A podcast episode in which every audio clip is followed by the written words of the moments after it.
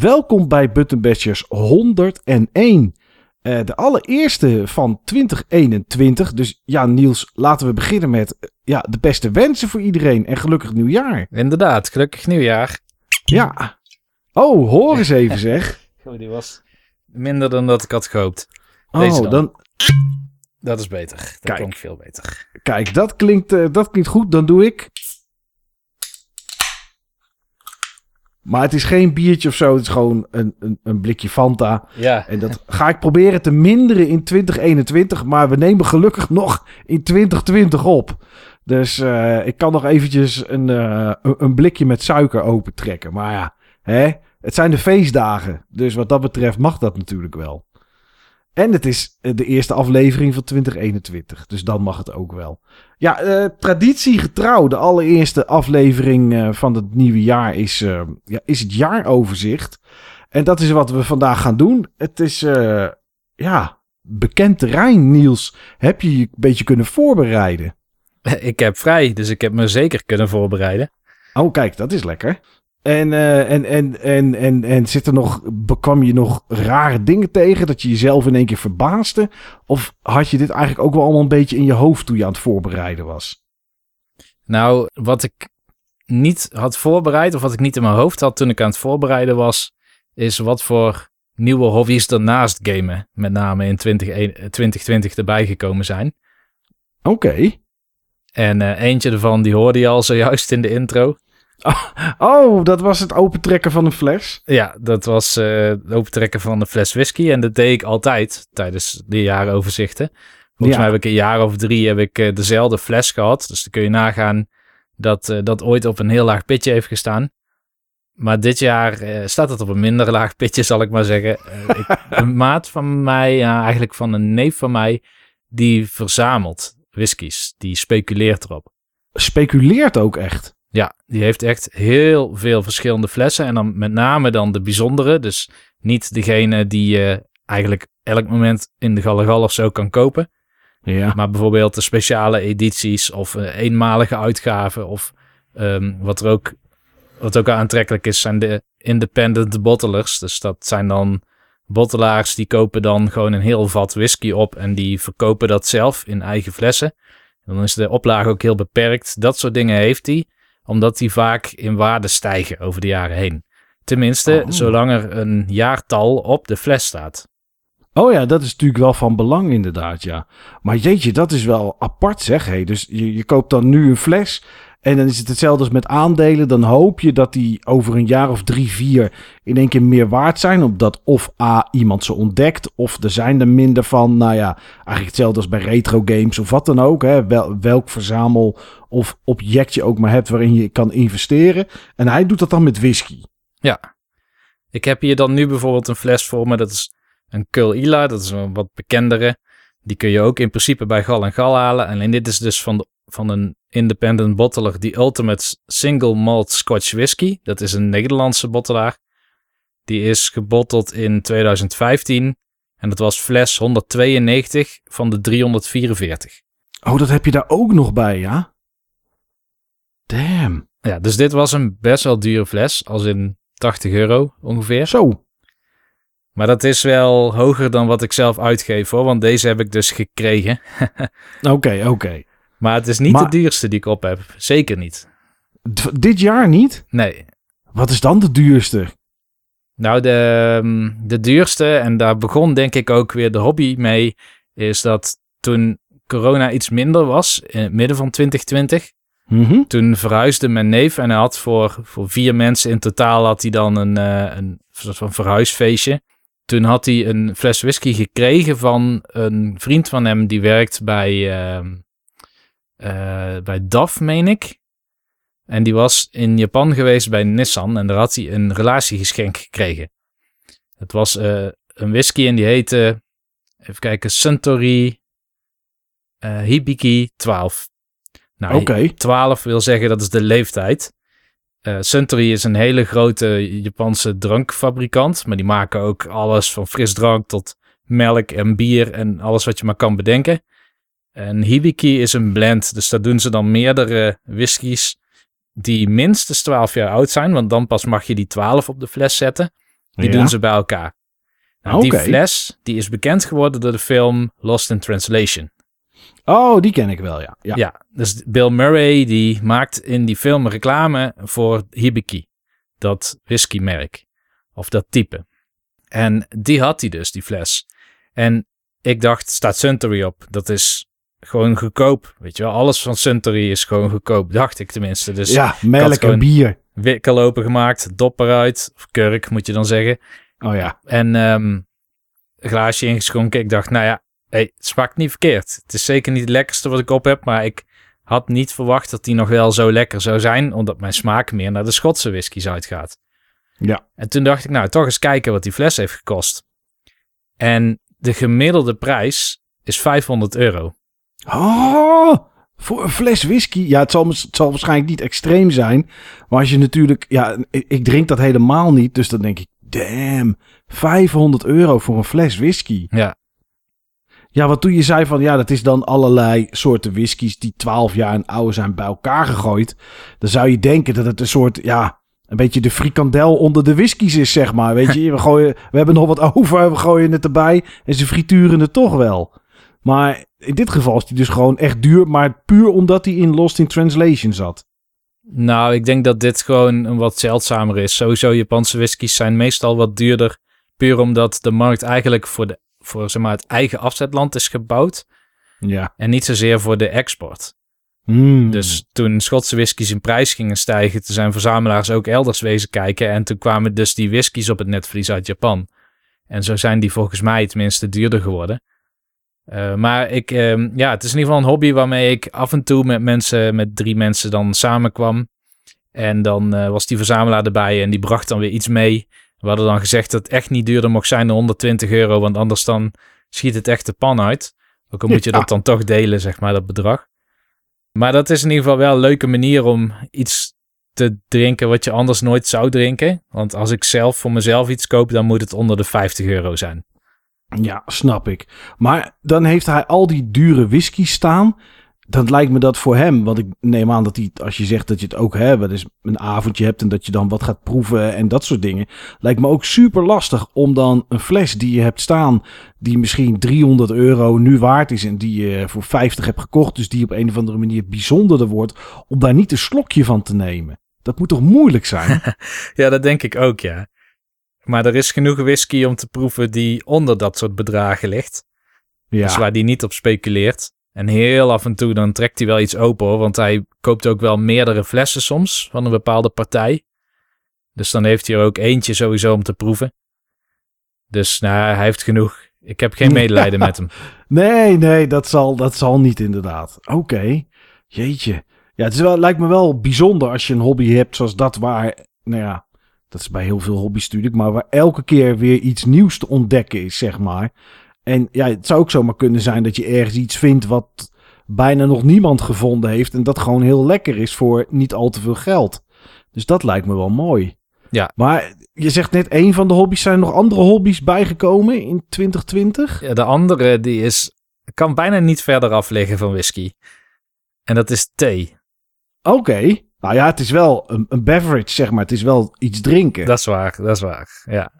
Nee, maar thee. Ik had voor ehm, moederdag, als ik aan nadenken, wat kan ik dit jaar weer geven? Altijd een Ja. moeilijke uitdaging als je het mij vraagt. ja, zeker weten. Moederdag is echt lastig. Ja, en ik ben zelf heel erg van de koffie, nog steeds. Ik heb zelfs, eh, nou ja, net als de duurdere whiskies heb ik ook weer duurdere koffies voor mijn vakantie in huis gehaald. Maar dat is een ander verhaal, die ga ik vandaag even niet doen. Maar de thee in ieder geval. Ik, ik eh, had in mijn appgroep, waarin koffie-importeurs zitten, of importeurs, dat is een groot woord, maar laten we zeggen eh, liefhebbers die redelijke bedragen over hebben voor goede koffie. Daar had ik gevraagd, kennen jullie ook goede thee? Waar haal ik Ja. de equivalent kwaliteit thee waar ik nu koffie van heb? En toen verwees iemand mij naar Crisio. Crisio thee. Nou, Crisio is eigenlijk volgens mij een ijsmerk van oorsprong. Schepijs. Maar eh, ze hebben dus ook een thee. En tu- Crisio is eigenlijk zowel importeur van verschillende theeën als leverancier aan sterrenrestaurants. En zij trainen ook mensen om die theeën te schenken. Oh, oké. Ja, ja, ja. Dus dat je, dat je echt getraind moet zijn in... ook in waarschijnlijk uitleggen van de smaak en het zetten. Alles eromheen. Ja, dus tegenwoordig heb je in alles ongeveer een sommelier. Ja. En je hebt dus ook een theesommelier. En Crucio heeft dus een theesommelier, Kiona Malinka. En zij heeft dat bedrijf gestart. Zij reist de wereld over om theeën te proeven. En pas als zij denkt dat ze het in een restaurant kan schenken, want dat zijn eigenlijk haar primaire consumenten, zal ik maar zeggen, Mhm. dan koopt zij het pas.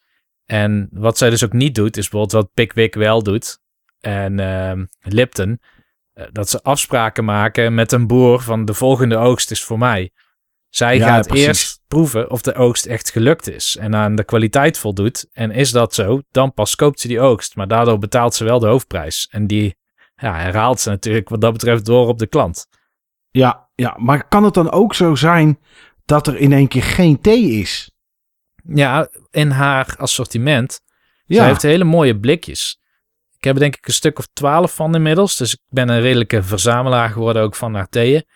Maar die blikjes die hebben allemaal nummers. En die nummers die corresponderen met een bepaalde plantage op de wereld. En zij zit vooral in de theeën uit China, Japan, Sri Lanka, eh, Zuid-Afrika voor Honeybrush en eh, hoe heet het ook weer, rooibos bijvoorbeeld.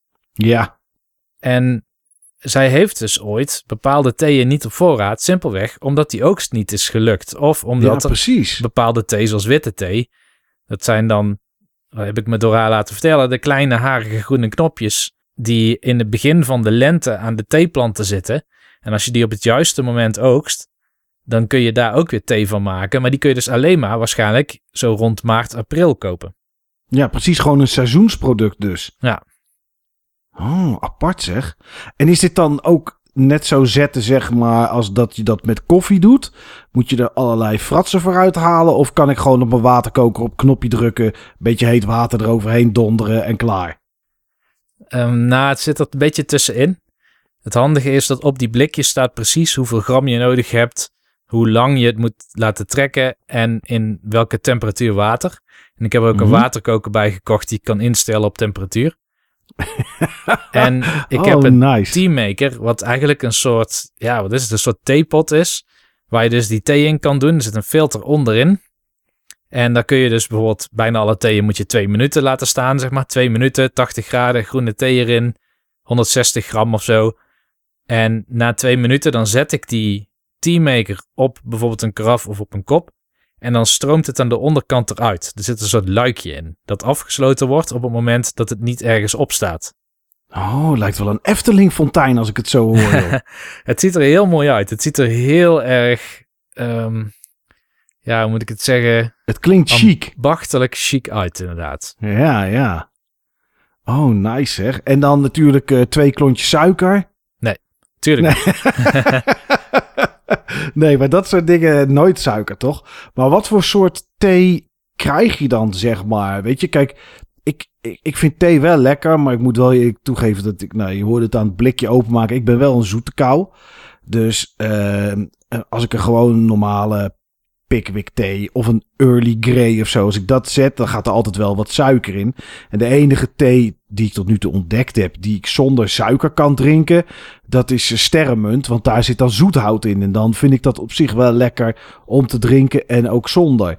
Maar hoe zit dat met deze smaak? Is dat net zo anders als dat jouw koffie die je zelf zet is? Want dat heb ik natuurlijk wel eens een keer gezien. Ik heb het nooit geproefd, denk ik. Maar je bent wel eens hier geweest en dan had je wat mee. En dan ziet het er ook uit als een soort van thee. Helemaal niet zo zwart als dat wij zeg maar die automaatkoffie kennen. Is dat dit net zo? Zit daar ook zo'n wereld van verschil in? Ja, daar zit net zo'n wereld van verschil in inderdaad. En ik denk dat het grootste verschil is dat het minder bitter is.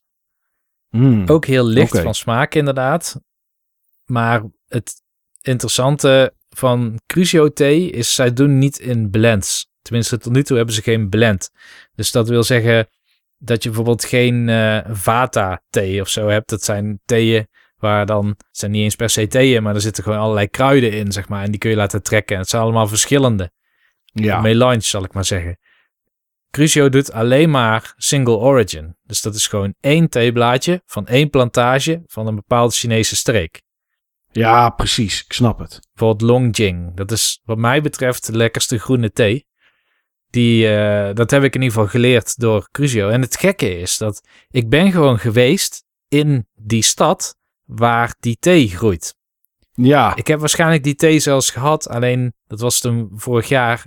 Ja, vorig jaar voor de luisteraars. 2019, eind 2019. Net voor corona kwam. Toen zat ik in China. In een, in een stad, Hangzhou. En in Hangzhou heb ik thee gedronken. Omdat, ja, je bent in China. Daar drinken ze met name thee. Het is ook moeilijker om koffie te vinden. Alleen ik vond het lastige thee. Want ik kreeg gewoon een soort van mok. Er zat heet water in. En op de grond lagen dan wat blaadjes. In die mok dan, hè? In de bodem ja, van ja, de mok. ja. Ja, niet, niet, niet dat je een mok krijgt met heet water en dat er iemand een paar theeblaadjes naar je hoofd gooit en dat die op de grond vallen. Nee. Dat zou een hele aparte thee zijn, inderdaad. Maar het ding is, als je die thee dus drinkt, dan gaan die blaadjes allemaal tegen je lippen aan zitten en zo. Het drinkt heel vervelend. Dus ik Ja. vond het een hele ongemakkelijke thee en daardoor dacht ik, ja, doe maar niet meer. Ik bestel vanaf nu gewoon tonic. Ja, Maar toen ik dus terug in Nederland wel. kwam en eindelijk van Crucio zag dat Longjing of Dragonwell thee, dat dat zeg maar zo'n beetje de koning onder de groene theeën is. Toen dacht ik, damn, ik had veel beter toen op moeten letten op wat ik dronk. Als ik dat had geweten toen, dan had ik misschien wat meer aandacht geschonken zeg maar, aan het drinken van die thee. Want nu was het zo, ah, thee, lastig, blaadjes tegen mijn lippen aan, doe maar niet meer. snap ik. Oké, oh, bijzonder zeg, hé. Ja. Ja, ja, ja, apart hoor. En, maar het is dus altijd wat je zegt, één smaak. Het is niet zoals je, je Pickwick heeft dan bijvoorbeeld eh herfstthee of zo. En daar zit dan eh, zes smaakjes door elkaar in. Dat heb je nooit. Het is altijd gewoon, het is of aardbei of banaan, maar geen mix van, zeg maar. Nou, je, je hebt dus ook geen aardbei of banaan. nee, snap ik. Maar het klopt, je hebt geen mix, er is één uitzondering. Oké. En dat is ehm, Earl Grey. Oh ja, ja, ja, ja. Oké. Earl Grey is volgens mij een combinatie van olie en zwarte thee. Ja, oké, maar dat is zo bekend dat ja, daar vragen waarschijnlijk zoveel mensen naar dat ze het wel hebben moeten maken. Ja, klopt. Ja, ja. Nou, leuk hoor. Dat zijn wel nieuwe, eh, nieuwe dingen eigenlijk die dan 2020 teweeggebracht hebben. En eh, of dat nou komt door of hè, onder invloed van, maakt niet zoveel uit. Ze zijn er. Ja. Dus dat is wel leuk. Het is wel ook typisch voor mij, denk ik, de hobby's die ik dus nu heb gekozen. Ja, En ik heb dat denk ik ook met andere hobby's, maar als ik iets nieuws heb wat ik interessant vind, dan moet ik even heel erg die diepte in. oké. Dus dat zie je met die theeën. Dan, die theeën zijn niet goedkoop. Die kosten zo'n 12 tot 15 euro per blikje. Ik heb er dan meteen 12 of zo. Weet je wel? Ik moet wel even wat kunnen proeven. En met die whiskies ook. Zeg maar, dat begint dan met één fles die je hebt staan. Op een gegeven moment heb je er acht. Die zijn ook allemaal 50 euro per stuk of zo. Ja. Dus dat, dat tikt wel aan. Maar ja, dat gaat wel hard. dan weet je ook precies wat het te bieden heeft. Dus qua thee gaat het nu een stuk langzamer. Want ik weet heel veel. Ik weet, ik lust geen witte thee. Vind ik niet lekker. Oolong Nee. thee lust ik. Maar er zijn maar twee varianten die Crucio verkoopt, die ik wegkrijg. Dus doe maar liever niet. Dus één één zwarte thee vind ik lekker. Eén groene thee, dus die Longjing, die vind ik heel lekker. Ik heb hem ook vergeleken met Japanse theeën, maar die zijn wat wranger, zeg maar, qua smaak. En ehm rooibos. Die drie. Als ik die drie Ja. maar op voorraad heb, dan ben ik goed. Ja, en dan af en toe eens een keer wat nieuws proberen als er iets voorbij komt dat je nog niet geproefd hebt. Maar dan weet je in ieder geval de rest van die andere eh, negen of acht smaken, die hoef ik niet meer te kopen. Die maak je op of die gooi je een keer weg en klaar. Precies. Ja. Ja, ja, ja. Nee, ik heb ook wel, ehm, nou ja, hobby is het niet, maar eh, ja, ook wel iets nieuws wat ik sinds een paar weken eh, redelijk doe. En dat is eh, koken. En dan niet koken met pannen en met gas of met vuur of wat dan ook.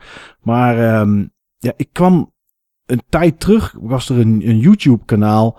En ik weet niet eens hoe het heet. Dus de beste man krijgt niet eens reclame op dit moment. Sam's Cooking Channel, denk ik dat het heet. Als je daarop zoekt op YouTube, dan eh, krijg je een kerel die duidelijk geld te veel heeft. En, en in zijn tuin heeft hij ja, niet eh, een barbecue staan, maar heeft allerlei kookgerijen. Een soort van hele grote platen waar je pizza op zou kunnen maken. Maar je kan er ook pannen op zetten. En eh, nou ja, die kwam ik een keer tegen, dat kanaal. Dit wist, ik kreeg hem van een kameraad van mij. Want we hadden het over McDonald's en de McRib. En hij ging zelf de McRib maken. De McRib is nu volgens mij weer terug in Nederland. Of niet, dat weet ik niet. Ik ben al een tijdje niet meer geweest. En, maar hij ging zelf een McRib maken, maar dan met gewoon echte spare ribs en dat soort dingen. En ik vind dat soort dingen altijd heel gaaf om te doen. En heel gaaf om dat zelf ook te doen. Alleen heb ik voor sommige dingen het geduld niet. En een van die dingen is uh, ja, iets acht uur lang barbecuen. Eh, in Amerika heb je ook brisket. Dat is rund, een of ander rundstuk of zo. En dat laten ze dan acht, negen uur laten ze garen. En toen dacht ik, ja, ik ben zo benieuwd hoe dat smaakt. Ik wil dat gewoon een keer proeven. Maar ik ga het niet 8, 9 uur op mijn eigen barbecue leggen. Dan moet ik elke keer kijken of het nog de temperatuur wel goed is. En moet ik er wat aan doen? Ja, misschien leuk als het uiteindelijk lukt. Maar nee. En um, dus brisket heb ik gewoon een keertje. Ben ik gewoon naar een restaurant gegaan hier in Enschede. En uh, die, uh, ja, die hebben dat. Dus toen heb ik het daar gegeten. Uh, maar dit waren de spare ribs. Die dan op een, uh, op een andere manier werden klaargemaakt. En wat hij deed was eigenlijk heel simpel. Hij nam spare ribs. Die legde die op een rooster. Dat rooster paste precies in de bakplaat van zijn oven. Hij smeerde die in met kruiden. Zo'n rub maakte die. En aan alle twee de kanten insmeren. En die legde die dan op dat rooster. En omdat dat rooster op je bakplaat ligt, heb je ruimte eronder. En daar gooide hij een paar scheuten witte azijn. Want dat gaat natuurlijk bijten. En dat gaat je vlees kapot maken. En dus wordt het mals. Nou, daar overheen zilverfolie. En dat 2, 2,5 uur in de oven. En daarna even bestrijken met, uh, met, met een soort barbecue saus. Met wat, wat, wat smaakdingen ertussendoor. En dan is die sperrips die zijn zo mals. Dan kan je gewoon het bot pakken. En dat trek je gewoon zo uit het vlees. Nou, toen dacht ik, oké, dit wil ik wel een keer proberen. Dus dat heb ik destijds gedaan. En het was super goed gelukt. Bianca was hier naar een, uh, naar een slager geweest, naar een soort groothandelsslager, maar die dan ook aan particulieren verkoopt. En um, ja, dat waren ook spareribs uit Amerika, ergens uit Arizona volgens mij of zo. Ik weet niet waar het vandaan kwam. Maar goed, het was in ieder geval was echt heel lekker. Dus ik ging op zijn kanaal kijken wat er nog meer bij zat. Ik dacht, hé, hey, dat lijkt me lekker. En toen zag ik dat hij een, uh, een recept maakte met een crockpot express. En dat is een pot die, uh, dat is een slow cooker. Maar het is ook een uh, hoge druk. En het is eigenlijk ook een bak. Dus het is eigenlijk een multicooker. Dat is ook hoe ze genoemd worden. En hij had een stuk Wagyu beef. Ja, goed. Uh, voor mijn testrecept ga ik zoiets niet kopen. Dan ben ik misschien 70 of 80 euro kwijt. En dan mislukt het. Zal je altijd zien.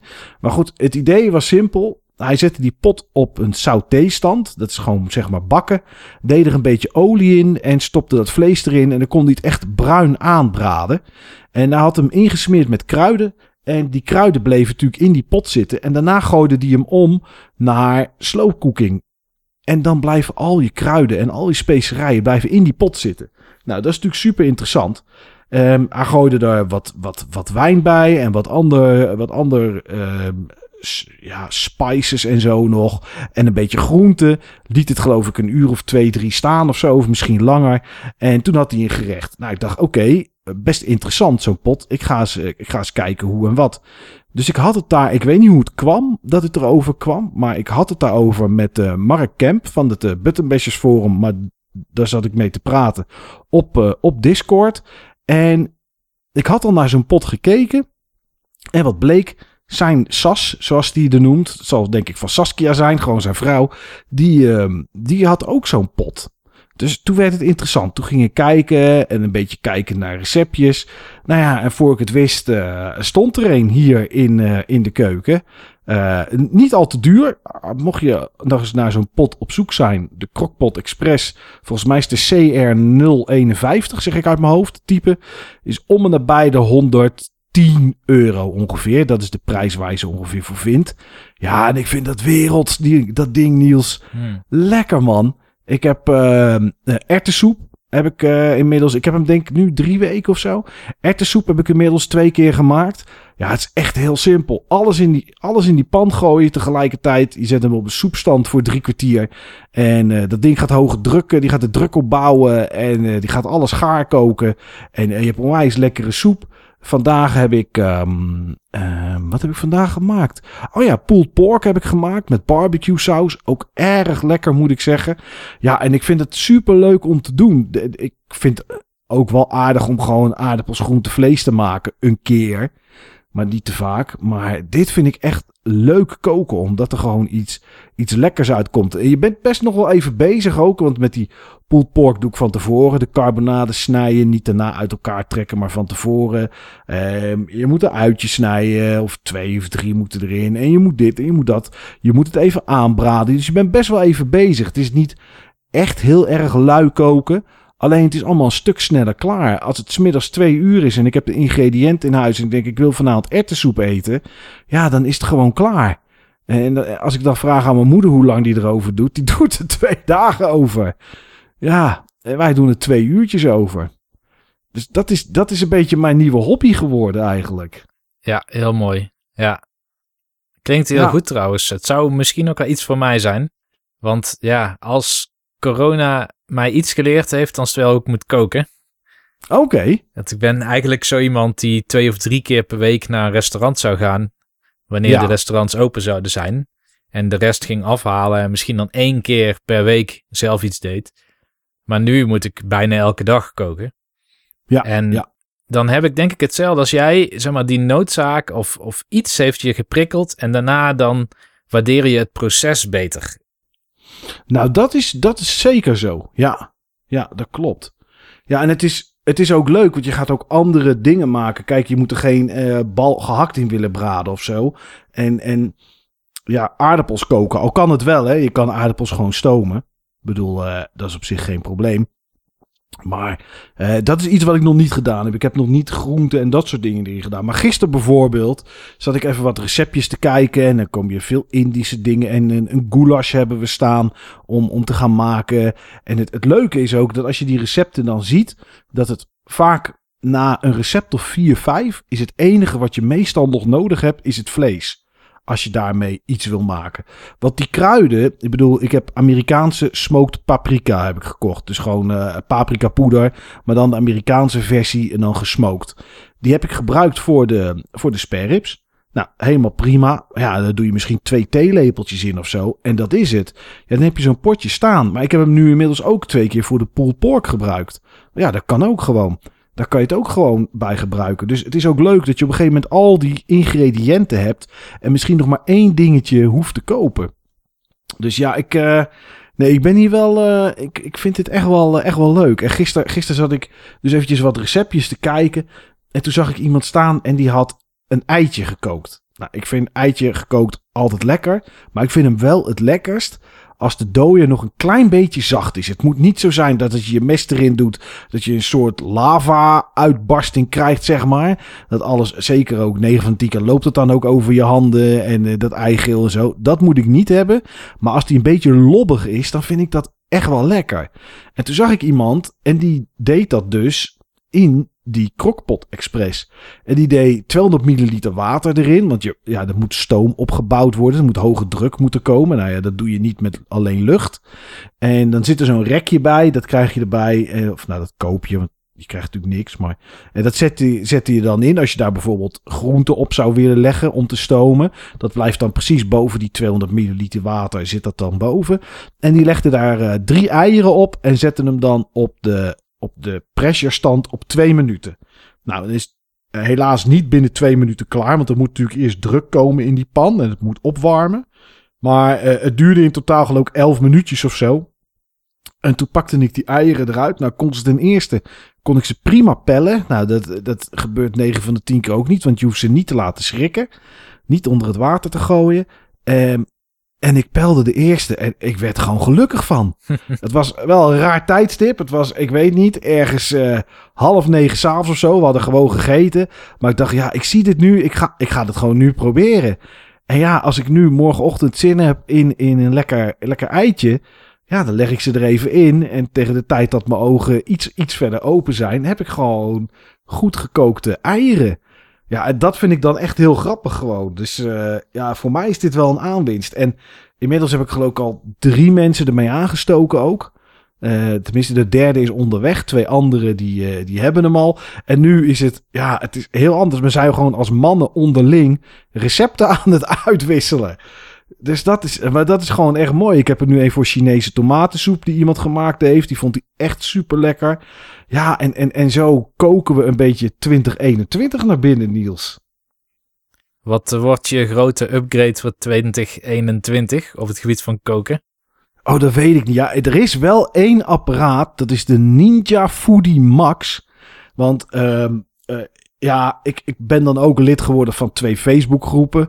Waar over, ah, hoofd, hoofdzakelijk vrouwen in zitten. Dat merk je dan wel. Maar er zitten best wel een hoop mensen in. En er zijn gewoon vrouwen die zeggen van... Ik heb twee crockpot express staan en een ninja grill. En ik gebruik gewoon mijn pannen niet meer. Ik doe alles in die potten. Um, nou, zover wil ik dan niet gaan. Ik denk nog steeds, wat ik net zei, dat een bal gehakt, dat dat lekkerder is als je die gewoon in een pan braadt, zeg maar. En, en, en ja, ik weet niet of mijn witlof, als ik die wil koken, of dat nou lekker daarin is. Maar goed, ik ga het wel proberen. Maar er zijn, er is dus de Ninja Foodie, Foodie Max of zo heet dat ding. En die doet alles wat deze pot doet. Plus ook nog grillen erbij en bakken. En die kan alles. Maar die zal waarschijnlijk wel een godsvermogen kosten. Maar misschien dat ik zo'n ding ook nog wel een keertje bij wil hebben. Het is alleen wel, het is alleen wel zo dat het, neemt allemaal wel ruimte in op je aanrecht. Dus we hebben nou, niet de keuken verbouwd voor dit ding. Maar de magnetron staat nu ergens anders. Waar eerst iets decoratief stond. En om het leuk een beetje aan te kleden. als je die dingen, denk ik, in de kast gaat zetten dan, dan zie je het niet meer en dan pak je het ook minder snel. Althans, dat gevoel heb ik. Misschien dat het over een half jaar niet zo is als je hem veel vaker gebruikt. Maar dus ja, ik weet niet of ik er iets bij zou kopen omdat er dan, hè, omdat dat dan ruimte in beslag neemt. Maar aan de andere kant, als je er nog één bij zou hebben die bijvoorbeeld echt vlees zou kunnen braden of zo, of wat dan ook, dan zou dat ook wel heel erg goed zijn. Ik heb wel een dus, oplossing. Uh, en dat is? Rookoven. Kan mooi in de tuin. ja, ik weet alleen niet hoeveel dat rookt en of mijn buren dat zo prettig vinden. ja, inderdaad. Ja. Nee, ik heb deze zomer ook wat gerookte gerechten gehad. Oké. Atomic Buffalo Turds bijvoorbeeld. Oh, dat klinkt nu al goed. Ik weet niet eens wat het is, maar uh, het klinkt nu al goed. Ja, dat is een jalapeno peper uitgerold met daarin kaas en daar bacon omheen. En dat dan in een uh, rookoven voor een uurtje of zo. En ja. dan wordt het heel smeuig. Oh, ik zit echt met een glimlach op mijn gezicht, Niels. Dit klinkt echt lekker. Ja, dat is het. En ik ben eigenlijk een vegetariër, maar ik moest het gewoon proberen. Ja, dat snap ik. Oh man, lekker zeg. Ja, eten kan echt wel leuk zijn. Ja. Eten kan echt wel leuk zijn. Nou goed. Um, we zijn hier niet, Niels, om over eten te praten. Maar we doen het inmiddels al een half uur. Ik denk dat het een mooi warm begin is van waar we eh, naartoe gaan. En eh, wat er ook bij hoort. Want dit was allemaal het afgelopen jaar. En dat is sowieso waar we het over gaan hebben in deze uitzending. Maar goed, eerst even een klassiekertje. De Game Talk.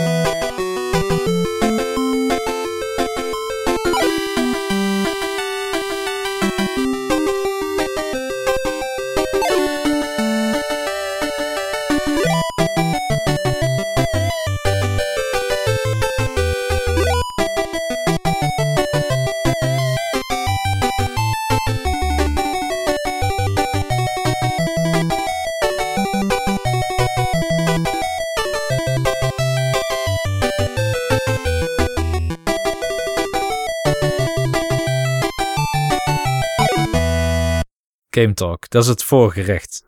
Oh ja, Game Talk, voorgerecht. Oh, mooi. Um, ja, het voorgerecht dan inderdaad, Niels. Eh, wat heb je gespeeld? Ik heb eigenlijk niet zoveel gespeeld deze vakantie. Want ik heb heel veel andere dingen zitten doen. Maar een game waar ik wel aan was begonnen en waar ik het ook over wilde hebben, is een vervolg op een game die ik eerder heb gespeeld en die ik in BB Bulletin de revue heb laten passeren. En dat is Baldur's Gate 2. Oh, ik weet dat je met één bezig was destijds en dat dat een hoop tijd opslokte. Ja, en deze gaat nog meer tijd opslokken, vrees ik. Maar tot nu toe vind ik dat helemaal niet erg. Ik denk zelfs dat, nou ja, daar zou ik op de zaken vooruit lopen. Ik vind het een hele leuke game, laat ik het daarop houden. Maar hij gaat verder bij waar deel 1 eindigde. Dus in grote lijnen, deel 1, daar maak je een reis door en het eindigt onder andere met een antwoord op de vraag wie je nou eigenlijk bent. Want dan ben je achteraan te komen in het spel. Nou, dat weet je dus hier, maar hier begin je in een soort, soort gevangenis of zo. En dan breek je uit en dat herinner ik me ook van vroeger toen ik de game ooit heb gehuurd. Omdat ik dacht dat het een soort Diablo 2 was. Waar je gewoon kon Ja. klikken en alles ging kapot. Maar dat was niet. Hier, Toen kwam je bedrogen uit, denk ik. ja, veel te veel knoppen op het scherm en zo. Heel erg ingewikkeld. Dus Heel veel tekst. ja, ik, ik weet nog dat ik de dungeon doorkwam. Toen bij een stad uitkwam en dacht, ja dag, het is veel te groot. Ik heb Ja, gewoon een weapon ja. shop nodig. Ik heb een inn nodig en iemand die me een quest geeft. Maar dan ben je bij Baldur's Gate op het verkeerde adres. Ja, Dus eh, wat hier heel cool is, is dat je kan dus doorgaan met je save game van 1. Meen ik tenminste. Maar het is een tijdje geleden dat ik die heb geïmporteerd. En waar vaak een sequel last van heeft, is dat ze jou op een of andere manier moeten resetten. Omdat je natuurlijk in het eerste deel allerlei eh lochte bazen hebt verslagen. En nu moet je bij wijze van spreken weer af kunnen gaan van een konijntje. ja, Maar Ja. dat doen ze dus in Baldur's Gate 2 niet. Dus jij begint zo sterk als dat je eindigde in deel 1. En je hebt echt high-level spells. Dus je voelt je meteen krachtig. oké. Ben je dat dan ook of voel je je alleen zo? Nou, je, dat ben je ook wel. Dat ben je ook wel. Want volgens mij, ik ben nog niet zo heel ver hoor. Pas 10 uur in het spel of zo. Maar volgens mij blijven die high-level spells wel heel lang nog krachtig. Ik kan me daarin vergissen. Maar goed, Baldur's Gate 1, ik, ik was echt verzot op die game. Ik was ontzettend verrast eigenlijk door hoe speelbaar die nog steeds was. Nadat je dan in ieder geval gewend raakte aan de systemen. Want zo worden ze eigenlijk niet meer gemaakt. Baldur's Gate is gewoon een, een, game, eigenlijk een wereld waarin ongeveer het hele boek van spelregels gekieperd is. Met wat questlines erin. En als speler zoek je het maar uit. Ja, En Baldur's Gate 2 is dat ook. Dus letterlijk alle spells die in Adventures and Dragons 2 zaten, zitten ook in die game. Of dat ze nou handig zijn of niet. Of dat je ze wel of niet toe kan passen. Ze zitten erin. Dus iemand met de oude boeken, zeg maar, van, van het tabletop roleplaying game, die kan in Mhm. die boeken uitzoeken wat misschien nuttig zou kunnen zijn in een situatie. Maar ja, goed, daar heb ik nu niks meer aan. Want ik heb A, die boeken niet. B, ik heb geen zin om boeken open te slaan bij mijn game. nee. Nee. Maar goed, gelukkig als je eenmaal die systemen kent, dus hoe combat werkt, wat heel eigenaardig is hoe het werkt, welke buffs zinvol zijn, eh, welke wapens het beste werken bij een bepaalde partycompositie, als je dat eenmaal weet, dan is het best wel goed te doen. Dus laat ik zeggen dat ik nu overzicht heb van 5% van de spelregels, maar die zijn genoeg voor mij om tot nu toe 10 uur lang redelijk niet gemakkelijk, maar laten we het zo zeggen, zonder al te veel opstand door Baldur's Gate 2 heen te komen. En wat met name opvalt aan eh, Baldur's Gate 2 is de dichtheid, zeg maar. Dichtheid van quests en gebieden en alles. In deel 1 had ik het idee dat je misschien een stuk of tien belangrijke quests had en heel veel sidequests. Maar je zat in een enorme wereld waarin ook het verplaatsen van dorp naar stad of naar een of andere mijn of zo die in het zuiden van het gebied lag. Daar moest je echt feitelijk heen lopen. Dus je was enorme gebieden aan het af of aan het uitkammen. Een beetje zoals je in Diablo zou doen, dat alles zwart is, weet je wel. en Dat je Ja. steeds ehm, wat gebied eh, zichtbaar maakt op de kaart. Zo werkte Ja, dat ja, daar ook. Maar er zat heel veel ruimte tussen de gebieden waar je echt iets moest doen. En in Baldur's Gate 2 is dat helemaal weg. Dus eigenlijk alles waar je komt, daar is ook echt iets te doen. En dat heeft relevantie tot één of meerdere quests. En met name vaak meerdere quests. Want ik heb eigenlijk nog geen spel gespeeld wat mij constant afleidt van mijn main quest. Of ik weet niet eens of dat de main quest is. Mijn main quest is nu, ik zit in chapter 2, is 20.000 gold halen. Dat is het enige wat ik hoef te doen om naar het volgende chapter te gaan. En eigenlijk zegt het spel nou, kijk maar hoe je het doet. Je kan gewoon ergens naartoe en, en zo, net zo lang poppetjes slaan totdat je 20.000 gold hebt. Maar ja, je verdient misschien soms 10, 15 of 20 gold of zo van wat gemakkelijkere mobs. Dus dat Ja. schiet niet op. Nee, inderdaad. Maar je kan ook bijvoorbeeld naar een café gaan waar een hele hoop quest, zeg maar, oorsprongen liggen. Dus poppetjes die je quests kunnen geven. En afhankelijk van welk karakter jij hebt en wie er allemaal in je party zit. En die kun je natuurlijk ook meenemen op quests, zeg maar, vanuit... eh, soms dragen quests ook weer partymembers aan. Maar allemaal afhankelijk van allerlei keuzes die je hebt gemaakt... heb je ook weer keuze uit heel veel quests... die vanuit de stad aan, waar eigenlijk Baldur's Gate zich met name afspeelt... eh, ja, die daar eigenlijk vertrekken, die quests. En het interessante dus is dat ik dus nu deze game voor het eerst speel voorbij de introductie. En dat ik het idee heb, als ik het nog een keer zou spelen, zou ik waarschijnlijk hele andere quests tegenkomen.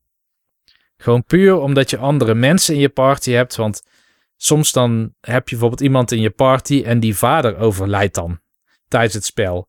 Dus Ja. dan heb je de keuze om je missie af te breken. Natuurlijk, je kan nog wel terug om naar de begrafenis van die vader te gaan. Als je dat doet, dan kom je misschien onderweg weer iemand anders tegen die jou een quest geeft. Omdat twee poppetjes in je party ook weer iemand kennen in een bepaald gebied die dan iets van je nodig hebben. Maar als je weigert om naar die begrafenis te gaan, dan kan je misschien je partymember wel kwijtraken. Dus je zit de hele tijd met, ehm, ja, met verschillende quests, quests te balanceren. En dat is niet Ja, altijd positief.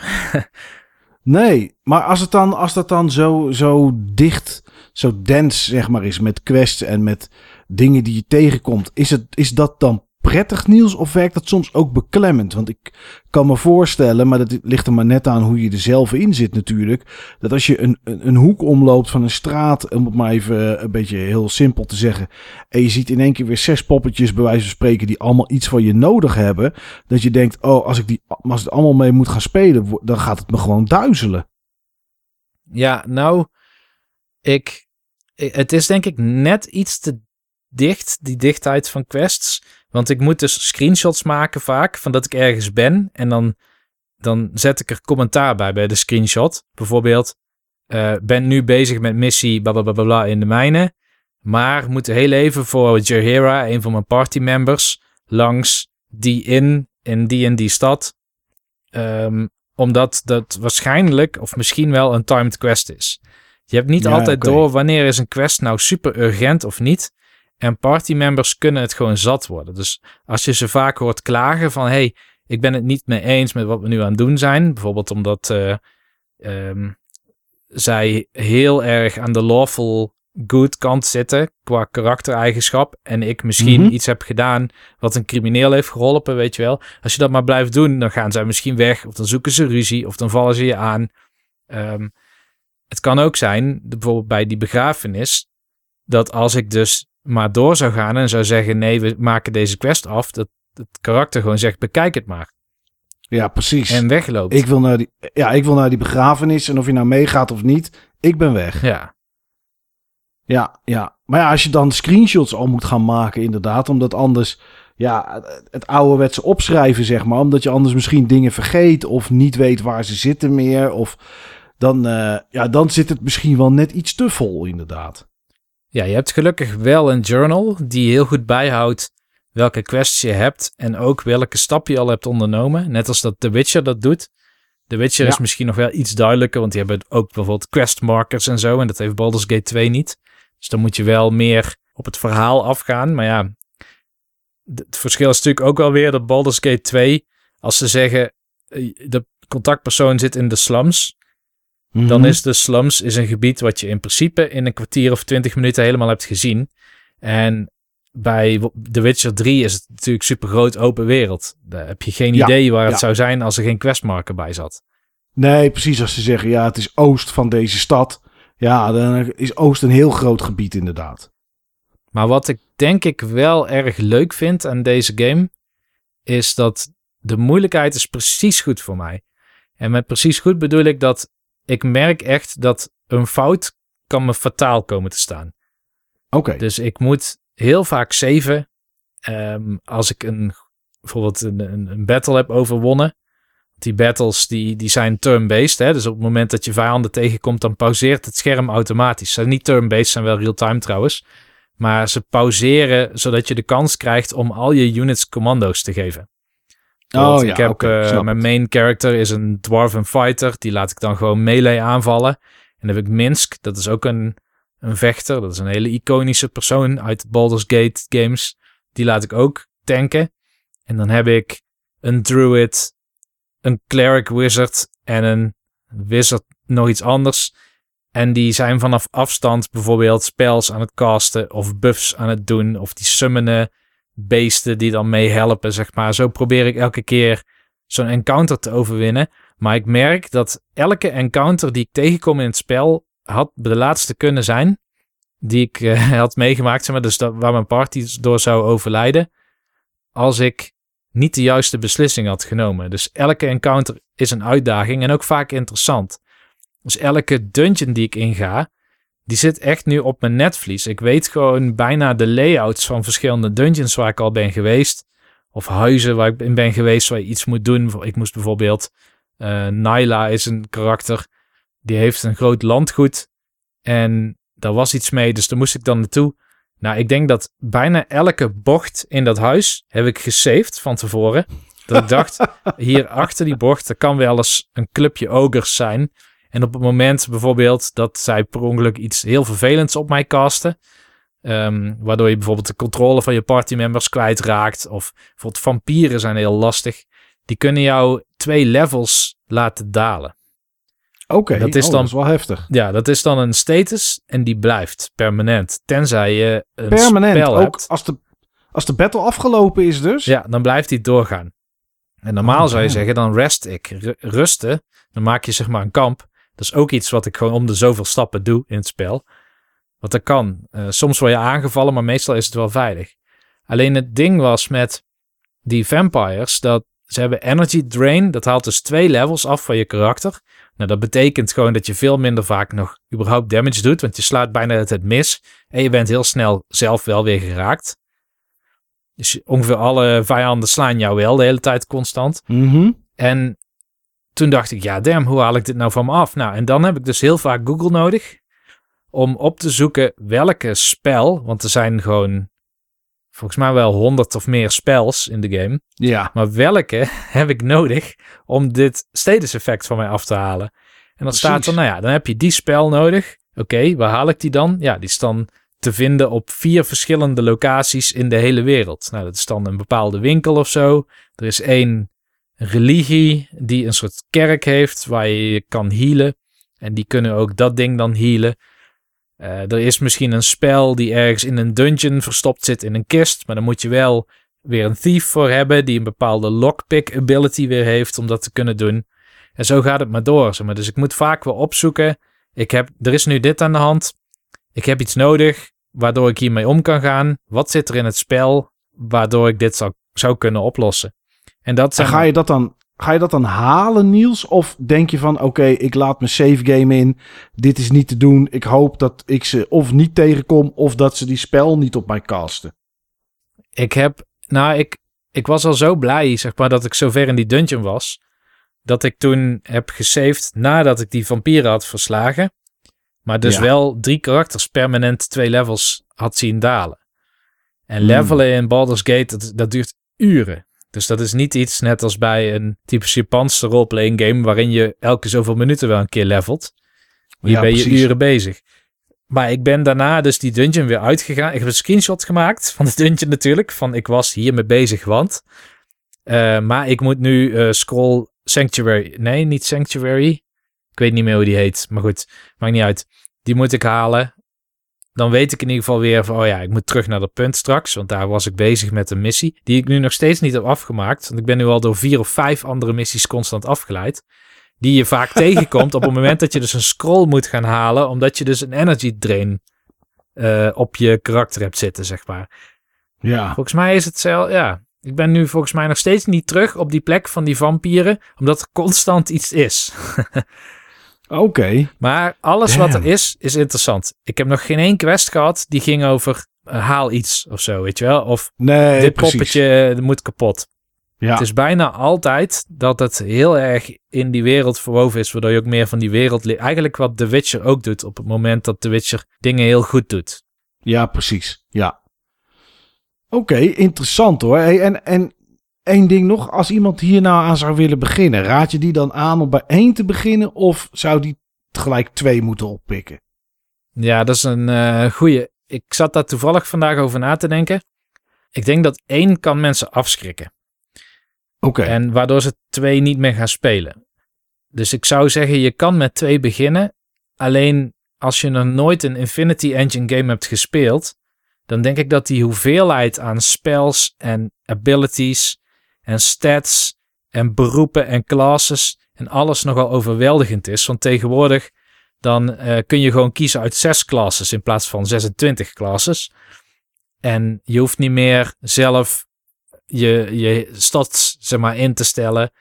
Je hebt wel wat hulpmiddelen in Baldur's Gate 2. Dus je hebt bijvoorbeeld specialisaties.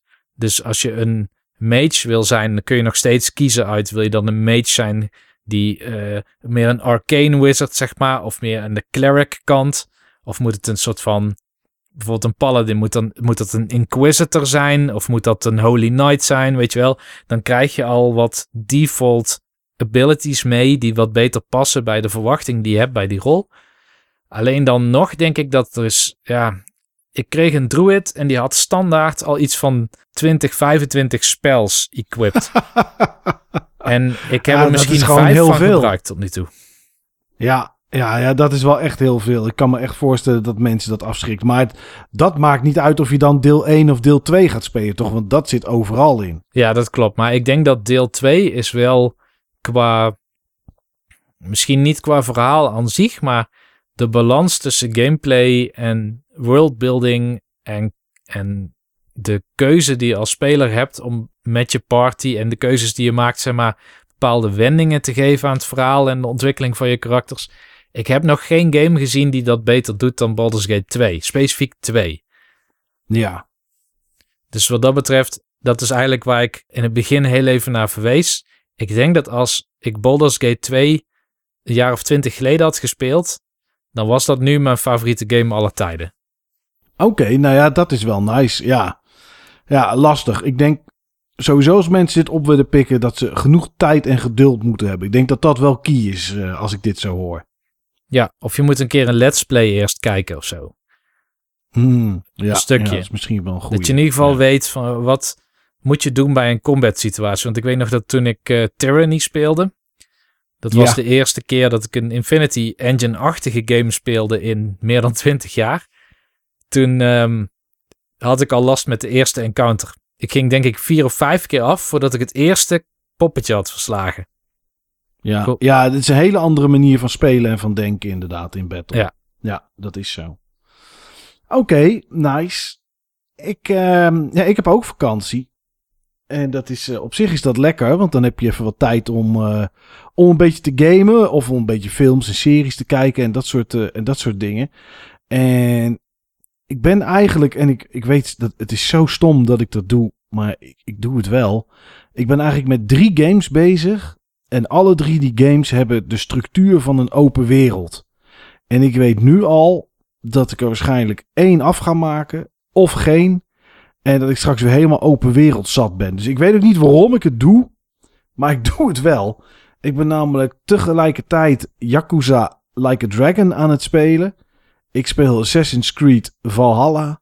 En ik ben vandaag begonnen en zou zeggen, ja, waarom wacht je daar dan niet mee? Ja, dat weet ik niet. Gewoon dat binnenkwam aan Immortals Phoenix Rising. Hm. Daar ben ik ook aan begonnen.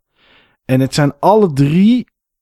En dan is Yakuza misschien even iets anders, omdat het voornamelijk over een stad gaat. Maar het zijn alle drie eigenlijk ja, werelden waarin je kan gaan doen wat je wil. En ehm, ja, Yakuza was ik eigenlijk een beetje klaar mee. Omdat ik daar tegen een redelijke muur aan liep. Om, eh, om wat level betreft. Eh, ik had een gevecht tegen, nou ja, tegen een soort van hijskraan en daar kwam ik niet doorheen. Eh, dat is wel typisch Yakuza, zeg maar, dat je dat soort hele rare gevechten hebt. En eh, toen dacht ik van oké, ik ga toch nog één keertje alles op alles zetten om daar iets mee te doen. Om, om dat misschien toch te halen. En ehm, er zit een management game zit er, eh, zit er in Yakuza. Waar je, ja, waar je bedrijven runt en waar je personeel aanneemt en, en opleidt. Die je promoot, die je kan inzetten op verschillende bedrijven die jij hebt. En als je dat een beetje goed doet, dan kan je daar redelijk wat geld mee verdienen. En met dat verdiende geld kan je natuurlijk weer wapens en armen kopen. En daardoor kwam ik op een gegeven moment kwam ik redelijk snel kwam ik toch op het punt dat ik die ehm, dat ik dat ik daar doorheen kwam. Uh, het voordeel was ook nog dat het mij een extra party member gaf, zodat ik wat meer flexibiliteit had. Dus dat was op zich was dat slim om te doen. Dat vertelt de game jou niet dat die extra party member er dan bij komt. Maar dat maakte voor mij wel een hele hoop goed. En toen dacht ik, oké, ik kom er nu toch wel redelijk makkelijk doorheen. Ik ga toch weer verder. Want ik was eigenlijk op het punt gekomen dat ik de game weg wilde leggen.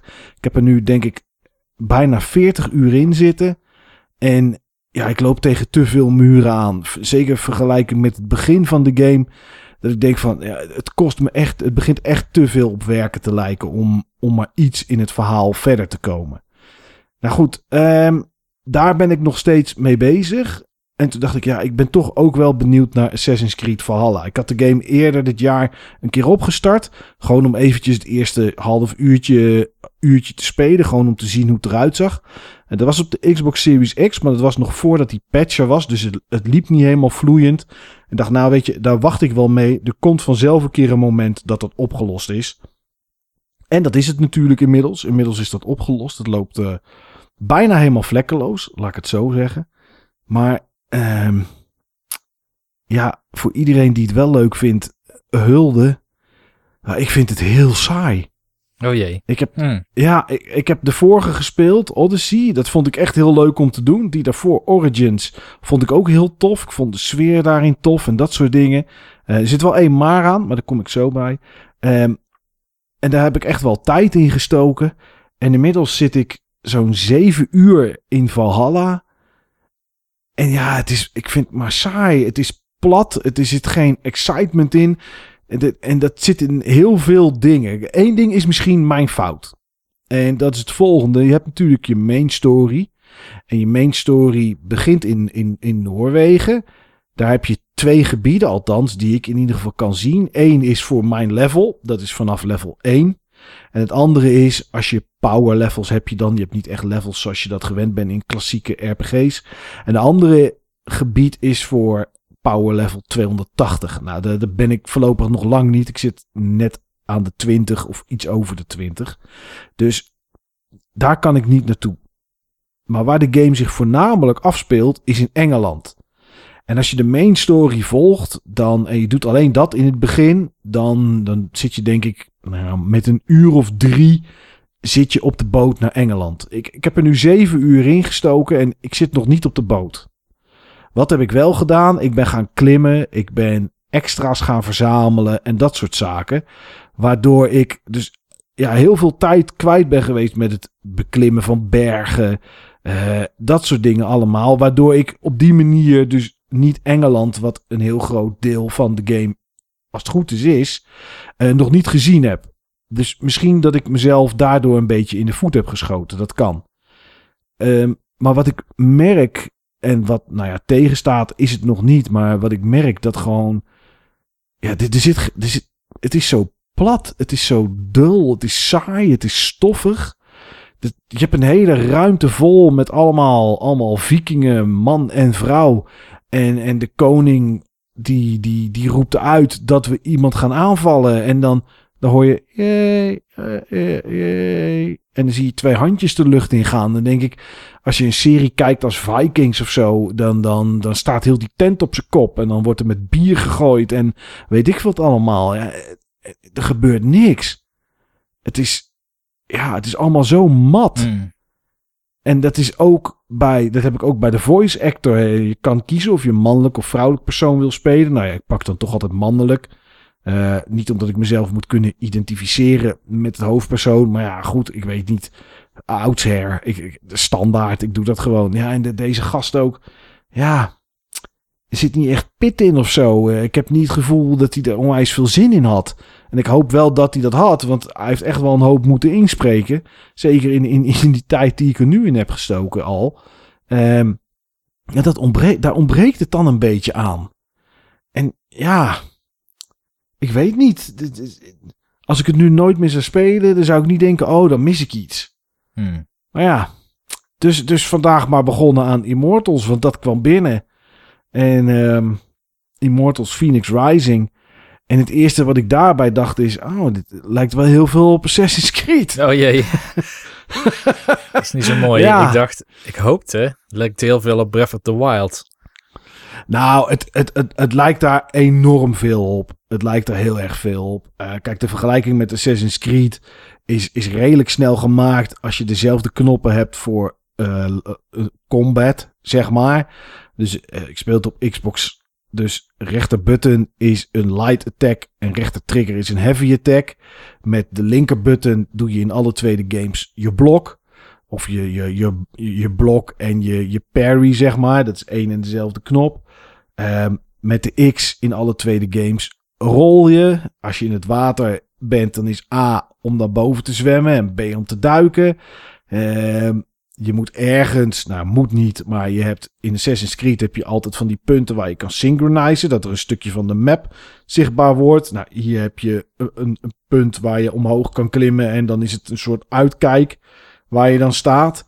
Uh, er zijn wat dat betreft main stories en allerlei sidespul die je kan verzamelen. Uh, dat is niet puur een Ubisoft of een Assassin's Creed ding. Dat is eigenlijk wel ja, weet je, dat staat eigenlijk gelijk aan een open wereld game natuurlijk tegenwoordig. Um, maar ja, dat is, dat is duidelijk dat daar de blauwdruk wel ligt. Ze hebben ook alle twee soms wat screen tearing. Dus uh, ik dacht van nou, misschien zit ik wel naar dezelfde engine zelfs te kijken. Maar goed, er zitten ook een aantal dingen in die niet in Assassin's Creed zitten. En die inderdaad wel van Breath of the Wild vandaan lijken te komen. Uh, klimmen, rennen, springen, alleen double jump. Uh, dat kost allemaal stamina. Nou ja, goed, dat hebben we natuurlijk heel erg gezien in Breath of the Wild.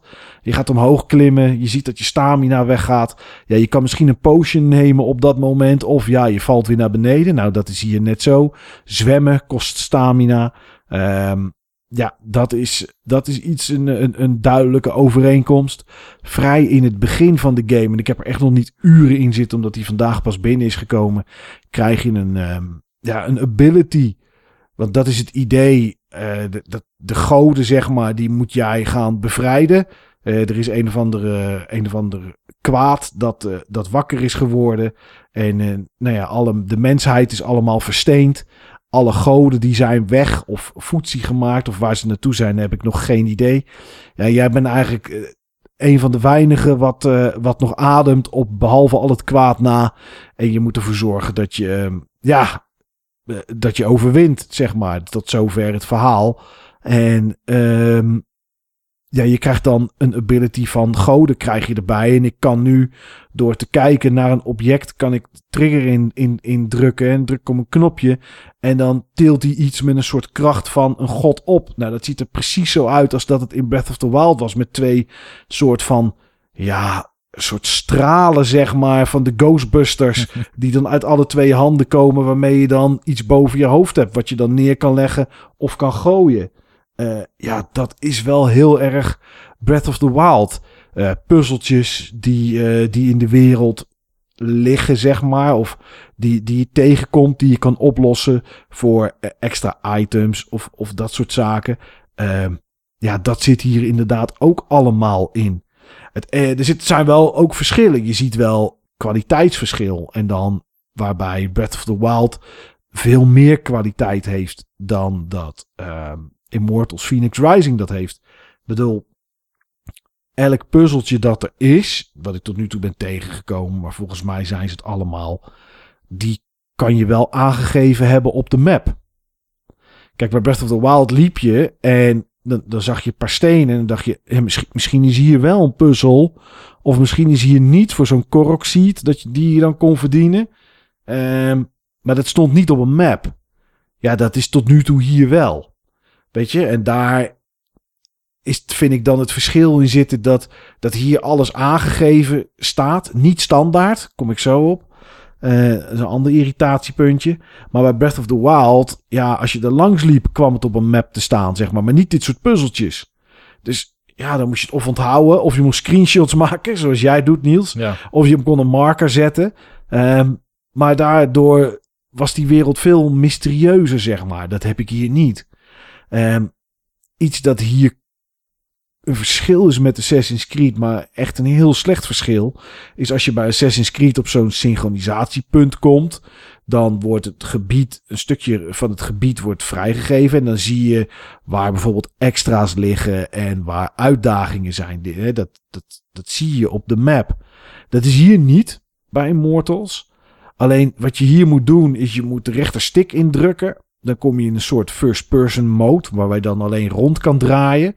En dan ga je kijken naar de kaart. Of nou ja, eigenlijk naar je omgeving. Je kijkt niet op de kaart, maar je kijkt naar de omgeving. En als je er dan met je pointer of met je, met je crosshair of wat dan ook overheen gaat, dan gaat je controle trillen en dan moet je een beetje bewegen naar het juiste punt. En dan staat er druk op de rechter trigger voor een, voor een onthulling, voor de reveal. En dan druk je erop en dan staat er, nou hier ligt een kist. En dan draai je weer rond en dan gaat het weer ergens trillen. Moet je weer naar kijken, moet je weer trigger indrukken. Nou, dat is echt heel slecht. Ik bedoel, geef of die map vrij, of geef gewoon geen manier om dat te doen. Maar nu sta ik dus om de zoveel tijd, als ik weer 400, 500 meter heb gelopen, sta ik stil. Ga ik naar first person, ga ik rondjes draaien, wat, is, wat niet zo heel snel gaat. Ga ik in first person rondjes draaien om te voelen of er ergens iets trilt. Dan moet ik een knop indrukken en dan staat er hier ligt een upgrade materiaal. Of hier is een puzzel of weet ik veel wat. Vind ik heel, heel raar. Ik weet niet waarom ze dat op deze manier gedaan hebben. Um, had het dan niet gedaan en laat mensen er dan dynamisch langskomen die de wereld willen ontdekken. Of ja, geef het gewoon in één keer vrij als je toch zo'n soort synchronisatie doet uh, bovenop, de, bovenop de map. Nou ja, goed. Uh, dat is dan een raar iets. En, en in het eerste gebied, daar liep ik op een gegeven moment de kant op. En dan kreeg ik de melding. Ja, het is misschien niet verstandig dat je deze kant op gaat. Want uh, je bent nog niet hoog genoeg level. Hm, Oké, uh, raar voor een open wereld. Ik zou zeggen, laat diegene gaan. Uh, misschien heeft hij een ability niet en kan die het dan niet oplossen. Misschien is die niet sterk genoeg en krijgt hij klappen. Nou ja, dan weet je ook dat je die kant niet op moet. Maar de game ging mij vertellen dat ik die, die kant niet op moest. Maar zei ook niet van, ja, want jij bent level 1 en hier, het is pas slim om hier iets te doen als je level 5 bent of level 10. Maar als ik op naar de map kijk, zie ik het ook niet. Dan denk ik, ja, weet je, een beetje vreemd. Maar goed, uh, voor de rest is het wel grafisch wel aantrekkelijk. Uh, heeft het wel wat van Breath of the Wild weg, maar misschien met iets meer kleuren. Want dat is het wel. Het is, het is super kleurrijk. Uh, de personages zijn wel wat plat qua stijl. Ik heb het wel eens eerder in een BB Bulletin. Heb ik wel eens de term mobiele graphics aangehaald, zeg maar. Qua gezichten en zo. dat, dat heb ik hier ook wel een klein beetje bij. Het is niet. Ja, het is geen Assassin's Creed. Het is. Ja, het is, het is het, is ook geen DOS-game, zeg maar. Met gewoon iemand die een geel gezicht heeft. Dus het zit er een beetje tussenin. Maar het is, niet, het is wat dat betreft niet heel erg speciaal. Maar ja, er is wel genoeg te beleven, zeg maar. En het is, het is iets minder serieus dan Assassin's Creed. En dat is soms dan misschien wel een beetje lekker om, om ook even iets minder serieus iets te spelen. Uh, ik had de aftiteling bijvoorbeeld al na, na, na 10 minuten had ik de aftiteling al op beeld. Ja, dat was dan een grapje natuurlijk. Maar uh, ja, daar dacht ik van oké, nou dit is, dan wel, dit is dan wel grappig gedaan. Maar ik kan me ook voorstellen als dat soort dingen continu blijven, dat ik me er op een gegeven moment aan ga irriteren. Maar goed, heel snel krijg je heel veel upgrades, waardoor je al gelijk het gevoel hebt dat je heel wat kan. Um, als je dat tutorial gebied, zeg maar, om het zo te noemen, of de eerste, de eerste momenten van de game. Als je die door bent, dan schijn je overal wel um, je quests en je, en je dingen te kunnen doen. misschien kom je er vanzelf achter dat je nog niet goed genoeg bent. Of dat je nog niet sterk genoeg bent. Maar um, ja, dan zal de game je voor de rest niet heel erg meer tegenhouden om iets te gaan doen. Dus ja, ik. Uh, ik ga dit zeker wel doorspelen. Assassin's Creed ook wel, want ik wil toch wel in ieder geval naar Engeland. Wil toch kijken wat daar anders is. Of, of, wat daar, uh, of wat er gebeurt, hoe het eruit ziet. En of dat misschien interessanter is. Want ik dacht van, nou, ik vind het, het Noorwegen wel cool met sneeuw en zo. Want het is een hele slechte vergelijking. Maar in God of War vond ik het ook heel tof. Die, die gedeeltes die daar waren. En het ziet er zo mooi uit als de zon erop schijnt en zo. Want grafisch is het echt wel, is het echt wel prachtig. Maar ik merk toch dat als je dan zeven uur alleen maar tussen de sneeuw en de bergen loopt, dat het op een gegeven moment ook wel een beetje, ja, een beetje eentonig wordt, zeg maar. Ja, en, en Yakuza weet ik niet. Ik heb een soort haat-liefde verhouding inmiddels met die game. Het ene moment denk ik van, oh geweldig en, en, en, en het lukt. En oh, wat hebben ze het verhaal toch goed bedacht. En ja, niet normaal. En het andere moment denk ik, ja, ik, ik kom er ook gewoon niet doorheen ook gewoon. En ik had zoiets van, ik ga alleen maar main story doen, weet je. Ik wil de main story wil ik uitspelen en klaar. Maar dat gaat gewoon niet. Dat, dan, ben je, dan ben je gewoon niet sterk genoeg. En dan kom je er niet doorheen. En dan, dan red je het niet. Dus ja, je moet wel sidespul doen. Maar ja, uh, dat lukt dan ook niet altijd. Dus ja, dat is echt zo'n... Ik denk dat ik... Ik hoop dat ik hem in 2021 wel een keer uitspeel. Kijk, Assassin's Creed en, en uh, Immortals Phoenix Rising ga ik ook dit jaar niet meer uitspelen. Want ik ken mezelf. Ik bedoel, als de quest zegt ga naar links, ja, ga, ga ik als eerst naar rechts. Ja, Zeker weten. Maar ja, daar, ja, maar daardoor schiet ik mezelf wel in mijn voet, zeg maar. Door zeven uur lang in Noorwegen rond te lopen. Terwijl Assassin's Creed misschien pas echt interessant wordt als je in Engeland komt. Omdat daar ook basebuilding en zo in zit. Ja, dat heb ik nu allemaal nog niet gedaan. En ik loop nu ja, wat ingrediënten op te pakken en hier en daar een kleine quest te doen of een puzzeltje. Uh, ja, die game heeft misschien wel veel en veel meer te bieden. Alleen sta ik mezelf nu nog niet toe dat ik dat zie of zo. En ja, dan, ja, dat is af en toe zo stom. Maar ja, goed. Ik, uh, ik, ik ga ze alle drie in ieder geval nog wel, uh, nog wel verder spelen. En ik zal in 2021 of in een uh, Buttonbashers aflevering of in een BB Bulletin als ik het uit heb of als ik er echt helemaal klaar mee ben, als er in ieder geval iets definitiefs mee gebeurt, dan zal ik dat nog wel eens een keertje, nog wel eens een keertje melden. Maar ja, ik, uh, ik, ik weet niet. Het is, ik vermaak me wel. Dat is het niet. Het is, het is niet dat ik met tegenzin speel. Maar eh, in ieder geval in de Assassin's Creed mag nu wel iets gaan gebeuren. Dus daar heb ik wel besloten, oké, ik ga nu main quest doen naar Engeland. Ga kijken of dat tof is. Als ik denk, oké, dit is echt nog meer van hetzelfde. Wat heel saai en stoffig en plat is. Dan haal ik de dis eruit. Dan heb ik het in ieder geval geprobeerd. Leg ik hem in de kast. En dan even goede vrienden met, uh, met Assassin's Creed. Maar uh, ja, dan ga ik gewoon lekker verder met Immortals. En dan, dan zie ik het voor de rest wel. Heb jij een, een van deze drie games op je netvlies staan, Niels, om te spelen? Of is het echt helemaal niet nou, iets aantrekkelijks? Ik ben wel geïnteresseerd in Immortals. Ik vind het interessant, wat hij is gemaakt door Ubisoft Quebec. En zij zijn normaal zeg maar, het spin-off team. En die helpen een beetje met volgens mij alle even of oneven Assassin's Creed, zeg maar, de grotere games. Dus ze hebben niet aan Valhalla mm -hmm. gewerkt, maar wel aan Odyssey bijvoorbeeld. Ja. Um, en dit is volgens mij een van hun eerste eigen IP's in lange, lange tijd. Oké. Okay. Dus ik vind hmm. het wel leuk dat zo'n team dan de kans krijgt om ook zelf een IP te ontwikkelen. Ja, ja. ja dat hebben ze niet slecht gedaan. Dat denk ik niet. Ik denk dat ze echt wel. Ze hebben wel een leuk thema uitgekozen met die goden en zo. Daar kan je natuurlijk een hele hoop mee. Want er zijn er in die, in die mythologische wereld zijn er natuurlijk zoveel. Um, maar ja, ze hebben heel goed gekeken naar, naar Breath of the Wild. Dat merk je wel in, uh, in van alles. Dat is niet erg. Ik bedoel, als het voor de rest gewoon een leuke game is, prima. Ja. Maar uh, ja, het, uh, ik weet niet. Dit moet ik echt nog wel even verder spelen. Wil ik, wil ik er een groter oordeel over hebben. En ik, het was een game die ik al heel lang zo'n beetje zo op, op mijn netvlies had.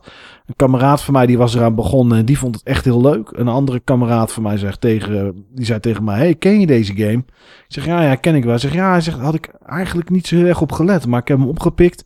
Ja, is toch eigenlijk best wel leuk. Toen dacht ik, nou ja, oké. Weet je, als twee mensen die Breath of the Wild uh, behoorlijk hebben gespeeld. en vaak wel in mijn straatje zitten qua, qua smaak van games. Alle twee zeggen dat het eigenlijk best wel een leuke game is. denk ik, nou, weet je wat, laat ik hem dan.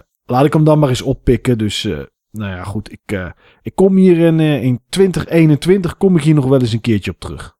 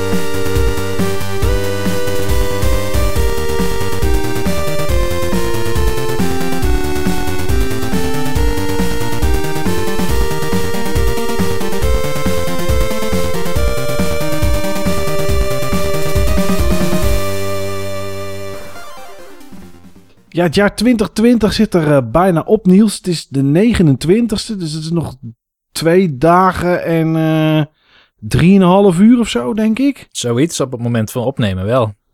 Ja, ja, ja. En dan is die voorbij.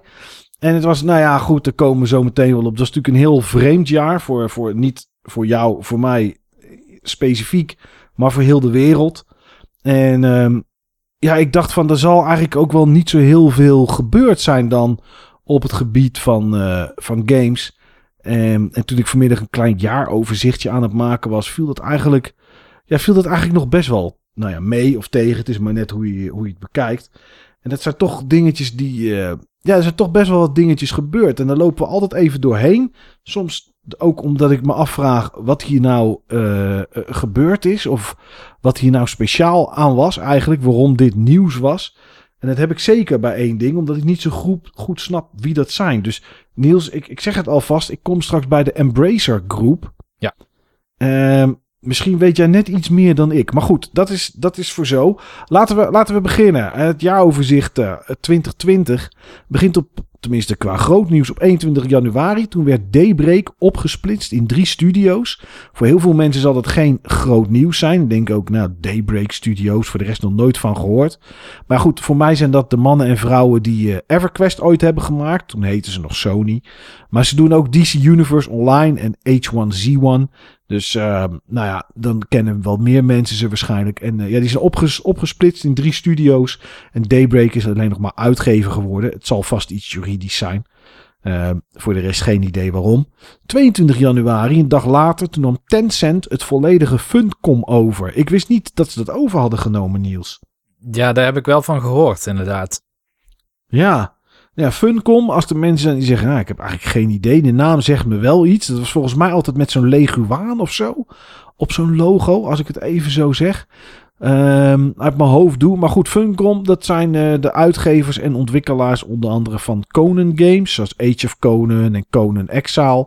Uh, Mutant Year Zero hebben ze bijvoorbeeld hier en daar uitgegeven. Maar er zijn ook wat oudere games die ze gemaakt hebben en uitgegeven hebben. Zoals Speed Freaks voor de PS1 en NBA Hangtime is ook zo'n titel. Dus uh, ja, op zich best een redelijke partij. 24 januari, toen sprak Blizzard af met uh, YouTube, dus in dit geval met Google, om al hun e-sports evenementen uit te zenden op YouTube. Denk ik niet zo'n hele strakke actie, waar eerder uh, 50, 60.000 mensen keken, kijken er nu vaak nog maar 4 of 5.000. Maar goed, uh, ja, contract ze dus denk ik toch moeten uitzitten. En op 5 februari vertrok uh, Rod Ferguson, de hoofdontwikkelaar van Gears of War, die vertrok en die ging naar Blizzard toe voor Diablo. Ja, het is te hopen dat dat iets goeds gaat brengen dan Niels. Ja, zeker. Ja. Voor Diablo 4 hoop ik. Dat mag ik ook hopen, ja. En niet Diablo uh, Immortals, nee. de mobiele versie. Daar heb ik laatst wel een stukje van gekeken trouwens. Het was niet heel best nog, moet ik zeggen. Maar goed, 19 februari, en daar komen ze voor het eerst tegen, kocht de Embracer Group, die kocht Saber Interactive op. Een ontwikkelaar die je zou kunnen kennen van World War Z. Uh, ik ga de vraag nog niet stellen, Niels, want ze komen straks nog een keertje. En dan vraag ik me af, wat, wie zijn deze gasten? Maar goed, dat is dan. 25 februari, toen stierf Kazuhashi Hashimoto. Weet jij wie dat is, Niels? Nee, geen idee. Weet je wat? Nee, dan weet je ook niet. Dat zou dan, als je had gezegd, ja, ik wel eens van gehoord. Dan had ik gezegd, weet je wat hij ons gebracht heeft? Hij is de bedenker van de Konami-code. Oh ja, nou die code ken ik wel, ja. Ja, ja, ja, die kent iedereen wel. Tenminste, tenzij je nog heel jong bent, dan niet. Maar dan kom je hem vanzelf een keer tegen. Maar hij heeft die, uh, hij heeft die bedacht. Ehm, 15 februari, 25 februari was ook de dag dat Oculus-ontwikkelaar Zanzaru Games overnam. Uh, een naam die mij niet zoveel zei. Maar dat zijn, uh, is een team van mensen die meegewerkt hebben. Bijvoorbeeld aan Spyro, de Reignited Trilogy, Asgard Wrath en ook Sly Cooper Games voor de PS3. Nou, die, die, die remasters die daar uitkwamen. En dus ja, die, die zijn overgenomen. 27 tot 1 maart, en normaal zou ik het niet noemen, maar ja, in dit jaar wel, was PAX PAX East in Boston. En dat was, uh, zover ik terug heb konden vinden, het laatste evenement waar je naartoe kon. Uh, ehm, 4 maart sloot Star Theory Games haar deuren. Uh, ik kende ze niet, maar ze werkte aan Kerbal Space Program 2. Nou, die game gaat niet verloren, die gaat over naar Intercept Games. Maar ja, deze ontwikkelaar uh, die, ja, die moest helaas stoppen. Op 11 maart vertrok Dan Houser bij Rockstar. Oprichter was hij, een van de twee. En, uh, en ook schrijver van bijvoorbeeld de GTA-games. En op 22 mei uh, was Pac-Man jarig, Niels. Weet je nog hoe oud hij is geworden? Zo, dan moet ik even nadenken. Hè? Ik wil wel gokken. Uh, gemene vraag, hè? Ja. 35? Nee, 40. 40. 40 jaar, ja, ja.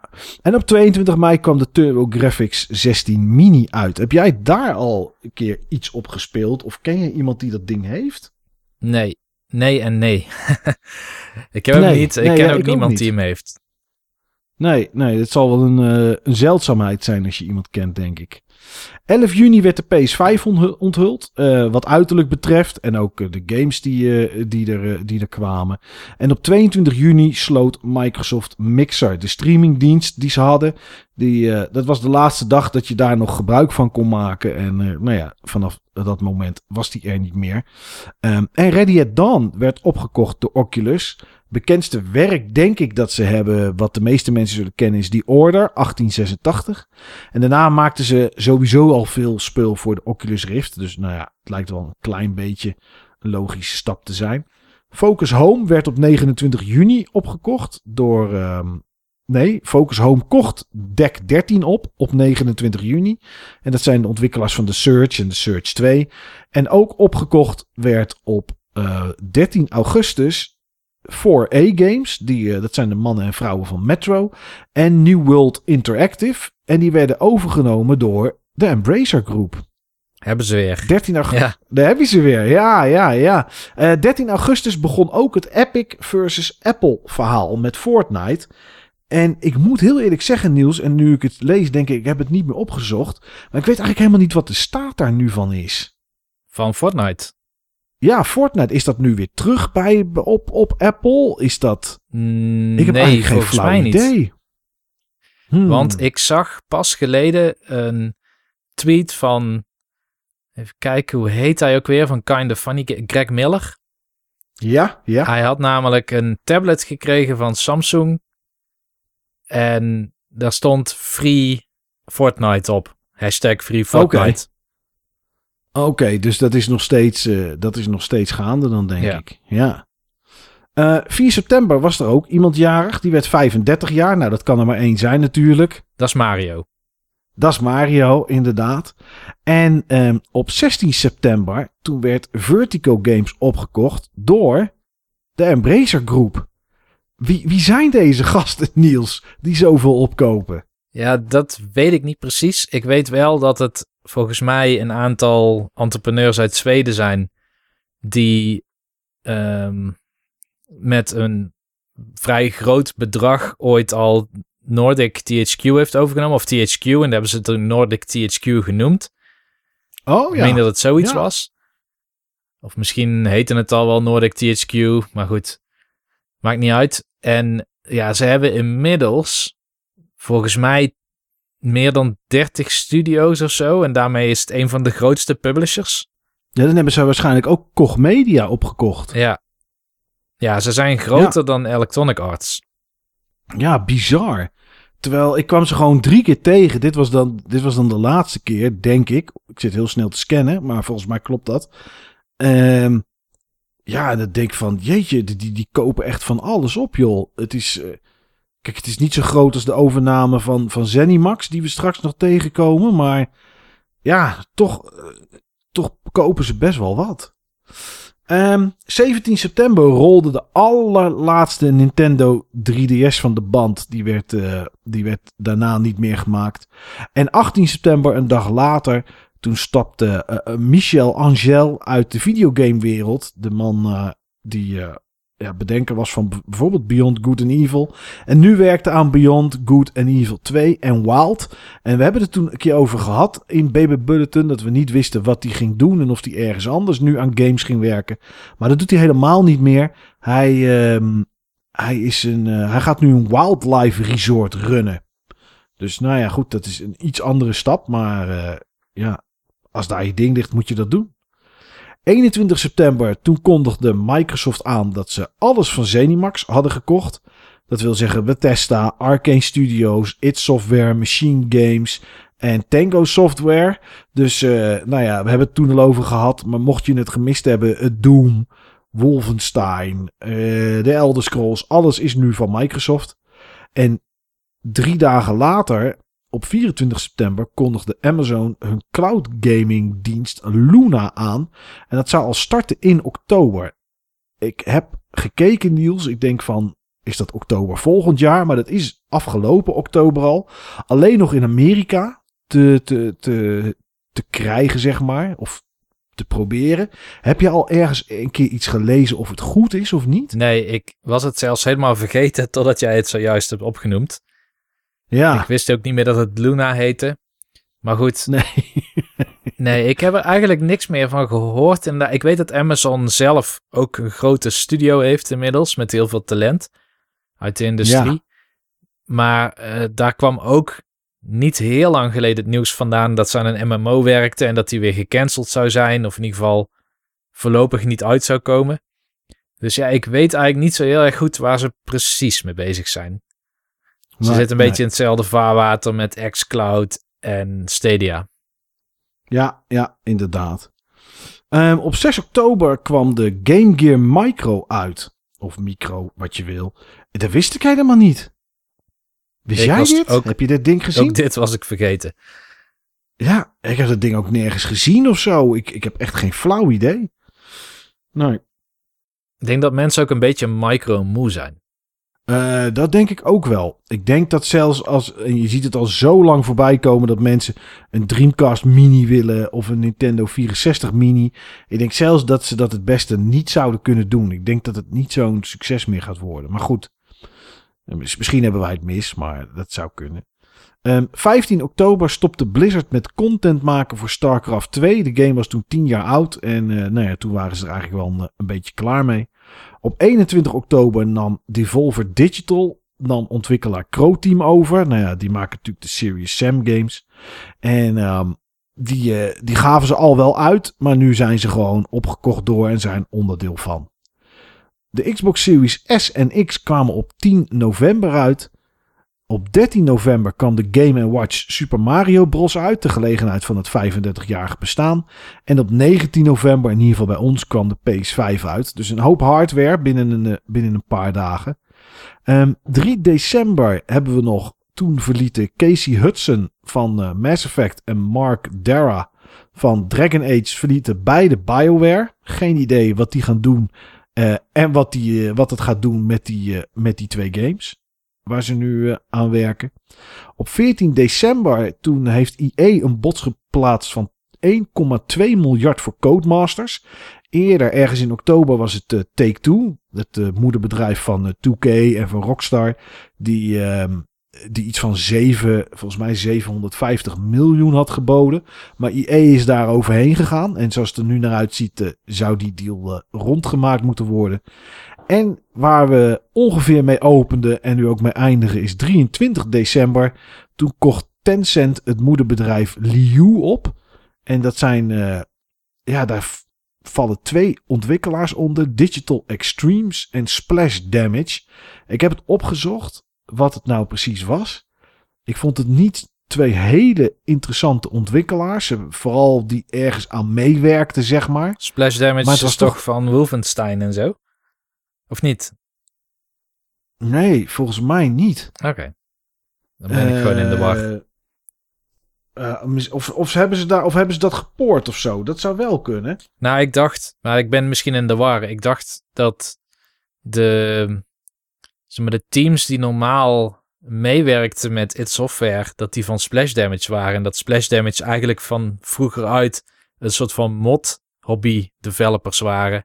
Nou ja. Wolfenstein Enemy Territory zie ik staan. Daar hebben ze wat, uh, daar hebben ze wat mee gedaan. Ja, oké. Ze hebben toch wel meer gedaan dan ik dacht. Gears voor Ultimate Edition, Gears 4. Daar hebben ze ook wat mee gedaan. En ook Gears 5, geen idee wat. Maar uh, het is daar allemaal op hun, in ieder geval op hun portfolio pagina. Nou goed, uh, toch misschien iets groter dan ik dacht. Maar uh, 1,5 miljard hebben ze daarvoor betaald. En bij de andere heb ik allemaal geen bedragen gezet. Maar omdat ik dit niet echt kende, dacht ik van oké, dat is misschien wel heel veel geld voor wat die mensen doen. Maar ja, misschien doen ze toch iets meer dan, uh, dan ik dacht. Nou goed, ja, je hebt het in ieder geval gehoord als je het nog niet, als je het nog niet wist.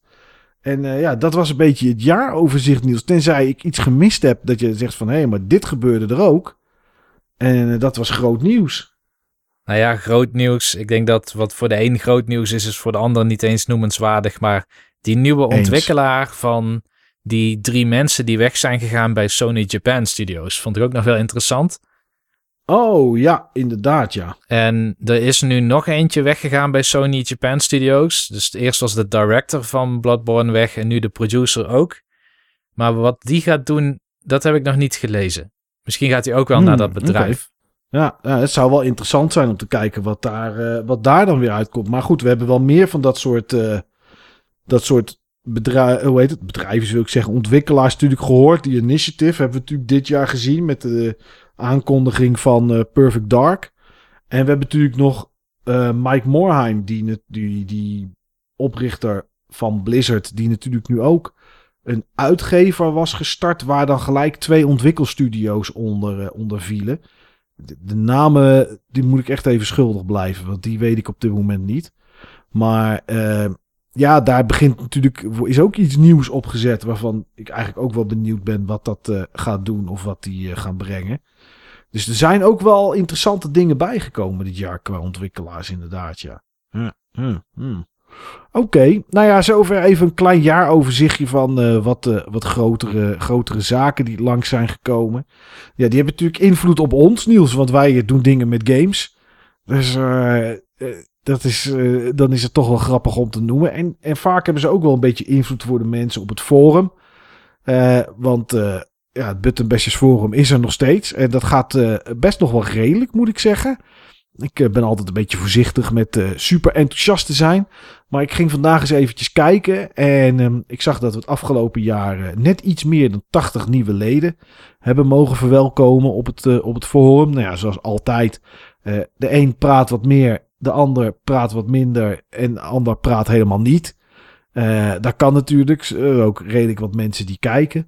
En ik ging er eens even uitrekenen, zoals ik dat elk jaar doe, hoeveel uh, berichten er dan nog per dag op het, op het Buttonbashers Forum geplaatst worden. En dat zijn toch 67 nieuwe berichten per dag. Kan een nieuw topic zijn of een reply. Maar in ieder geval 67 keer per dag wordt er op de verstuurknop gedrukt op het, op het forum. Dat is iets minder dan het jaar daarvoor. Toen zaten we rond de 73, 74 zeg ik even uit mijn hoofd.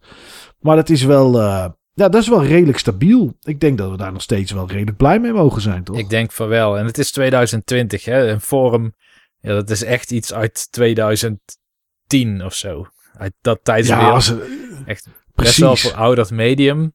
Maar het leent Ja. zich gewoon heel goed voor lopende discussies die gearchiveerd blijven. Dus dat je die boodschappen ziet blijven staan. Ik kan me bijvoorbeeld geen wijs uit worden uit Twitter, waar ik dan ook wat meer mee doe sinds dit jaar. Omdat je vaak niet de hele lijn van de discussie kan volgen. Nee, zeker niet. Zeker niet. Als iemand ergens een bericht op Twitter plaatst en er gaan tien mensen op reageren en degene van het originele bericht reageert op eentje uit die tien, waar daar dan ook weer mensen op gaan reageren. Ja, dan wordt het een soort, eh, nou, een soort blikje Fanta wat je omgooit, zeg maar. Je hebt één punt waar het begint en dan gaat het alle kanten op. En dat is niet te doen om dat, om dat te lezen. En ja, dat is hier inderdaad heel gestructureerd. Ik bedoel, is- de ene reply staat altijd onder de vorige en dat heeft hoeft niet met die verband te houden. Maar ja, het, het hoort er allemaal bij, zeg maar. Dat is zo. Ja, en ik vind het ook Ja. prettiger dan bijvoorbeeld Facebook of dan Discord. Want dat zijn ook van die dingen. Dat, dat is allemaal live, zeg maar. En al- alles wat je daar Ja. typt, dat is dan weer heel lastig terug te vinden op een later moment. En het is niet gestructureerd en zo. Dus voor mij blijft een forum wat dat betreft het fijnste werken. En wat ik denk dat wel fijn is en waardoor er 67 berichten per dag worden geplaatst, is dat er toch een aantal hele nou, hoe moet ik het zeggen, actieve members zijn. En ehm, het verschil met een Facebook vind ik ook, omdat het, eh, het niet zo live is als een Twitter, dus, eh, of Discord, wat echt chatten is. eh, en, Facebook toch vaak een beetje wat vluchtig is. Ja, is, zie je op een forum gewoon lange posts, zeg maar. Je ziet, je ziet berichten waar gewoon iemand misschien een, een, een, een, een kwartier of twintig minuten aan gewerkt heeft met een, met een plaatje erbij, met, met een videootje erin en dat soort dingen allemaal. En dat heb je niet op Facebook. Eh dat was afgelopen jaar hadden we een topic ehm 25 beste PC-games of zo, volgens ons. En er waren, jij zat er ook in en ik ook. En daar hadden we gewoon om de vijf beurten, zeg maar, met vijf mensen deden we dat. Gingen we een game beschrijven met waarom we die vinden dat die bij de top 25 beste PC-games ooit hoort. En zo is er ook één geweest over de Mega Drive, zeg ik. En er is er nog één geweest, maar die weet ik niet uit mijn hoofd. Misschien de DS, zeg ik eventjes. Dat soort dingen, dat gaat gewoon niet op een Facebook of, of, of op een Twitter. Nee. Eh, dus daar is het forum echt nog, echt nog heel erg leuk voor en heel erg goed. Dus ja, dat is wel, eh, dat is wel mooi. Uh, mocht je meer weetjes willen lezen, zoals welke browser is het meest populair of uh, wat zijn de meeste zoektermen waardoor mensen bij ons op het forum komen. Uh, er staat een topic op het forum op dit moment waar dat soort uh, weetjes in te lezen zijn. En dat is altijd wel uh, even grappig als een soort jaaroverzicht. Ja, ik, ik zou ook heel graag iets willen roepen over de podcast in 2020. Maar die laat ik aan jou, Niels, want jij hebt meestal dat soort cijfers beter bij de hand dan ik. Ja, hoewel jij kan er ook gewoon bij natuurlijk. Maar ik heb er wel Dat overzichtjes van gemaakt uh, met Excel. Dat klopt. Kijk, dat heb ik niet. Nou, um, we hebben het beste jaar tot nu toe qua podcast. En met beste bedoel ah, ik dan leuk. de meeste activiteit, luisteractiviteit. En we zitten nu tegen de 15.000 plays op Soundcloud. Dus dat is nog exclusief Spotify. Waar we een keer van achter kwamen dat die dus niet werden opgeteld bij de Soundcloud aantallen. Klopt. En dat is echt heel hoog. Dat betekent dat je sowieso ruim meer dan 1000 plays gemiddeld per maand hebt. En dat klopte ook, behalve in februari. Toen zaten we net onder de 1000. Oké. Okay. Nou, die is wel te verklaren, denk ik toch. We hadden in januari hadden we. Um, volgens mij kwamen die alle twee in januari uit. Jaaroverzicht 2019. Ja.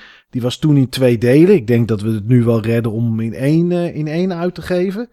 Um, en, en toen hadden we op dat moment ook even geen nieuwe uh, aflevering. Klopt, ja. Dus daardoor ja. ontstond een gat. En we hadden wel Club Buttonbashers al. Club Buttonbashers deed het ook best wel goed qua aantallen. Zo meestal ja. zo tegen de 200 plays of zo per aflevering. BB Bulletin, die is ook ontstaan in 2020. En die krijgt meestal zo rond de 150 plays per aflevering.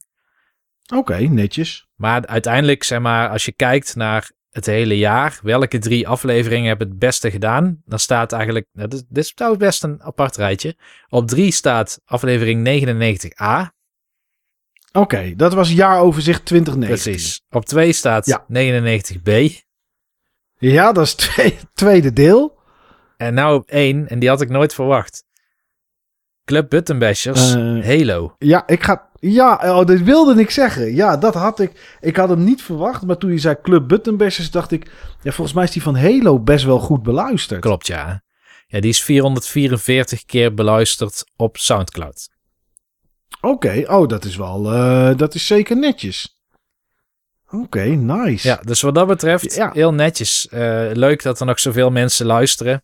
En die getallen zijn ook super constant. Dus als je kijkt naar die Club Buttonbashers afleveringen, dat wijkt misschien minder dan 10 plays af. De ene vergeleken met de andere aflevering. Dus ik denk dat we ook best wel veel luisteraars behouden wat dat betreft. Ja, inderdaad. Het is een vaste groep. Het zou mooi zijn als het, eh, als het elke, elke keer dat het uitkwam hè, met, met 30 of 40 omhoog gaat. Maar ja, goed, dat, eh, zo werkt het nou eenmaal niet. Maar het is mooi dat het stabiel is. En, en kijken dat we dit jaar meer plays hebben gehad. Is ja, we hebben dit jaar veel meer afleveringen uitgebracht. Dus dat is logisch. Maar ja, eh, we doen het niet voor niks, Niels. Nee, we maken veel content, maar dat is ook wat we zelf willen. Dat Precies. hadden we ook gedaan, Ja, al luisterden ja. er 40 man naar BB Bulletin. Ja, zeker. Ja, ja, ooit zijn we ermee gestopt omdat we toen ja, anders editen en, en het gewoon veel te lang duurde. En ik heb nog wel eens die neiging gehad dat ik er langer mee bezig was dan dat het misschien nodig was, zeg maar. En het resultaat misschien zelfs wel minder werd.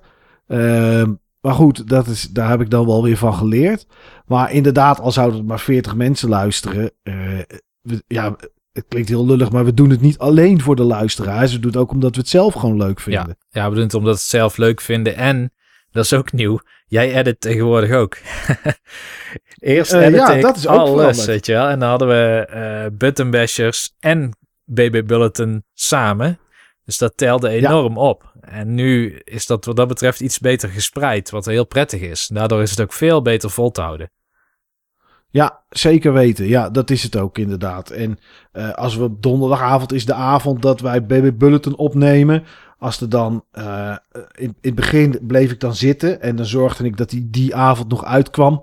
En dan bleef ik wel eens tot, de- omdat we dan wat later opnamen en we daarna nog even zaten te, te kletsen, werd het wel eens 12 uur of zo dat die af was.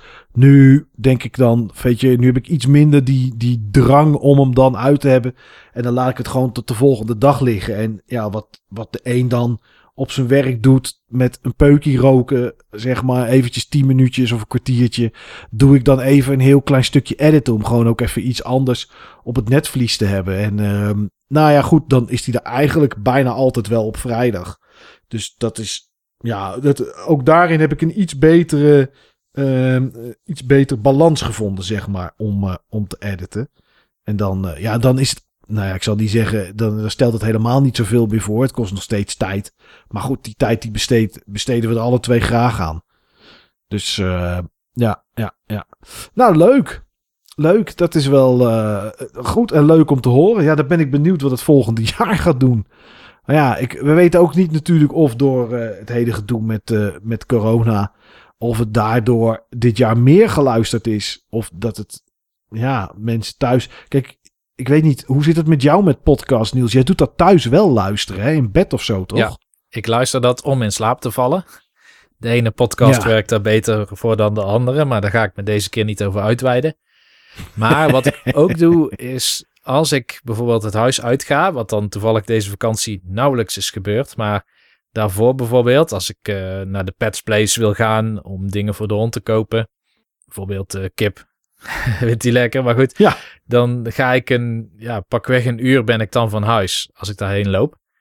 En dan zet ik ook altijd podcasts op tijdens mijn wandeling. Tegenwoordig Ja, ook ja. met mijn nieuwe aankoop, maar die komt zo nog wel een keer langs. Oké. Ja, eh, die komt zeker langs eh, straks. eh. maar dat, ja, ja, ja, snap ik. Nee, ja, kijk, ik heb inderdaad, ik luister eigenlijk altijd in de auto. Want tijdens werk kan ik me niet goed genoeg concentreren om te, te luisteren. En ik wil toch als ik een podcast aanzet, wel luisteren. Je hebt ook mensen die kunnen het zeg maar als een soort van achtergrond aanzetten. En dan toch genoeg meepikken. Nou ja, dat lukt bij mij dan niet. Dus het is bij mij meer in de, in de auto. Dus ik luister er veel en veel minder nu. Maar ja, goed, je hebt ook mensen die... eh, kijk, ik doe het wel eens als ik ga koken. Eh, dan, dan zet ik koptelefoon op en dan... eh, nou ja, dan zet ik lekker podcast aan. En terwijl ik een aardappel sta te jassen... Dan, eh, dan hoor, ik, dan hoor ik gezellig een podcast die, die ergens over praat. Dus ja, het is, het is bij mij wel minder geworden. Maar ik, eh, ja, dus dat zou zomaar voor andere mensen natuurlijk net zo kunnen zijn. Als iemand zegt van ja, ik zit elke dag normaal gesproken een half uur heen en een half uur terug in de trein. En daar luister ik dan een podcast in. En voor de rest heb ik er niet zoveel tijd voor. Of wil ik die tijd er niet voor maken. En goed, dan zou dat volgend jaar misschien wel eens anders kunnen als er dingen gaan veranderen. Maar eh, nou ja, het is in ieder geval leuk om deze cijfers zo eens eventjes te horen. En, eh, en eens even te kijken wat het eh, voor volgend jaar gaat doen. Dat is dan misschien wel, dat is dan misschien wel spannend.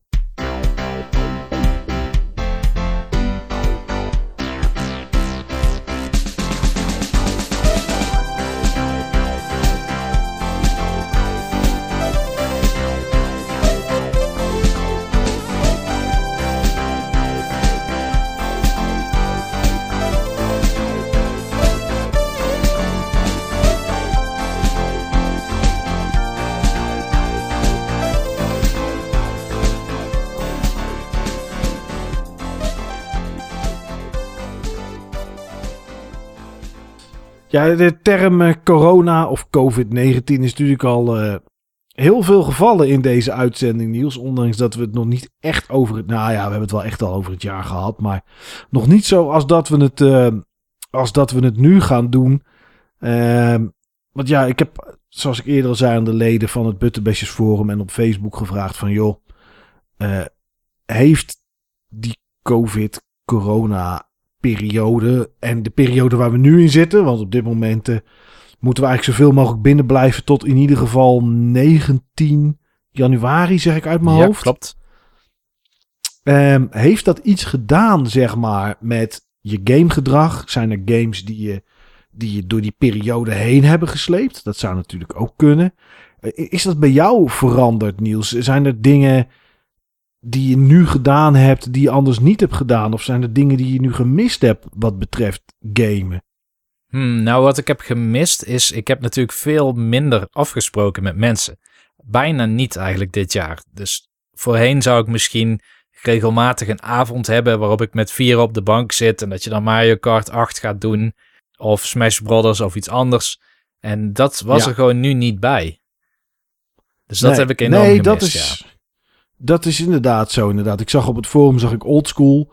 Die, eh, die zei dat ook. Die miste vooral de, de gameavonden met bekenden. Ehm, ja, weet je. Nu speelde hij dan wel eens met het gezin. Knowledge Power op de PS4. Of Among Us. Maar ehm, ja, die, die miste dat ook wel inderdaad, zei hij. Het enige wat hij dan wel af en toe deed... was met één ander stel waar ze dan mee afspraken... eh, was bordspellen, zeg maar. Die sleepte, sleepte hem wel een beetje door die tijd heen. Ja, dat zou jij denk ik ook niet veel gedaan hebben, Niels, dan. eh. Nee, bijna niet. Ik heb één nieuw bordspel gekocht. Heb ik drie keer Mhm. gespeeld, denk ik. En dat was het enige aan bordspellen dat ik dit jaar heb gedaan. Ja, ja, ja, ja, dat is toch wel anders. Ja, waar ik vooral aan dacht, wat, kijk, ik, ik werkte sowieso altijd al veel thuis. En ik dacht, hé, hey, maar Niels zit natuurlijk heel vaak in het openbaar vervoer. Is dat dan tijd die jij kwijt bent, zeg maar, eh, aan, aan game-tijd in het openbaar vervoer? Of heb je die tijd gewoon thuis nog steeds gebruikt, maar dan niet in de trein? Die ben ik, ja, even goed denken. Die ben ik zeker kwijt. Ja, Oké. ik merk dat als ik thuis werk, heb ik minder tijd voor gaming. Ik sta Hmm. sneller op om aan het werk te gaan, waar ik normaal dus een reis van iets meer dan een uur tussen zou hebben zitten, waar ik al wat kan gamen. Nu sta ik wel op en dan doe ik even 20 minuten Animal Crossing of iets dergelijks. En dat is om heel even te ontkoppelen van het opstaan. En ik weet dat als ik dat dan eenmaal heb gedaan en ik heb opgeslagen en de switch afgezet, dan kan ik aan het werk. Alleen Ja. ik heb geen, bijvoorbeeld ik ga niet gamen in mijn middagpauze. S'avonds als ik klaar ben met werken, dan heb ik vaak niet eens meer de puff, zeg maar, om te gamen. Want de afgelopen weken waren ook wel heel erg zwaar. Dat was, dan was je wel echt klaar met je dag op dat moment. ja. En dan ging ik uiteindelijk wel iets doen met gaming, zeg maar. Maar ik was niet zo exploratief als dat ik vaak was wanneer ik van werk dan thuis zou komen. Dan zou ik nog eens kunnen zeggen van, oh, ik heb hier een spel, bijvoorbeeld ehm, een soort Ninja Gaiden of zo. En dat gaat heel Ja. erg over hand-oogcoördinatie en reflexen en zo. Nou, daar hoef je mij dan niet voor te bellen in de afgelopen maanden. Dan was het gewoon veel te druk voor met mijn werk. Dan wilde ik liever Ja. een game zoals bijvoorbeeld ehm, die Super Robot Wars, weet je wel. Gewoon langzaam robotjes verzetten en dan twee minuten naar een cutscene kijken. Ja, precies. Gewoon eh, ontspannen game. Gewoon ontspannen. Ja, ik denk dat met name in de afgelopen drie maanden... dat ik met name richting ontspannen games ben gegaan. Waar dan gek genoeg Baldur's Gate 2 ook wel in die categorie valt. Misschien omdat je je eigen tempo zo makkelijk kan bepalen. Ja. ja, want ik kan me herinneren van alle afleveringen BB Bulletin die we gemaakt hebben, dat op een gegeven moment zat, en misschien zit je er nog wel een beetje in, zat je in een soort detective stream, zeg Ja, maar. ja. En een soort overflow van detective games. Dat zijn vaak ook games om ja, een beetje achterover te hangen, rustig te kijken en een keer te klikken, toch? Ja, inderdaad. Gewoon. Dat is een simpel verhaal. Eh, je mag een beetje meedenken, maar je wordt niet super actief erbij betrokken. Dan krijg je een puzzel, mag je zo lang over doen als je wil. Dus dat was inderdaad Precies. ideaal. En de enige game die ik nog wel speel op het moment met detectives is dat Murder by Numbers, waar ik het over heb gehad. In Ja. de laatste BB Bulletin volgens mij van 2020. Klopt. Ja, die van 17 augustus, eh, december, Ja, volgens mij. Ja. ja.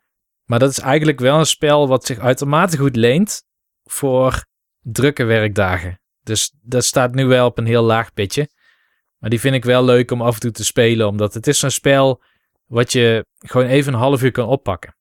En dan weer kan Ja, wegleggen precies. en dat het dan prima is. Niet dat je dan denkt, ah, ik, eh, ik ben nog halverwege een, een level met een pittige eindbaas of zo. Nee, ja, nee, dan kan dat inderdaad een heel stuk beter, inderdaad.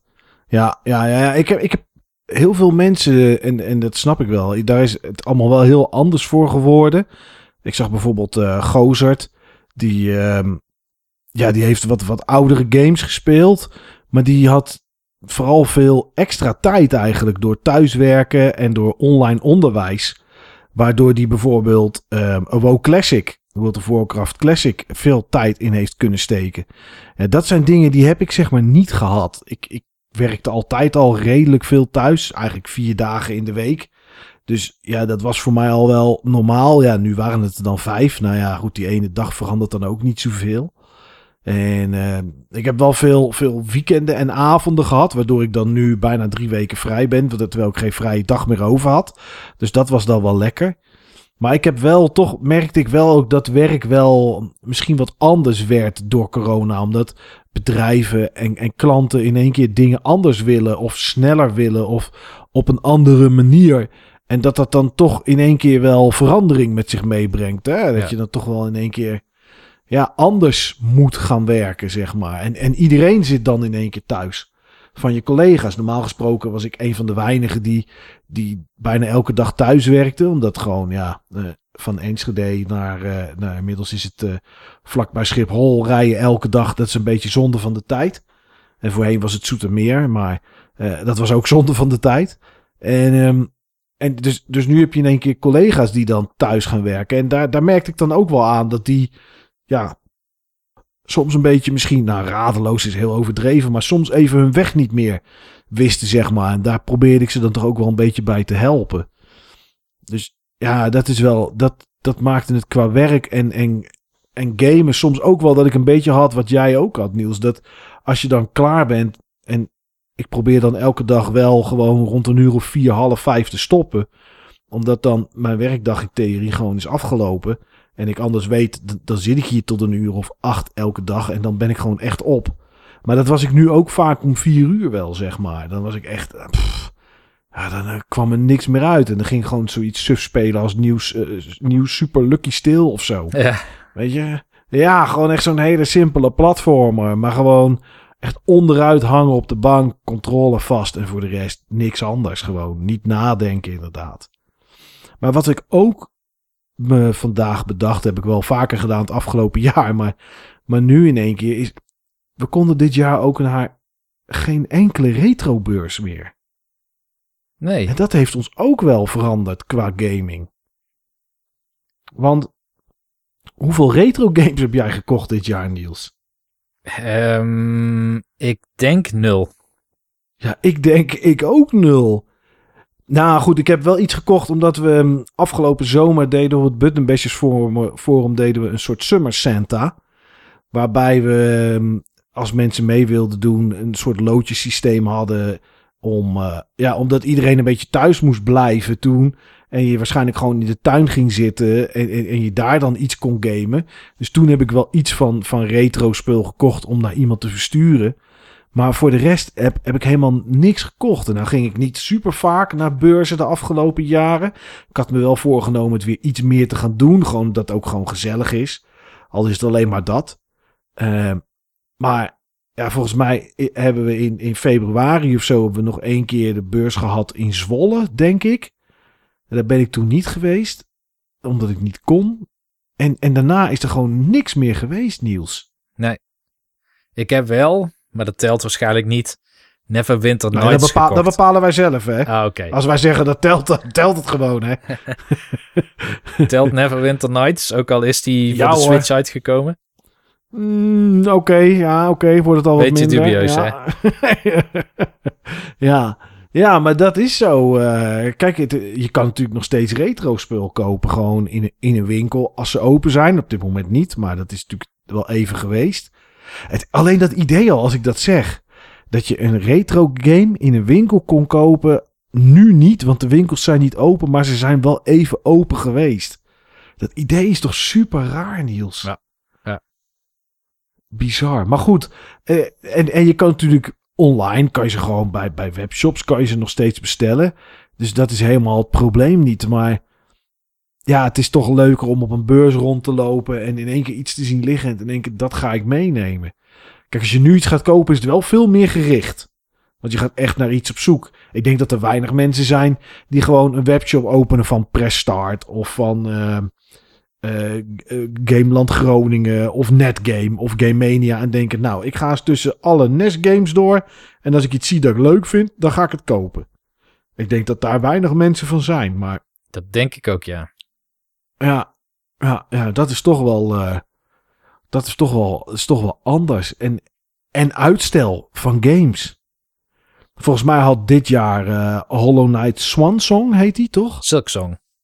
Silksong had uit moeten komen. Volgens mij al in oktober. Ja. Nee, eh, niemand weet wanneer dat ding komt en of die ooit nog komt.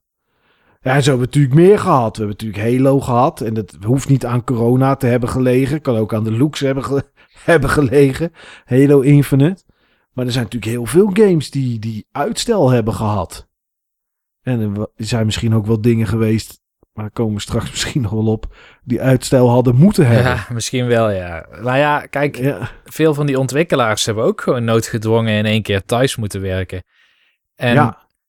dat is voor een PC-developer nog wel te doen, maar een console-developer, bijvoorbeeld als jij eh, PlayStation 5 devkits hebt staan, dan moet je dus juridische afspraken hebben voor waar die devkits mogen staan. En Oh, zo. je kan Ja. die niet zomaar thuis neerzetten, want dat keurt Sony niet goed. Nee, plus dat als je eh, een Ubisoft bent, ja, dan zou je er geen één hebben. Maar als je een Ubisoft bent met misschien 200 man, dan zou je niet 200 van die devkits hebben, gok ik. Vaak niet, nee. Nee, en met PC kan dat natuurlijk wel, inderdaad. Eh, Xbox kan het natuurlijk ook, want die kan je natuurlijk naar dev mode zetten. Alleen, eh, ja, eh, dat het kan niet, meer- inderdaad, met Switch kan het natuurlijk ook niet.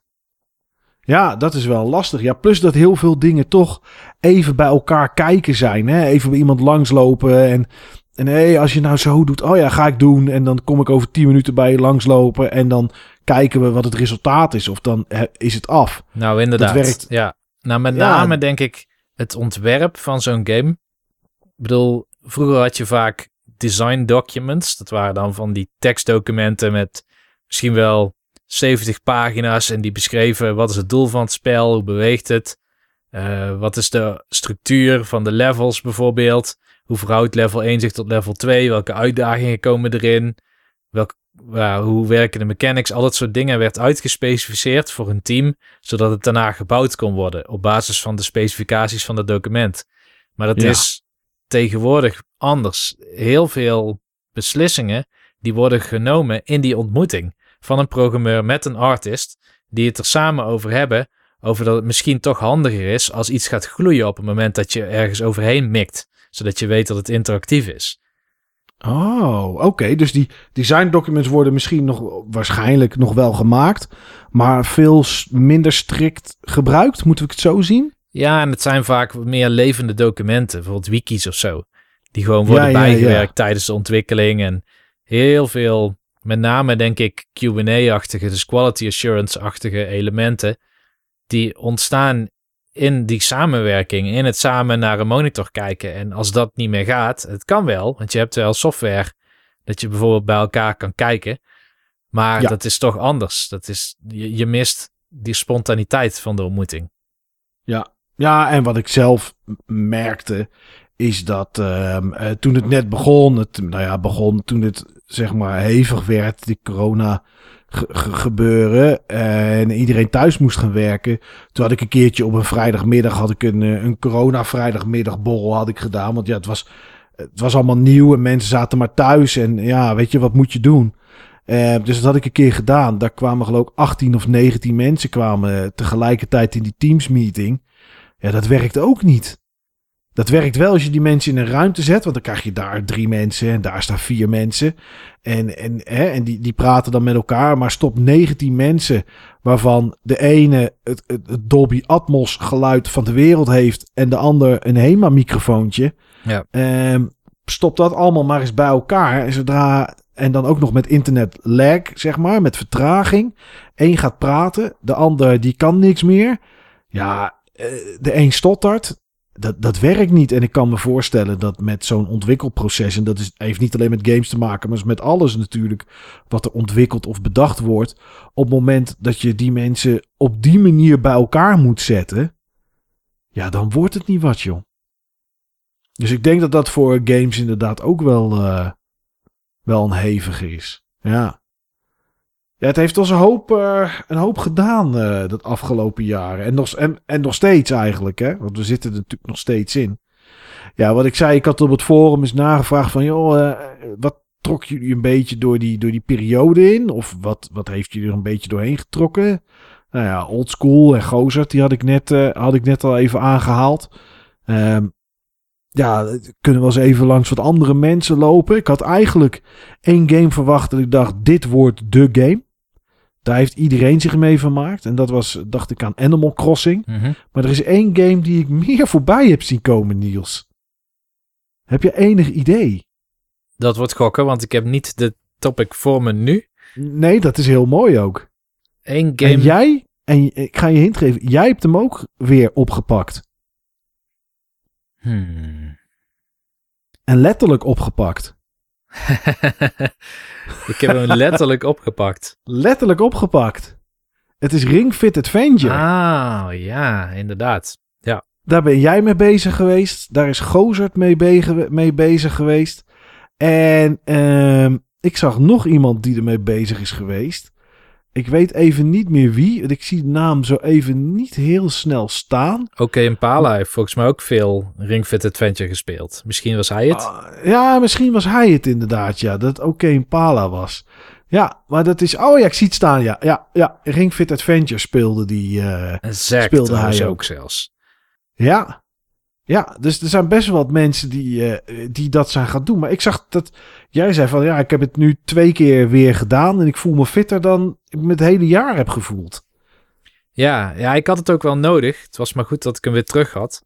Want ik denk dat ik of schuin slaap of mijn matras is hol geworden of wat dan ook. Maar ik werd soms met rugpijn wakker.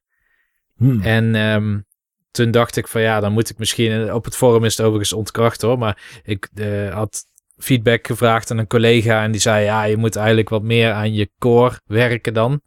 Want dat is dan misschien wat niet in orde is. Nou ja, dat kan heel goed kloppen, want ik heb een werkhouding van niks. Nee. Ik wil het liefst hangen of uh, leunen. Of, ik, Je kan een bureaustoel van 2000 euro voor mij kopen en ik zit nog achterover. Ja, ik ook. Heerlijk. ja, precies. Maar schijnbaar niet heel erg goed voor je.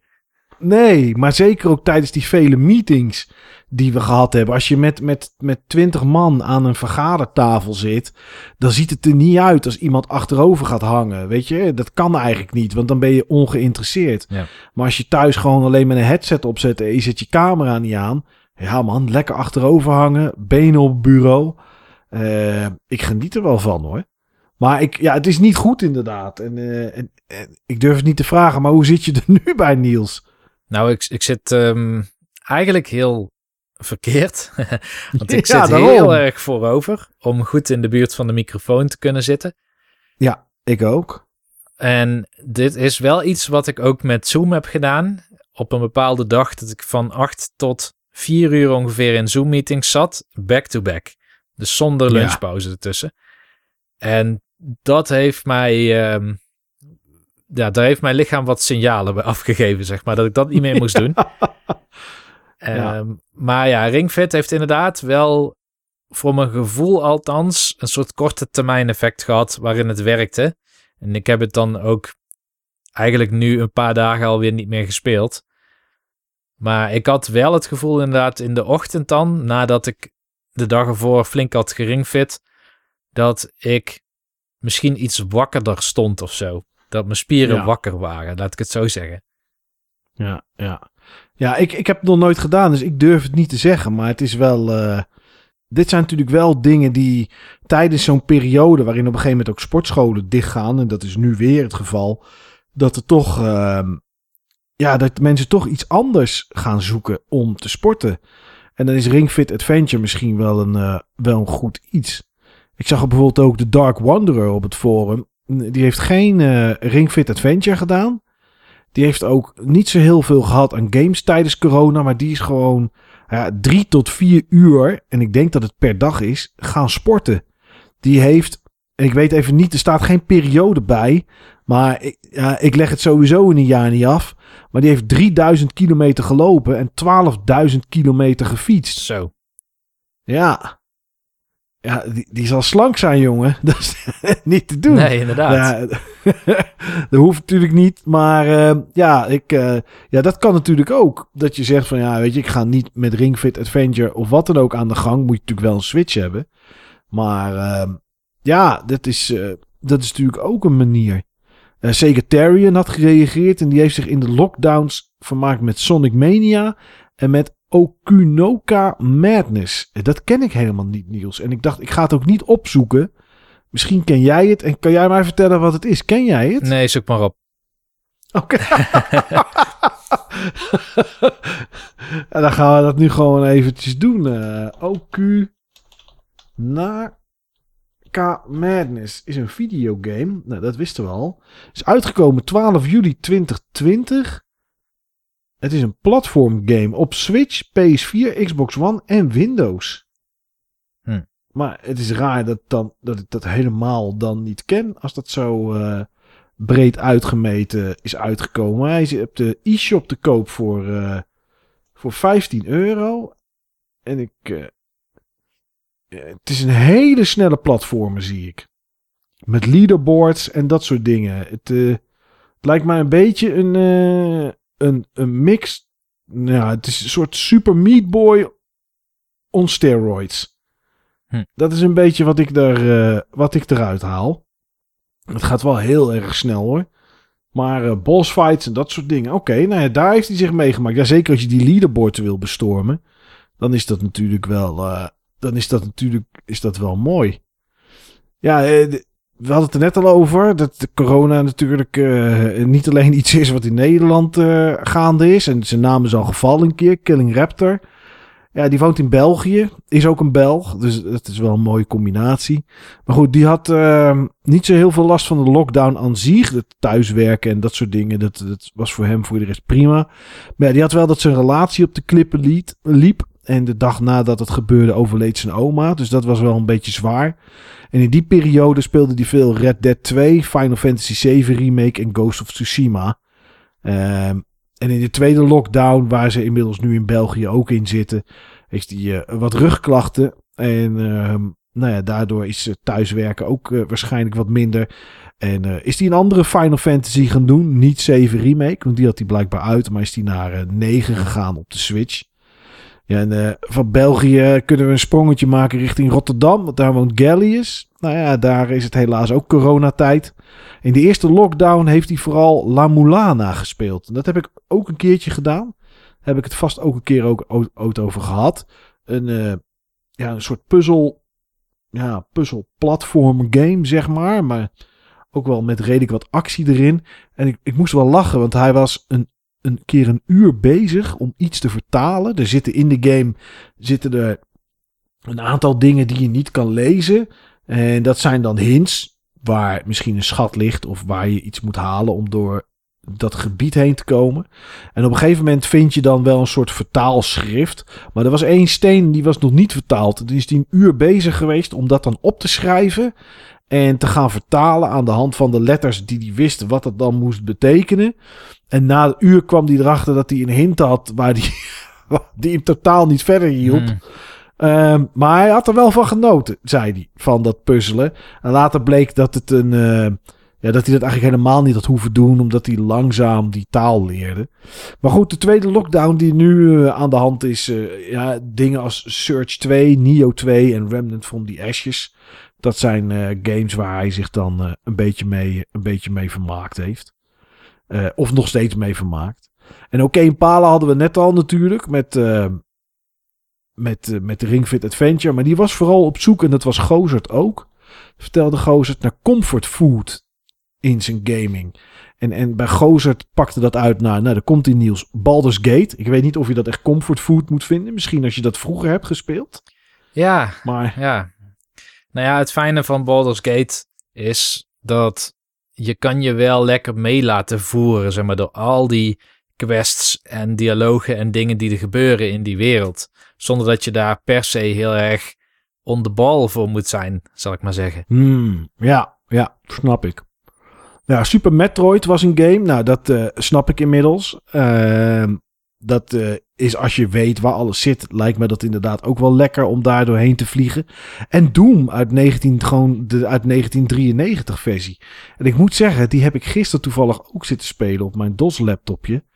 Ja, ik, ik, dacht eigenlijk van, weet je wat, ik beuk me gewoon even door die game heen. Want volgens mij hoeft dat helemaal niet zo lang te duren.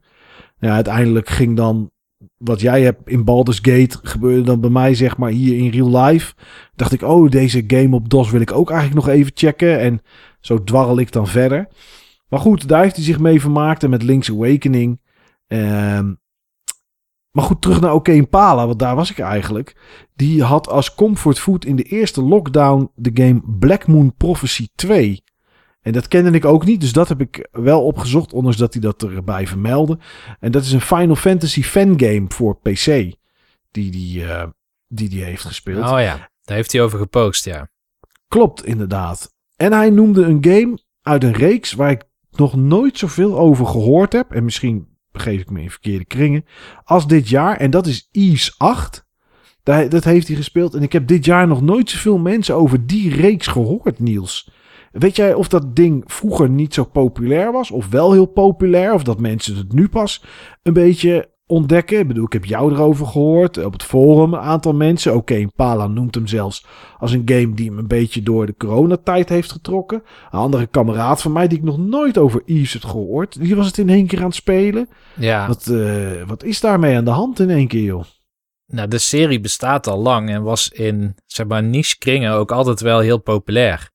Alleen ja. Falcom, de ontwikkelaar van Ease, heeft zich altijd alleen maar op één platform steeds gericht.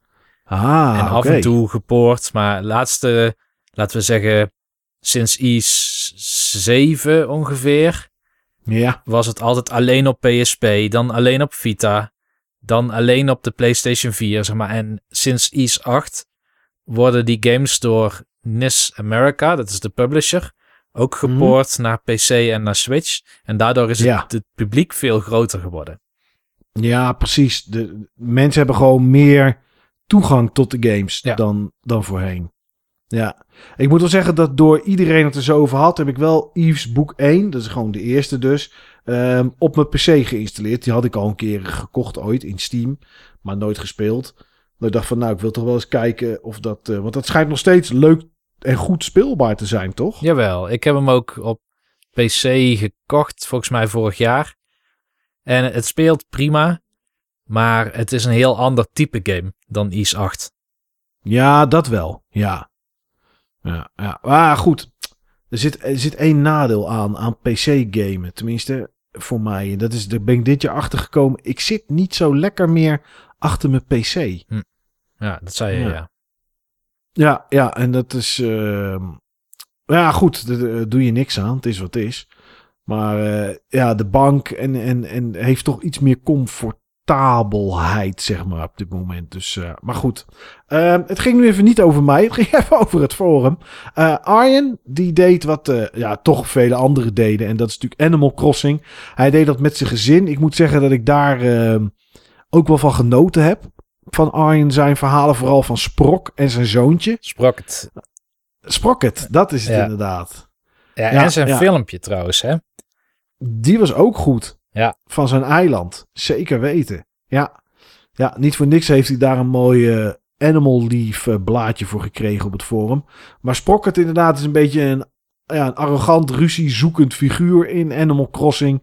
En eh, hij heeft een paar keer verteld dat zijn zoontje dan... eh, s ochtends als hij wakker wordt... eh, naar hem toe komt en zegt... Papa, papa, wat Sprocket nu weer gedaan heeft of gezegd heeft. Dus dat is wel, is wel heel mooi. Zijn de tweede lockdown die is voor Demon Souls op de PS5. Ehm, Game Pass is natuurlijk iets waar we het wel vaker over gehad hebben in, ehm, in de podcasts. En eh, ja, dat is iets wat Finger een beetje door die tijd heen geholpen, geholpen heeft.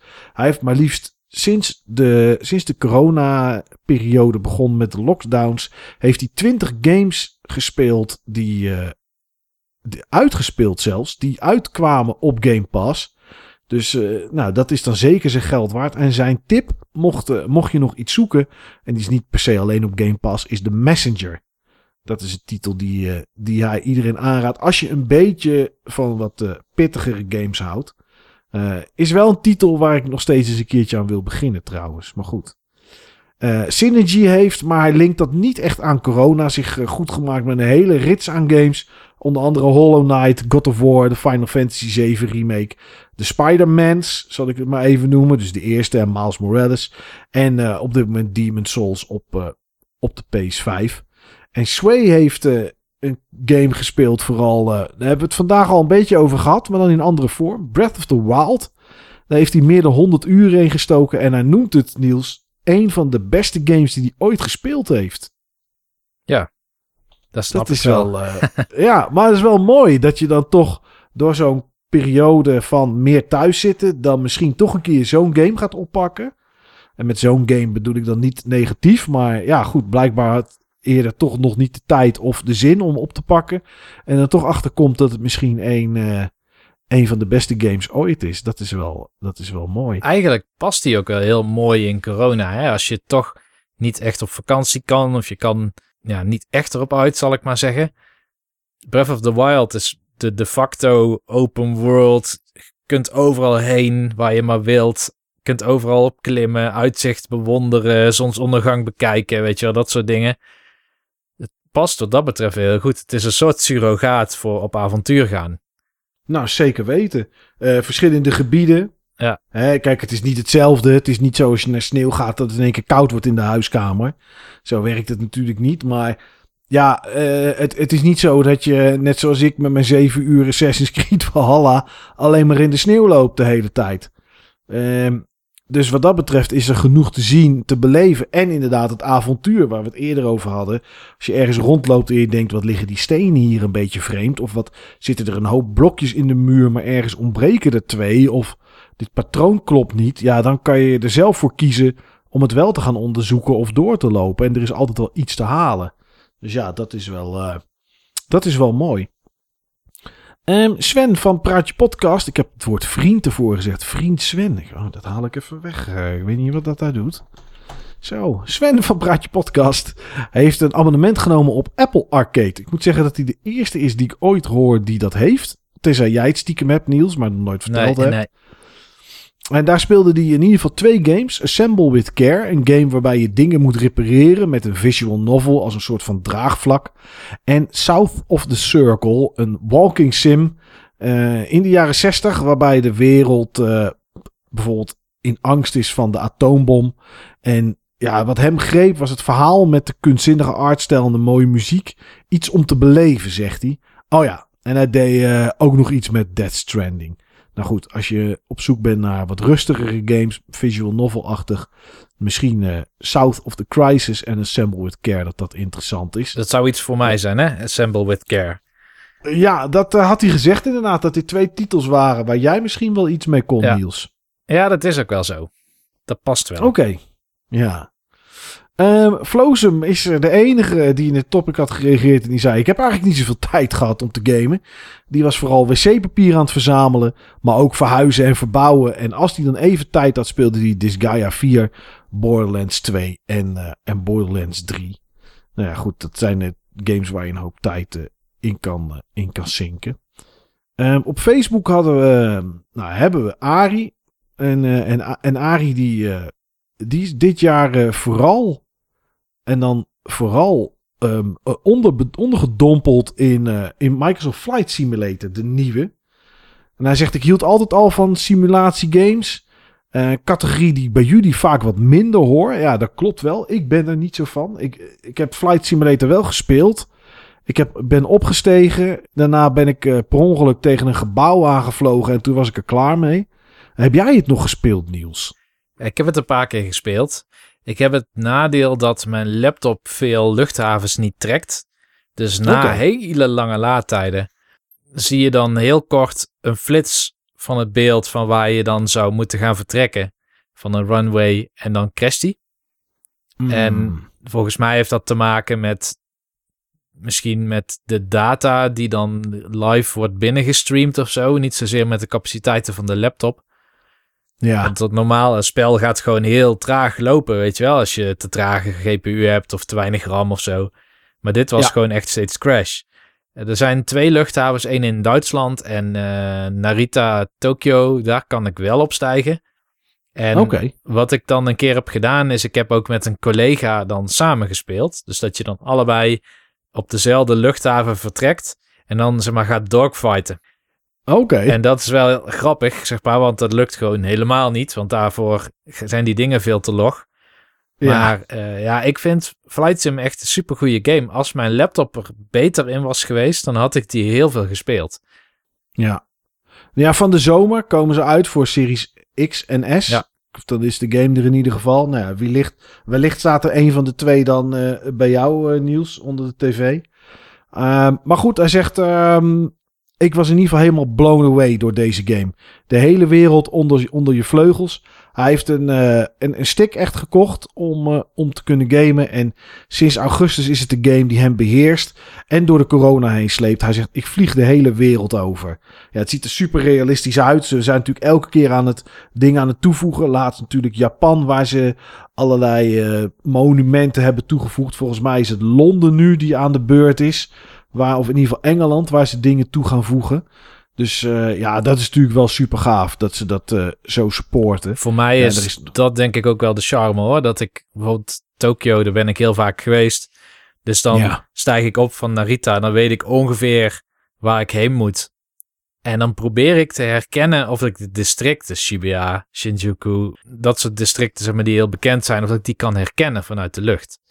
Ja, ja dat, is wel, dat is wel tof inderdaad. Maar wat ik wel jammer ja. vind, is dat het heel moeilijk is om bijvoorbeeld een echt coördinaat of zo in te voeren of te vinden. Bijvoorbeeld, dat heb ik dan ook een keer met een collega gedaan. Dan probeerden we over Den Bosch te vliegen. Nou, dan moet je dus heb ik ook geprobeerd vanuit Duitsland, naar mijn huis te vliegen. Ja, ja, het is bijna niet te doen. Nou ja, bij mij lukt het sowieso niet. Kijk, de reden dat ik dit niet leuk vind om te spelen is dat ik het gewoon niet kan ook. Ik, ik, ik speelde met muis en toetsenbord. Ik weet niet welke knoppen ik in moet drukken. Ik doe maar wat. Op een gegeven moment denk ik, oh, nu geef ik gas. En dan probeer ik te sturen en dan zie ik me alleen maar op de aardbodem afgaan. En dan gebeurt er ook niks meer. En dan is het gewoon afgelopen en over. Ja. Maar als je een beetje weet hoe dit werkt, dan is het wel leuk om ergens naartoe te vliegen. Maar jij kon Den Bosch dus niet vinden? Nee, nee. Ik heb geprobeerd om de snelweg te volgen en op een gegeven moment de spoorrails met de trein waar ik dan altijd mee naar mijn werk ga. Dus die had ik gevonden, want ik kreeg Utrecht wel gevonden. Dus ik dacht, nou ja, van Utrecht naar het zuiden, spoorrails volgen. Maar ik denk dat ik de bos heb gemist of er overheen ben gegaan. Er is een manier schijnbaar om Google Maps coördinaten te vinden in Flight Simulator. Oké. Maar je kan er niet Ah. zomaar spawnen. Tenminste, ik denk van niet. Misschien kan Nee, het... volgens, er- mij, ja, volgens mij moet je altijd opstijgen van een, van een vliegveld inderdaad. Ja, dus ik moet altijd vanuit Duitsland komen vliegen. Nou, voordat ik dan überhaupt iets herkenbaars in Nederland tegenkom, dan ben ik al een hele tijd aan het spelen. Ja, ja. Ja, ja, nee, dat is ook zo. Nee, als het er straks op de Xbox Series S en X is, ga ik het nog wel een keer doen. Eh, want dan, ehm, dan zit ik met controller. Dan heb ik in ieder geval minder knoppen die ik in zou moeten kunnen drukken. En dan, eh, dan ga ik nog wel eens een keer kijken. Ik moet ook zeggen dat mijn PC het ook niet helemaal lekker trok. Ik had te weinig ruimte op mijn eh, SSD-schijf om het daarop te zetten. Dus ik had het gewoon op een, op een, op een normale harddisk gezet. Nou, dat is natuurlijk ook geen doen, zeg maar. Met, het is veel te veel data. Maar ja, het is ook niet helemaal mijn ding. Maar goed, ik vond het wel, eh, ja, ik vond het wel interessant. Ik vind het wel een interessante game. Eh, met wat ze gedaan hebben en hoe het er voor de rest uitziet. En, en de technologie erachter en zo. Maar ja, ik kan me wel voorstellen dat als je nergens naartoe kan en, en, en je zit binnen, dat je denkt van, weet je, met deze game kan ik gewoon nog even iets van de wereld zien. Dat is toch wel leuk. Ja. Eh, een lu- luisteraar van het eerste uur en documentairemaker inmiddels is eh, Dolby Visual. Die is namelijk dit jaar bij mij eh, geweest om eh, mijn game room te filmen, mij te interviewen. Dat moet ergens eh, begin, ja, begin van 2021 uitkomen. Misschien ergens februari of maart. Eh, hij zal ongetwijfeld een keer luisteren naar deze uitzending. Ik wil hem geen druk opleggen, maar dat is volgens mij wat het plan is. Die, ehm, die speelde veel Assassin's Creed op zijn Switch Lite. Maar wel, was wel een game waar hij na twee weken toch wel weer genoeg van had. Als hij dat elke, elke dag speelde. Maar hij is in die tussentijd ook verhuisd. Heeft nu een nieuwe game room slash werkplek. Met een mega SD. Daar heeft hij veel Streets of Rage, Mortal Kombat en Castle of Illusion op gespeeld. Maar de game die hem het meeste er doorheen trok was, eh, en dat snap ik wel, was Warzone. Is natuurlijk eh, de gratis Battle Royale van, eh, van Call of Duty. En dan, eh, ja, iedereen kan het downloaden met wat vrienden online en, en knallen. En eh, toen hij hier was, toen heb ik het even toevallig met hem daarover gehad. En toen zei hij ook van, ja, eh, dit is, je, je blijft gewoon elke keer net te lang zitten. Ook al spreek je die gasten misschien elke avond. er gebeurt altijd wel iets in de game waar je om kan lachen of waar je het over kan hebben. En dan, ja, dan doe je toch nog even een potje, zeg maar. Dus dat is, ja, dat is, dat is heel begrijpelijk. Eh, nog twee namen hebben we. Xinavan, die eh, stak ook veel tijd in Animal Crossing en combineerde dat met Mario 3D All-Stars. Heb jij dat eigenlijk nog gespeeld, Niels? Of heb je die gekocht? Of... Ja, ik heb hem en ik heb een stuk van Mario 64 gespeeld. Ik denk een kwart als je alle sterren zou willen verzamelen ook. Mhm. En het eerste level van Mario Sunshine. Oké. En het is zeker heel erg leuk. Alleen ik wachtte eigenlijk op deze periode. Zeg maar. De periode dat ik twee weken vrij zou hebben. En dat ik alle tijd zou hebben om te spelen en echt voor die sterren te gaan. Ja. En nou ben ik met Baldur's Gate 2 bezig. En ben ik andere Ja. dingen aan het doen. Dus dat ging niet helemaal zoals gehoopt. Oh, dat, zijn al, dat zijn altijd mislukte projecten. Hè? Ik, ik had 17 dagen aaneengeschakeld met weekenden erbij, vrij. En ik dacht, ik ga één dag ga ik dit doen. Eén dag ga ik dat doen. Ik ga dat een dag spelen. Ik ga, en, en er is echt helemaal niks van terechtgekomen. Gewoon dat je eigenlijk dan verstrikt raakt in wat anders. Maar ik had, ik had die Nintendo 64, eh, Mario 64 had ik even een keer opgestart. Ik vind dat toch heel moeilijk spelen, Niels. Ik, die camera en alles, hij werkt me zo tegen. Ja, ze hebben inmiddels de camera gepatcht, hè. Want hij, ze hebben hem geïnvert ten opzichte van het origineel. Ja. Dus het origineel speelde makkelijker dan de Switch-versie. En nu is hij Oh, gepatcht dat je kan kiezen, wel of niet inverted camera. Hmm, ja, dat was inderdaad. Ik weet niet wat het nu is. Volgens mij is ik, wat tegenwoordig standaard is, is volgens mij als je je stick naar boven doet, dat dan eh, je beeld naar beneden gaat, denk ik. Is dat standaard? Ja, volgens mij wel. Ja, ja. En bij deze was het inderdaad zo, als je naar, naar rechts draaide, dan ging het naar links of zo, het beeld. Nou, het, het, was in ieder geval heel, heel irritant. Maar mooi dat het gepatcht is. Misschien uh, moet ik het dan nog eens een keer proberen. Er zat een idee achter. Het idee was goed. Je moet je voorstellen, ja. Mario 64 was de eerste game met dit soort camera. Ja. En toen wisten ze natuurlijk nog niet wat de allerbeste manier zou zijn. En in Mario 64, de camera wordt eigenlijk bestuurd door zo'n Lucky Two, zo'n beest op een wolkje, die met een vishengel een camera vasthoudt. Dus hoe je het moet zien, is dat jij met het rechterstikje Lucky Two stuurt. En op het moment ja, dat hij, zeg maar, uh, uh, naar links gaat, dan bestuur je niet de, uh, de camera relatief aan Mario, maar dan bestuur je letterlijk Lucky toe, die om Mario heen gaat draaien. En de verwachting die je hebt, klopt misschien niet tegenwoordig met wat hij dan ook gaat doen. Nee, nou inderdaad. Uh, dat was iets waar ik wel tegenaan liep. Ja, dat klopt. Ja. Uh, Super Mario Odyssey is ook iets dat Xena Fan uh, gespeeld heeft.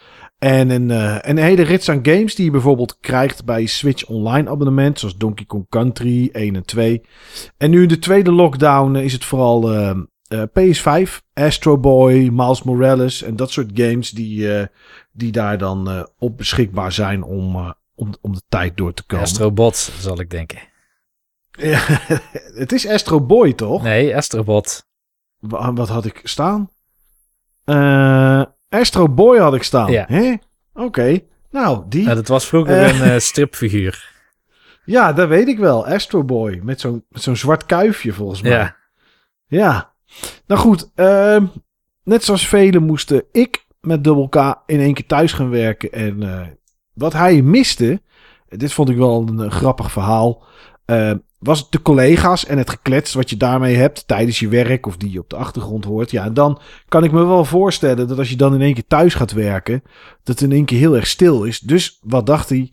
Hup, ik ga naar Twitch, want dan ga ik daar gewoon ergens iemand die een game zit te spelen als achtergrondgeluid gebruiken. Nou, heel herkenbaar, doe ik ook heel vaak als een soort van radio. En had een streamer gevonden die hem wel beviel. Die ook nog eens tijdens zijn werktijden aan het streamen was. Want ja, veel Amerikanen die gaan op het moment dat wij opstaan naar bed natuurlijk. En er zijn er genoeg Europeanen die ook streamen. Maar ja, je moet maar net iemand vinden waar je, waar je het de hele dag mee uit kan houden. En die streamer begon in één keer aan de Kingdom Hearts games. Maar die wilde die zelf ook nog spelen. Ja, hij had twee keuzes. Of die streamer niet meer kijken. Of, en daar heeft hij voor gekozen, zelf ook die games snel gaan spelen. Want hij wilde die streamer voorblijven, zodat hij geen spoilers had. En daardoor heeft hij in ieder geval in de coronatijd in drie weken deel 1, 2 en 3 uitgespeeld. Puur om, uh, om die persoon voor te blijven. En om de volgende dag te kijken wat die, uh, ja, of diegene hetzelfde deed. En hoe die het deed met de stukken die hij gespeeld had. Ja, dat is wel dedication, Niels. Uh, als je dan denkt van, dan beuk ik me ook maar even door die games heen. Ja, ja, dat is geen prescription, zou ik zeggen. Volgens mij kun je daar mentaal kapot van raken. Ja. Maar ik heeft het voor elkaar in ieder geval, zonder uh, mentale schade. Precies, hij heeft het gedaan, ja. Ja, ja. ja dat waren de dingetjes van het, uh, van het forum, uh, de podcast. Ik weet niet wat we inmiddels allemaal gehad hebben in, in de afgelopen, afgelopen periode van deze podcast. In ieder geval bedankt voor iedereen die, die zijn of haar verhaal wilde delen. De ene wat leuker dan de ander. Maar goed, dat is nou eenmaal hoe het leven loopt. ik denk dat we even een kleine break nemen, Niels. Ja. En dan ja, gaan we aan het, het tweede grote gedeelte van het jaaroverzicht 2020 beginnen.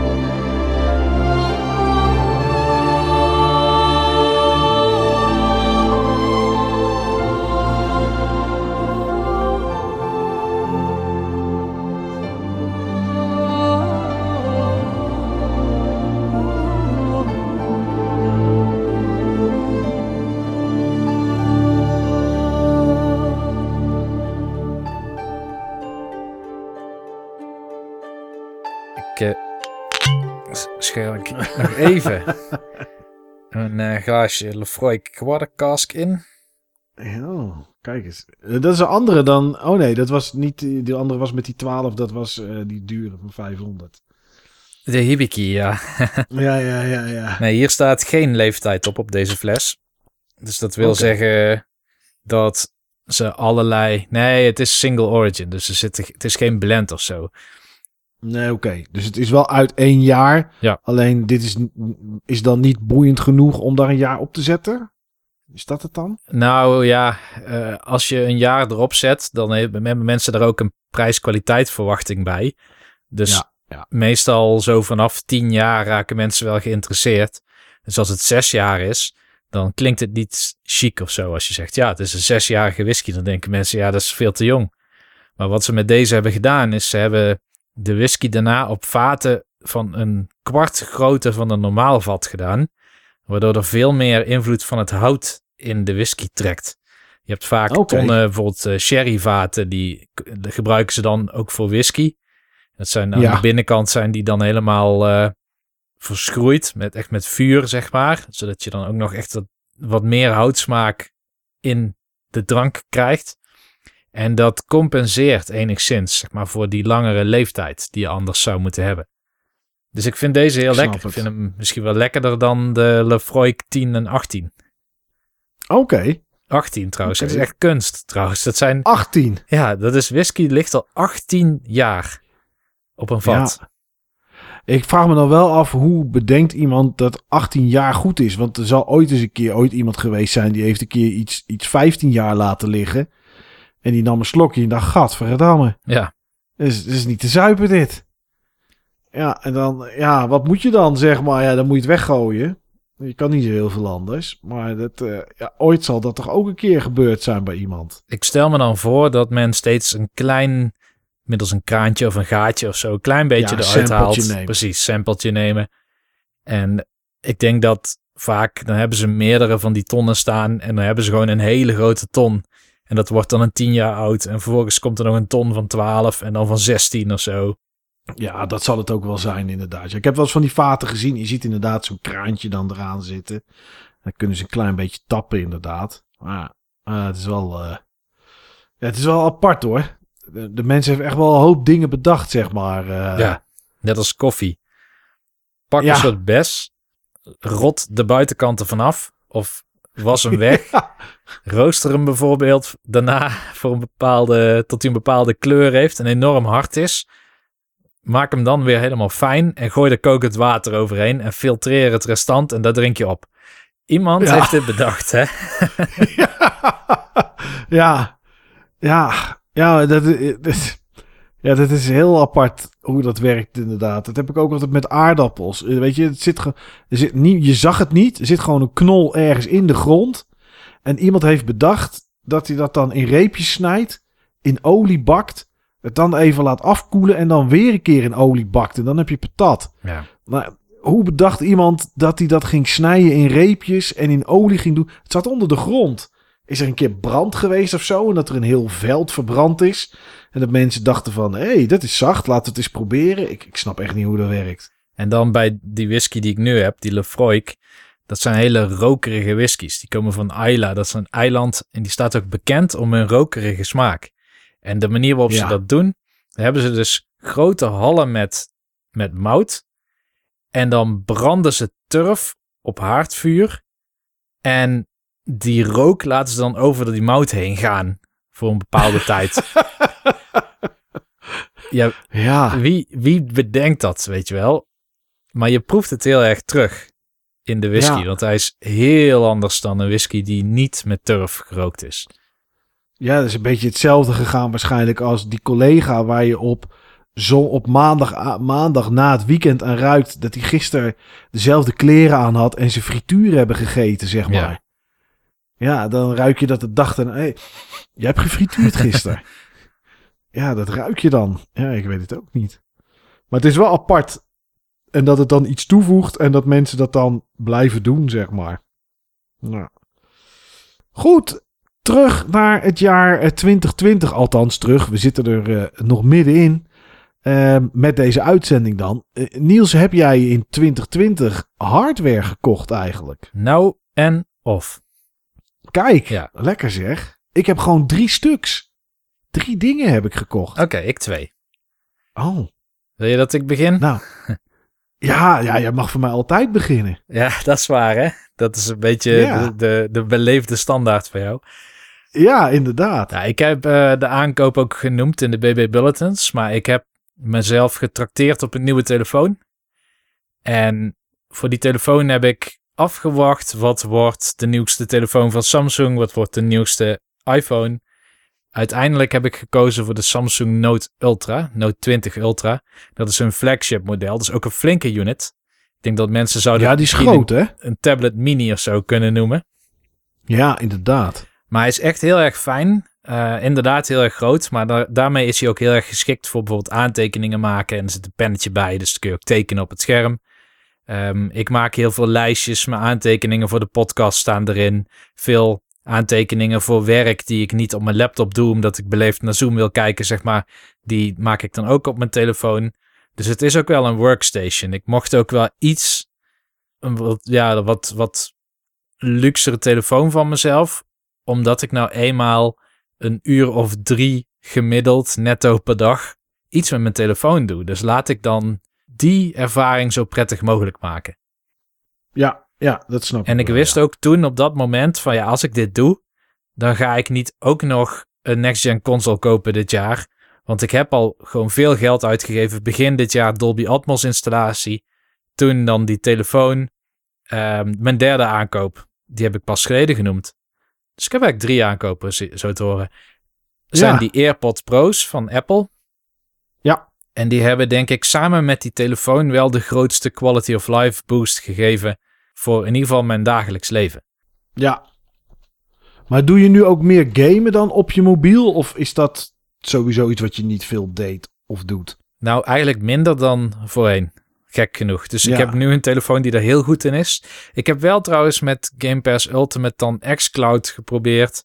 En ik heb... ehm, Oh ja, om te streamen. Ja, ik heb Bloodstained en Minecraft Dungeons gespeeld. En een keer Sea of Thieves of zo, geloof ik, toch? Met een collega. Ja, een collega van mij deed Sea of Thieves dan op telefoon. En dan speelde ik het op mijn laptop. Ja, Oké, en, eh, en hoe ging dat met Bloodstained en met Minecraft Dungeons? perfect. Ik denk dat als ik één keer een kleine hapering zag, is het veel. Per level. Oké. Dus nee, dat draaide bij mij in ieder geval heel erg goed. Het duurde wel wat lang om erin te komen. Misschien is er een queue of zo die je niet ziet. Maar ik heb het idee dat je soms toch een halve minuut aan het wachten bent tot de game überhaupt begint. En de ene game speelt prettiger dan de ander. Ik vind Minecraft Dungeons spelen alsof hij gemaakt is voor de telefoon. Wat misschien ook wel zo is. Maar Bloodstained vind ik weer lastig. En dan heb ik zo'n overlay dat je kan zien, oh, X is attack. En ja, dat soort dingen staan er dan overheen. En dat- Want je had, geen, je had geen controller eraan gekoppeld. Nee, dat wil ik nog doen. Ik wil zo'n clip kopen. Oh ja. Dat je gewoon ja, een Xbox ja, ja. controller kan gebruiken of iets dergelijks. Of, ehm, die staan ook op de Microsoft site. Je hebt van die Switch-achtige dingen die je aan de zijkanten kan doen. Oh ja, dat het inderdaad dat je telefoon zeg maar een stuk langer wordt, maar met de controllers dan aan de zijkant. Ja, soort Joy-Cons. Ja. Oké, ja, dat is wel interessant. Ja, ik heb het één keer getest, maar dat was... Dus had ik verbonden met mijn telefoon via een router hier in mijn netwerk die weer naar een andere router ging en dan pas naar het internet. Dus er zaten gewoon eigenlijk, denk ik, net eventjes eh, een, een, een hopje te veel tussen. Ja.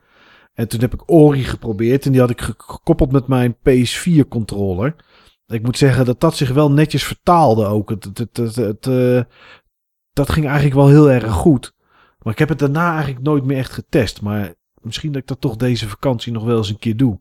Gewoon eens om een keer te kijken hoe, hoe prettig het nou werkt, ja of te nee. Maar dan wordt het voor mij ook gewoon mijn telefoon neerzetten op de tafel tegen iets aan. En dan met een controller ervoor inderdaad. ja. Het, eh, ja, de controle, zo'n clip zou dan misschien wel handig zijn. Maar ja, aan de andere kant, als je heel veel thuis bent, is het misschien minder interessant. Want dan, ja, dan installeer je die game gewoon op PC of op Xbox natuurlijk. Ja, dat is zo. Ik heb vorig jaar, toen ik in Zuid-Korea was met een aantal studenten, toen was er één iemand mee en die had dus zo'n 8-bit Do-controller met een clip eraan.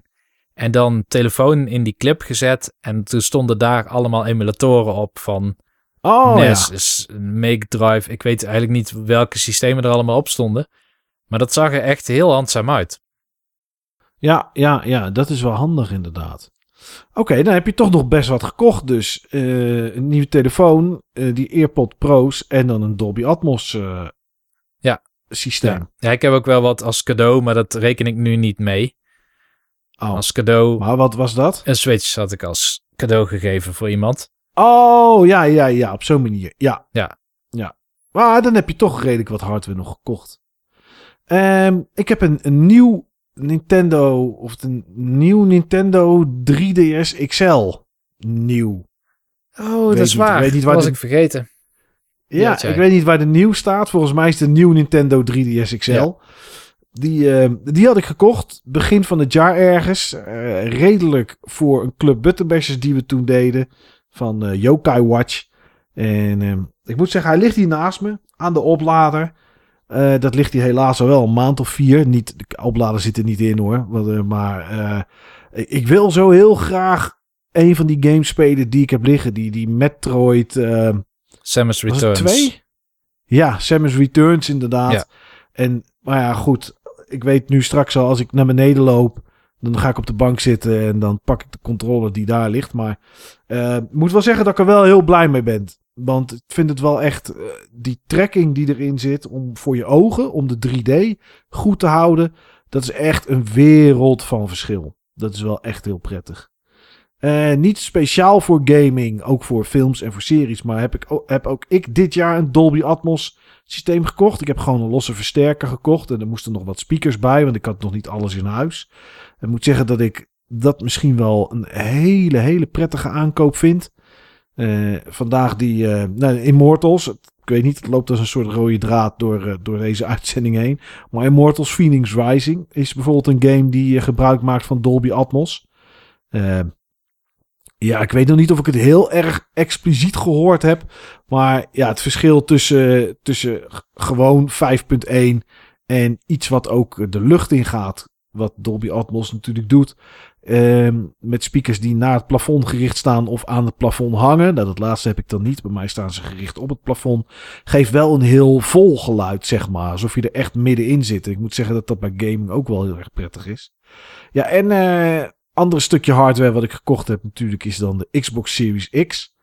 Op, eh, op 10 november. Nou ja, goed. eh, dat verhaal en hoe dat verliep, dat zal ik, voor nu zal ik dat zo laten.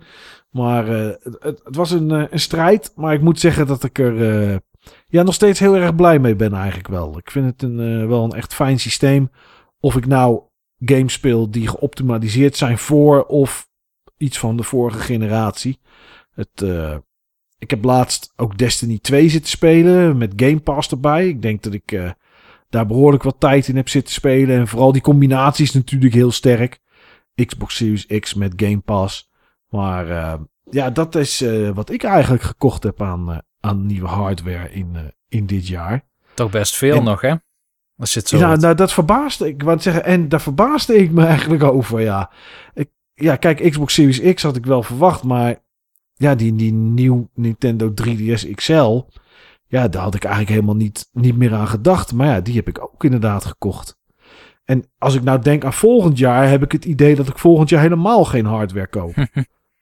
maar ja, ik zou niet weten wat. Maar misschien, ja, misschien dat je ineens toch een PS5 koopt of zo. Maar ja, of misschien iets retro's als we weer naar retrobeurs kunnen. Ja. Dat je dan in één keer een console koopt of zo. Dat zou natuurlijk kunnen. Switch Pro.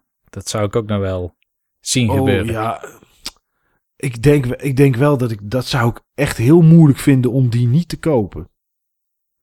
Dat zou ik wel heel moeilijk vinden, zeg. Als er eh, als Breath of the Wild 2 bijvoorbeeld volgend jaar uit zou komen, met daarbij eh, tegelijkertijd de release van een Switch Pro. Al hebben ze gezegd dat ze dat niet, hè, dat ze dat voorlopig niet gaan doen of dat ze daar niet aan het aan, aan denken. Ja, wat ze zeggen en wat ze doen zijn wel eens twee verschillende dingen. Maar als je kijkt naar 2020, even terugkijken, de Niels.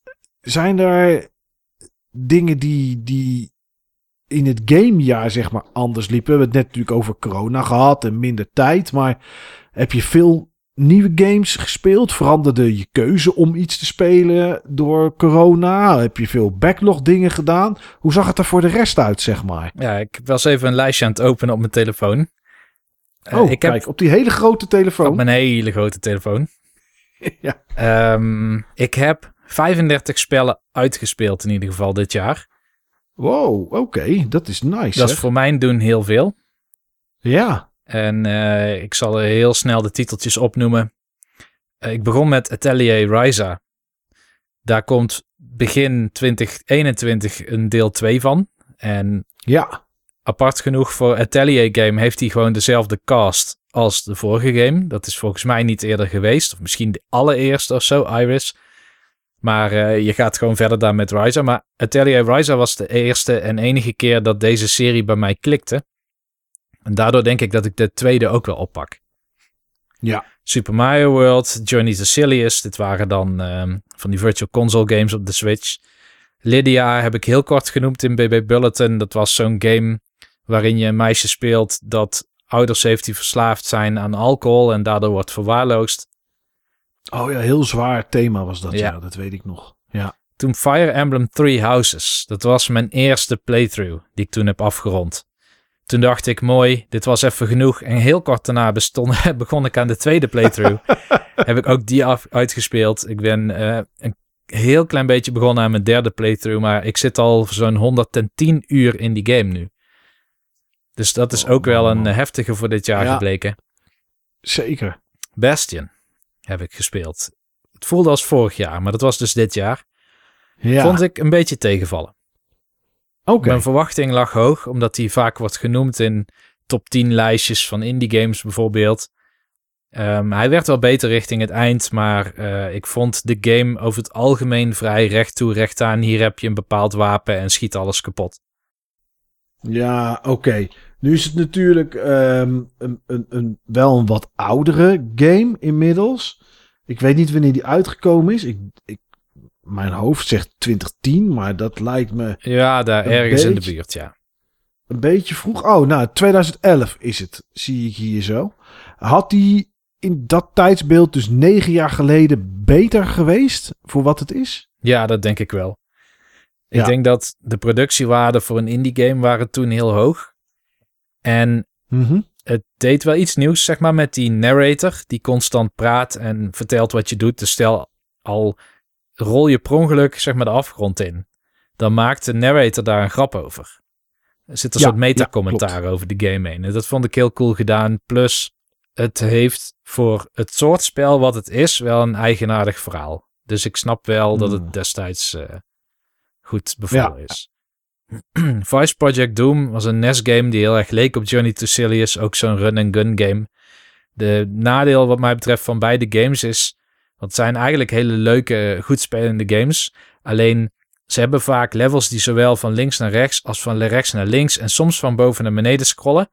En als je van boven naar beneden springt, dan land je heel vaak op of op een vijand of op een kogel van een vijand. Dus je wordt steeds geraakt door iets wat je niet aan had kunnen zien komen. Ik vind het een flauw spel wat dat betreft. Oké, ja, snap ik wel, ja. SteamWorld Heist, heel cool. Een soort van uh, turn-based strategy game. Waarin je moet schieten met worms-achtige mechanics. En het is side-scrolling. Uh, heel erg mee vermaakt met die game. Yokai Watch voor Club Button Bashers. Ja, ja. Je noemde hem net. Ik, ik heb mijn 3DS ook in de lader zitten. Want toevallig heb ik vorige week voor het eerst sinds Yokai Watch volgens mij de 3DS weer opgepakt. Um, ik twijfel over of ik misschien Yokai Watch 2 ga spelen begin komend jaar heb ik vandaag ook in mijn handen gehad. Om de, nou, was vandaag? Uh, gisteren, denk ik. Omdat op een of andere manier heb ik richting het einde van het jaar. Ga ik altijd het dressoir waar al mijn consoles in staan, ga ik opruimen. En um, ik heb heel veel games die daar liggen, heb ik gewoon naar zolder gebracht. Ik bedoel, ja, ik, blijkbaar liggen ze al meer dan een jaar, denk ik, in het dressoir. Heb ik het voornemen ons te gaan spelen en doe ik het niet. Dus dan kan ik ze net zo goed op zolder leggen. Dan kan ik ze ook zo pakken. En eh, ik heb heel veel daar naartoe eh, toegebracht. Ook mijn Lego Dimensions spul en zo. Dat vind ik super tof. Maar dat heb ik echt ook al meer dan een jaar niet meer gespeeld. Dus nou ja, dat neemt enorm veel ruimte in. En daar, toen had ik inderdaad ook Yokai Watch 2 volgens mij in mijn, in mijn handen. Die ik ook naar boven heb gebracht. Toen dacht ik, ja, dat was echt wel een leuke game die eerste. Ja, zeker. Dus uh, nou ja, misschien, uh, misschien ga ik dat wel doen, Niels. En dan, uh, kun, dan kunnen we eens kijken hoe, we, hoe ons tweeën dat bevalt. Uh. Ja. ja, lijkt me een goed idee. Als een soort Club Button Bashers, weet je nog, Yoka Watch. ja, inderdaad, ja. ja. Ja, ga verder. Ja, Fruit of Crisaya. En daar heb ik nog nooit iets over gezegd, volgens mij. Ik heb hem wel indirect genoemd, want het is een van die games waarbij ik steeds in slaap viel en wat mijn Switch op de grond viel. Oh, die, ja. Um, dit is een, een, visual novel heel onbekend volgens mij. Want ik kende althans Fruit of Crisaya niet. Maar het zijn drie games op één cartridge. En de, deze eerste game heeft inclusief in slaap vallen mij iets van 75 uur gekost. Oké. Okay. Damn, dat is wel fix tijd ook weer. Ja, wel wat dat betreft een van de betere visual novels die ik heb gespeeld. Ook al heeft hij qua gameplay weinig om het lijf. Ik kon enorm om de humor lachen. Het gaat in principe over een soort oud commando-achtige kerel. Hij is heel jong, hij is pas net in zijn twintig of zo. Um, maar die heeft uh, uh, een opleiding gehad om voor de geheime diensten, zeg maar, allerlei assassination-achtige taken, zeg maar, te doen. En om er tussenuit te gaan, heeft hij zich laten inschrijven in een soort hogeschool. Ah, okay. En daar moet hij dus een normaal leven zien te leiden, zeg maar. En daar in die hogeschool zitten, ik meen, een stuk of vijf vrouwen die daar ook studeren. En het is een bijzondere hogeschool, want iedereen die daar is, die heeft een bijzondere achtergrond. Die moeten verborgen worden voor de maatschappij om een of andere reden. Um, en zijn interacties met die vrouwen, zeg maar, die zijn enorm grappig. Omdat hij alles enorm serieus en gerelateerd aan zijn commandokennis, zeg maar, doet. Dus um, heel even iets nieuws leren, een nieuwe sport of zo, wordt meteen een soort sergeant drill. En um, ja, ik, er zaten heel veel grappen in die ik heb opgeschreven omdat ik ze zo leuk vond. Dus dit vond ik wel een leuke game. Ik denk dat ik een ander game in die serie ook nog wel eens oppak. Oké. Okay. Labyrinth of Refrain, Coven of Dusk is zo'n dungeon crawler à la Odyssey. Ja. Daar heb ik vorig jaar heel veel tijd in gespendeerd in Zuid-Korea. En na een uur of 75 heb ik deze ook uitgespeeld. Daarna kwam Halo Combat Evolved. Dat hebben we samen uitgespeeld. Ja. Old Man's Journey. Uh, Streets of Rage 4. Uh, hele coole beat-em-up revival uit de Streets of Rage serie. Death Mark. Ik heb laatst het over Spirit Hunter NG gehad. Dat was het vervolg op Deathmark. Ja. En ik had toen ik Spirit Hunter NG speelde, het idee dat Deathmark al meer dan een jaar geleden was. Maar blijkbaar was het ook dit jaar. Samurai Aces is een uh, shoot 'em up. Um, Code Realize is die game waar we toen met Sven een podcast over hebben opgenomen. Dat ik Code Realize speelde en Sven speelde um, zo'n game van. Hoe heet het ook weer? Ik zit te denken. Ja, van Square Enix published ze, maar het zijn ook van die Telltale-achtige games. Oh, uh, Life is Strange. Ja, precies. Life is Strange. Uh, Golf Story. Heel grappige... Oh ja, die weet ik nog wel, ja. Golf roleplaying game, zal ik maar zeggen. Joe Mac ja. 2 is een SNES-platformer. Viel een beetje tegen. Ik had verwacht dat die heel leuk was en dat je co-op kon doen. En volgens mij kan die ook wel co-op, maar ja, ik heb hem in mijn eentje gespeeld. Yakuza Kiwami. Daar heb okay. ik heel lang over gedaan, omdat ik ja. was opgebrand. ik vond Yakuza Zero goed. Kiwami vond ik best wel tegenvallen. Uh, Mario plus Rabbit, Rabbids Kingdom Battle Donkey Kong Expansion. Oh ja, dat, die, die heb je inderdaad gespeeld dit jaar, ja. Ja, heel goed. Uh, ik zag dat Killing Raptor op het forum hem ook heeft aangeschaft. Ik vind het echt een hele mooie toevoeging. Het is echt een expansion, zeg maar. Dus het is niet extra levels of zo. Je, het is alsof je een extra ja, game hebt, zal ik maar zeggen. Uh, je begint ja. letterlijk opnieuw. Je hebt geen stads of zo van je vorige save game die doorgaan. Je hebt gewoon een nieuwe crew in een nieuw gebied. met nieuwe uitdagingen, zal ik maar zeggen. Ja, ja. Um, Seiken Densetsu 3, oftewel de Secret of Mana opvolger van de SNES. De SNES-versie ook, dus niet die uh, Trials of Mana remake. Oh ja, van de Switch. Toen kwam Ease, Ease 8. Heb ik het uitgebreid over gehad in de Button Ja. Bashers Bulletin. Uh, echt heel erg gaaf. Deze die heeft mij inderdaad, ja, hoe moet ik het zeggen? Voordat ik Baldur's Gate speelde, dacht ik dat dit mijn retro game van het jaar zou worden. Ja. Maar, of ja, retro game niet eens zo. Maar Baldur's Gate is, was zo verbluffend goed, zeg maar, dat ik daardoor zelfs Ease eigenlijk was vergeten. Maar goed, heb ik wel uitgespeeld dit jaar. River City Girls, ook alweer een beat-em-up, zo moderne, van Way Forward. Uh, oh ja, klopt inderdaad. Ja, ook op, zit ook op Game Pass, zag ik. Ja, klopt. Baldur's Gate dus. Coffee Talk. Dat was... Uh, oh ja. Ja, een soort Walhalla. Ja, ja, ja, ja, die weet ik nog wel inderdaad. Met al die verhalen van de mensen die koffie komen drinken bij. Ja, ja heel cool. Met uh, allerlei mythologische wezens als orks en elves in soort downtown Seattle. Waarin ja, al die verschillende wezens en culturen, zeg maar, op een of andere manier samen moeten leven in een stad. Met dezelfde ja. regels. Wat natuurlijk heel raar is als een vampier eigenlijk zijn leven bijna oneindig kan extenden. Uh, een elf sowieso nagenoeg onkwetsbaar is. Een mens maar maximaal 100 wordt of zo. Hoe gebruik je dan nog dezelfde sociale diensten bijvoorbeeld? Bij dit soort Ja. verschillen. Maar dat dat dan eigenlijk ook wel de charme was van het verhaal. Omdat het verhaal dan in principe zegt van ja, stel je voor dat je met alleen maar mensen was. Hoeveel ruzie kon je dan nog hebben überhaupt? Vergeleken met deze situatie. Nou ja, heel Ja. leuk. Mario Bros 2. Volgens mij niet over gehad. Oh ja, wel over gehad. Ja, wel over gehad volgens mij. Ja, ja, ja. Valhalla zelf natuurlijk. Ook gespeeld. Oh ja. Die was wat eh, explicieter, zeg maar, in thematiek dan eh, Coffee Talk. Luigi's Mansion 3, eindelijk gespeeld. Eh, vond ik uiteindelijk heel erg de moeite waard. Ja. Journey of a Broken Circle. ook over gehad. Eh Abzu. Ja, Jenny. Leclue. Weet je nog? Detec Detective Who. Juist, dat is hem, ja. Jenny Leclue, Detective. Who. Heel erg Ik cool. zag dat eh, Sven van eh, Praatje Podcast, eh, die ging hem ook spelen. Ja, ja. Ja, ik denk dat hem dat wel gaat bevallen. Spirit Hunter NG, zoals ik al had gezegd. En de laatste game die ik dit jaar heb uitgespeeld was een virtual console game die heette The Peacekeepers. En dat is het derde deel in een Jaleco beat-em-up serie. En het is verschrikkelijk saai. Oké. En dat was de- eh, 2020. Ja. ja, je zal ongetwijfeld meer games gespeeld hebben, maar niet uit. Maar als ik dit zo hoor en je zou dit doortrekken, dan heb je meer gespeeld dat niet uit 2020 kwam dan wel, zeg maar. Oh, veel meer. Ik heb misschien drie of vier. Nou, ik denk twee in het lijstje. ja, Maar ik heb denk ik een stuk of vijf 2020 spellen überhaupt gespeeld. oké. ja, nee, ik zat even te tellen vandaag en ik kom aan eh, 17 games die ik gespeeld heb die uitkwamen in 2020. Eh, ja, voor de een zal het veel zijn, voor de ander weinig. Maar voor mijn doen is dat minder dan normaal.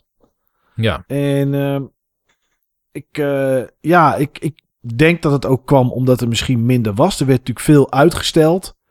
Ehm, er waren ook games die nog niet de moeite waren, zoals Cyberpunk. Ik bedoel, die had ik met liefde dit jaar gespeeld. Maar daar ga ik echt nog niet aan beginnen. En ik zat net eventjes te kijken met wat ik in ieder geval uitgespeeld heb het afgelopen jaar. En eh, op het Button Bashers Forum hebben we daar zo'n heel mooi topic voor. Ehm, omdat we kijken hoeveel games we per jaar kunnen uit, uitspelen. En eh, dan had ik heel sneaky, omdat de regel is, als je de aftiteling ziet, dan is die game uitgespeeld en mag je hem op je naam zetten. Had ik Animal Crossing, had ik daarop gezet. Oh ja, als KK Slider één keer langskomt, dan heb je hem al Da- uitgespeeld. dan heb je hem uitgespeeld. Ja, ja, maar goed, ik heb ook alle bugs verzameld uiteindelijk. Dus ik vind dat hij wel op mijn naam mag. Eh Yokai Watch, die is op mijn naam komen te staan. Omdat ik waarschijnlijk eerder de foto had geplaatst dan dat jij dat misschien eh, had gedaan. Final Fantasy 7 Remake, die heb ik dit jaar uitgespeeld. Ik heb eindelijk Peggle 2 uitgespeeld op de PlayStation 4. Eh, The Witcher 3 Wild Hunt, daar heb ik, eh, heb ik natuurlijk eh, redelijk wat tijd in gestoken. In het, eh, in het tweede deel van 2020. En in Yoku's Island Express, die had ik vrij snel uitgespeeld. Omdat ik die gekregen had vorig jaar tijdens de Secret Santa. Dus dat was een titel die ik gespeeld heb. Eh, nieuw Super Lucky Still, Remnant from the Ashes en The Tourist. heb ik alle drie uitgespeeld. Allemaal op de Xbox Series X. Dus dat heb ik eigenlijk sinds 10 november tot aan nu gedaan. Dus dat, dat is dan nogal netjes. Uh, Halo heb ik natuurlijk ook uitgespeeld. Papers, Please heb ik ook nog uitgespeeld dit jaar. Dat, uh, zijn meerdere paden, maar wel gewoon echt helemaal tot aan het einde gekomen. En dat is niet alles wat ik gespeeld heb. Zoals gezegd hebben, zijn er meer games die ik gespeeld heb. Maar goed, dat, uh, dat zal ik... Nou, The Last of Us Part 2 heb ik ook uitgespeeld. Oh ja, tuurlijk. Ja. Bedenk ik me. Daar heb ik ook het einde, het einde van gezien. Dus ja, eh, op zich heb ik, wel, uh, heb ik wel redelijk wat gespeeld. Maar het is voor mij niet een ander jaar geworden of zo door corona eigenlijk. Met, uh, met, met backlog of dat soort dingen. We hebben natuurlijk uh, begin van het jaar hadden nog Club Buttonbashers. niet iets wat we officieel de nek om hebben gedraaid. Maar goed, met uh, normale podcasts die in 2021 weer op gang gaan komen. En uh, wekelijks BB Bulletin is er niet heel veel tijd meer om ook nog Club Buttonbashers te maken. En we hebben het er wel eens over gehad om het af te sluiten. Maar eigenlijk wil ik dat toch niet, Niels. Dat het dan. Je kan, we, we kunnen het altijd terughalen. Ik bedoel, ja. niemand maakt ons wat. Maar dan, dan is het nog niet weg, zeg maar. Snap je? Dan kunnen we het nog een keer terughalen. Ja, dus nee, ik, dat ik is wil waar. dat nog ik wil dat nog niet helemaal afsluiten. En ja, misschien, misschien kunnen we het ook in 2021 wel weer ergens een keer gebruiken. Ik bedoel, uh, dat zou zomaar kunnen natuurlijk. In, 2021 zeg ik, zijn er games in 2021 waar jij naar uitkijkt eigenlijk? Oh ja. Ik vond het dit jaar heel moeilijk. Ja, dat had ik ook wel, denk ik. Want ik denk dat dit jaar was een makkelijker jaar, omdat dit het laatste jaar was met echt grote titels, bijvoorbeeld voor de PlayStation 4. Ja. En we hebben heel erg gewacht op de next-gen aankondigingen, maar er zijn eigenlijk nog niet zoveel games aangekondigd. Nou, er zijn er wel een hoop die we gezien hebben. Maar als je gaat kijken naar wat een datum heeft, als ik daar alleen naar zou kijken, games die een datum hebben, dan kom ik maar op twee games uit waar ik naar uitkijk voor 2021. Dan kom ik op 18 januari uit voor op The Medium. Die had eigenlijk al uit moeten zijn. En het is niet dat ik daar extreem naar uitkijk, maar ik denk, oké, okay, dat wil ik wel spelen. En 11 februari Little Nightmares 2. Oh ja, goeie. Die was ik vergeten.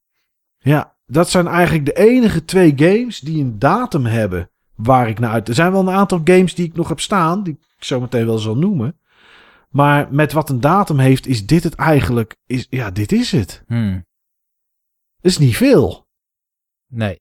Als ik zo kijk naar wat ik heb opgeschreven, dan hebben 1, 2, 3 dingen ook maar een datum. Oké, okay, en welke zijn dat? Dat is Ease 9. Ja. Dat is Disco Elysium The Final Cut. Ja. En Monster Hunter Rising. Oh, ja, ja, ja. Ja, Disco Elysium, nou goed, daar hebben we het al een keer over gehad dat ik dat gespeeld heb. Dat heb ik vorig jaar natuurlijk gedaan. Uh, Ease 9 heb ik er niet opgezet omdat ik, ja, ik weet niet of ik daarna uitkijk natuurlijk. Ik heb er nog nooit een gespeeld. En dan weet ik wel, het is net als Final Fantasy, hè. Dit, je kan het best spelen, al heeft het wel allemaal dezelfde hoofdpersoon natuurlijk. Ventje met rood haar was het toch? Ja, klopt. Edel. Ja. ja. En, um, en die andere Monster Hunter weet ik eigenlijk niet of ik daar uh, naar uitkijk.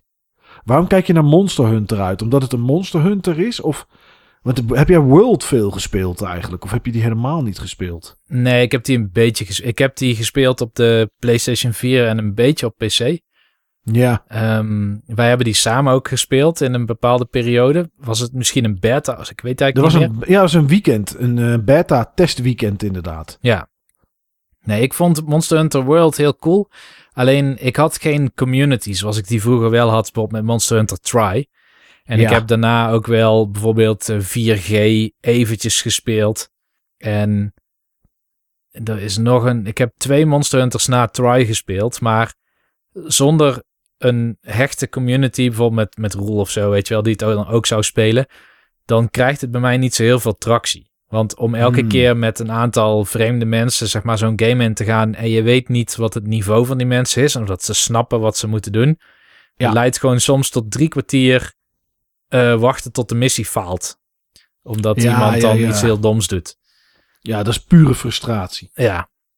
Hm. Maar goed, Monster Hunter Rising is eh, een Monster Hunter van, ik ben even zijn naam vergeten.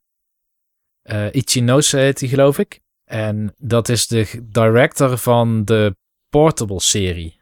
Zo zou je het kunnen noemen. Dus de, Ja. de, de PSP-games heeft hij gedirect. Hij heeft de... Die, 3DS? ja, op de 3DS heeft hij een paar van die, van die rare. Die vond ik niet zo heel erg leuk. Dus Oh. niet 4 Ultimate, maar oh, hoe heet dat nou? Cross? Cross. Monster Hunter Cross had je. Dat was een 20-jarig bestaan of zo, volgens mij. Ja, ja, dat was een soort van remix van alle Monster Hunters bij elkaar. Heel veel monsters erin. Allerlei Ja. nieuwe, ze hadden weapon styles en zo. Dus je, je kon, zelfs als je een great sword user, wat ik dan het leukste wapen vond, dan kon je nog meer switchen tussen verschillende stijlen. En het was heel erg flashy geworden. Eh, niet zo mijn ding. Eh, Rise, was het Rise of Rising? Eh, Monster Hunter Rise, volgens mij. Rise, R Griekse I, SE, volgens mij. Nou, zo ingewikkeld was het, dacht ik niet. Maar het zou Oh. kunnen. Ga het even opzoeken, toch? Monster Hunter. Nee, Rise inderdaad. Gewoon R-I-S-E. Ja, Dat is het. Monster Hunter, Monster Hunter Rise, 26 maart 2021. Ja, dit combineert een aantal vernieuwingen uit World met een aantal wat bekendere oudere monsters. Alleen het zet het in een nieuw jasje. Het maakt alles heel oud Japans, zal ik maar zeggen. Maar wel weer met afgesloten gebieden, toch? Geen grote open wereld zoals eh, Monster Hunter World. Nee, het is wel open wereld, net als Monster Hunter World. Ah, Oké, dat wel. Ja, en dat hebben ze nu dan gecombineerd met de, zeg maar, meer begaanbaarheid van iets wat je bij Breath of the Wild zou verwachten. Dus je kan veel meer op dingen klimmen. Eh, je kan de hoogte in, je kan eh, een soort van zweven met een soort van zweep. Dus ze hebben wel een aantal dingen veranderd, met name in hoe je door die wereld heen komt. Je hebt honden waarop je kan zitten. Palamutes. En dan kun je dus heel snel mee door de wereld heen bewegen. En achter beesten heen jagen. En ik heb wel het idee, zeg maar, dat de vernieuwingen die deze versie brengt, dat die misschien net genoeg zijn om mij single player in ieder geval een eind door die game heen te krijgen. Of dat ik multiplayer ga spelen, dat weet ik nog niet. Nee, nee, nee, snap ik. Hmm, ja, komt voor Switch? En eh, waarschijnlijk ook naar PC, maar dat zal dan later in eh 2021 zijn. Tenminste, dat is in ieder geval wat gelekt is tijdens die grote hack die er was bij, eh, bij Capcom. Ja, ja. Eh, volgens mij was het 6 miljoen of zo dat Nintendo betaald heeft eh, aan Capcom om die game exclusief, zeg maar, uit te brengen voor hun eh platform. Nou, Een fix bedrag, moet ik zeggen. Mhm. Maar goed, dat is Monster Hunter Rise. En welke waren die andere twee games nou? Oh ja, Ease. Ja, Ease en eh, Disco Elysium, Oh ja. die hadden in ieder geval een datum. Ja, ja, ja. Wat heb je nog meer op je lijstje staan waar je naar uitkijkt eh, wat in 2021 komt? Nou, het zal niemand verbazen dat Breath of the Wild 2 er ook op staat. Eh, nee, dat verbaast me inderdaad niet, nee. Weet je dat ik die niet op mijn lijstje heb staan? Nee, dat de- kan ik niet weten natuurlijk, hè Mike? Nee. nee. En dan was er ook een hack bij mij, eh, Ja. als je dat wist. Eh, ik heb meer games die ik, waar ik wel enorm naar uitkijk, maar die ik niet op mijn lijstje heb staan, omdat ik gewoon bang ben. En Breath of the Wild 2 is er één van dat ze niet komen in 2021. Ja, dat is wel een risico bij Breath of the Wild 2. Ja, ja. Maar ik snap wel dat die erop staat. Ja, ik heb zo ook getwijfeld. Bijvoorbeeld, moet ik Bayonetta 3 er weer opzetten? Want die heb ik volgens mij twee keer genoemd. Van waar kijk je naar uit in het volgende jaar? En nu dacht ik, weet je wat? Ik zet hem er een keer niet op. Je zal zien dat hij dan komt in 2021. Ja, als dat de reden is, dan heb ik voor de rest niks meer op mijn lijstje staan. ja, heb je, heb je nog meer staan? Ja, ik heb nog één game. En dat is Halo Infinite. Ah, nou die heb ik ook op mijn lijstje staan inderdaad. Waarvan ik ook verwacht dat die, dat die uitkomt volgend jaar. En ehm, eh, kijk, ik heb een aantal games, wat ik net zei, waar ik naar uitkijk, maar die ik niet verwacht dat die volgend jaar komen. Eh, Breath of the Wild 2 was daar één game van. De nieuwe Fable. Ja. Eh, God of War Ragnarok. Avowed. Die, eh, die, die soort Skyrim-achtige RPG van eh, Obsidian in de wereld van Pillars of Eternity. Ik verwacht niet dat dat volgend jaar komt. Als ze wel komen, kijk ik er wel naar uit. Eh, games waarvan ik wel verwacht dat ze volgend jaar komen. En deze is heel link, maar ik hou gewoon hoop. Is Elden Ring. Oh ja. Een game waar we natuurlijk niet zoveel meer van gezien hebben. Maar waarvan Phil Spencer laat zei dat hij het eh, een heel stuk gespeeld had. En waar we, als het goed is, vrij snel in 2021 iets van gaan zien en horen. En dan is vrij snel niet de eerste week, maar ook niet na een maand of vier pas. Dus geen idee. Eh, een game die we geloof ik al eh, drie jaar lang alle twee noemen is 12 Minutes. Ik heb eh, volgens mij heb ik een tijdje terug iets over gelezen dat die echt dit jaar moet komen. Dat was die Xbox-titel die we toen zagen, waarbij je elke keer 12 minuten speelt en dan het verhaal elke keer opnieuw begint. Eh, Halo Infinite had ik inderdaad staan. Hogwarts Legacy. Ik ben toch wel benieuwd naar die Harry Potter game. Eh Kena of Kina. Dat is zo'n timed PlayStation 5 exclusive. Het zag er een beetje, ja, het zag heel kleurrijk uit met platformen en zo in, in zo'n bos. Als je meer dan dat weet ik ook niet meer, moet ik heel eerlijk zeggen, maar het zag er wel aantrekkelijk uit. Ik ben toch ook stiekem wel een klein beetje benieuwd naar Lord of the Rings Gollum. Ik ben wel heel erg benieuwd wat dat voor de rest gaat worden. En één game die als het goed is wel uit moet komen in eh, 2021 is eh, Resident Evil 8 The Village. Ja. Dat is, eh, dat is wel een game waar ik naar uitkeek. Zeker met eh, de remaster van 2 of de remake van 2 moet ik zeggen. En 7. Dan ben ik toch wel heel erg benieuwd wat, eh, wat Capcom hier, eh, hiervan gemaakt heeft. Ja, dan zijn we er bijna, Niels. Ja, bijna. Ik besef me net, ik heb iets vergeten te Oh, noemen. Nou, nou, dat kan altijd. Ja, eh, bij eh, hardware aankopen. Oh, wat heb je nog gekocht dan? Ja, ik, Ik weet het. Ik weet het. Jij gaat iets noemen voor de Switch. nou, zeg het maar. Eh, die Mario Kart. Ja, klopt. Ja, Dat is technisch gezien hardware. ja, zeker weten. Ja, Als je iets plastics in je handen hebt wat fysiek door je huiskamer rijdt, dan is het hardware hoor. ja, maar dat was eigenlijk niet die ik bedoelde. Oh, oh, Dan, heb je echt een hoog gekocht. Heb je nog een beetje gespeeld daarmee eigenlijk met die... eh, Nee, eigenlijk de laatste keer dat ik het in Button Bashers Bulletin over Mario Kart heb gehad, dat was ook de laatste keer dat ik hem heb gespeeld. En ik heb hem denk ik zo'n 10 uur in totaal gespeeld. Dus het, het is indrukwekkend voor wat het is. Maar Ja. het, het vervangt niet de traditionele Mario Kart. Nee, nee. En is het te veel gedoe om het elke keer neer te zetten? Of kom je toch heel vaak op dezelfde baan uit? Omdat ja, weet je, je kamer is nou eenmaal je kamer. Voor mij is denk ik het grootste probleem dat die kart moet wel opgeladen zijn als je wil spelen. Oh, En bij een normale Mario ja. Kart, dan kijk je met z'n allen, wat gaan we doen? Mario Kart is goed. Je pakt de cartridge of je hebt hem digitaal of zo op de Switch staan en je gaat spelen. Nu is het, wat Ja. gaan we doen? Mario Kart, oké, is mijn kart wel opgeladen? Ja, ja. En ja, dat is al een ik. barrière. Ja. Ehm, wat is dan dat andere? Ik kreeg vanochtend mijn eh, next-gen console binnen. De Xbox Series S. Heb je die, heb je die binnengekregen? Ja, ik heb hem binnengekregen. Hè? Van de week hadden we het erover. En toen zei je van ja, misschien dat ik hem bestel. En toen zei ik van ja, zei ik van ja, zou je dat wel doen? In verband met, met de harddisk en zo, weet ik wat allemaal. Toen stuurde ik je vanmorgen nog een linkje toe van Bol. Want die had Xbox Series X weer op voorraad. Ja. En toen zei je ja, ik ga eens even over nadenken. Maar je hebt gewoon een S. Ja, toen je die link met die X doorstuurde, toen twijfelde Ja. ik wel weer van waarom had ik ook weer die S gekocht? Ja, Eh, maar daar was een goede reden voor. En ik denk dat de S voor mij de juiste console voor het juiste moment is. Of voor dit moment is. Een van de redenen precies. is, de televisie die ik het liefst gebruik is nog steeds die Panasonic Plasma TV. Ja. En die is geen 4K. Nee, die is gewoon 1080. Die is gewoon 1080 inderdaad, ja. Ook een belangrijk argument is, ik vind het oprecht een hele mooie console. Ik vind het de Zeker strakste weten. console van de nieuwe generatie. Ja, ja, dat is het. Hij is ook echt klein, hè? Want ik heb ook gemeten, zou de PlayStation 5 passen? Zou de Xbox Series X passen? Beide passen niet in het meubel wat ik heb. Dus dan zouden ze naast de televisie moeten staan. Maar het meubel is niet breed genoeg naast de televisie. Dus dan zouden ze op de grond moeten staan.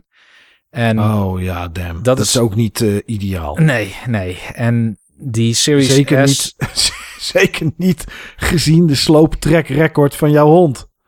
Ja, al is die track record... Heeft hij die niet tot in stand gehouden, zal ik maar zeggen, de Oké, afgelopen jaren. Geluk, gelukkig maar. Maar eh, nee ja, ik, ik heb wel zoiets van die consoles zijn mij eigenlijk te groot. Dan zou ik van alles moeten verbouwen. Ik zou niet alleen dus een nieuwe televisie moeten hebben eh, om het eruit te halen wat erin zit. Maar ik moet een Ja. ander meubel hebben. Ehm, om een ander meubel te hebben moet ik waarschijnlijk de kast met de bordspellen die daarnaast staat weer verplaatsen en zo. Dus het zou een hele operatie worden. Dat was het mij niet waard.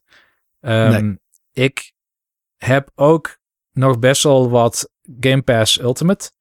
En ik merk dat dat voor mij de lading gewoon dekt. In Ja. de meeste gevallen. Tenminste voor de grotere games.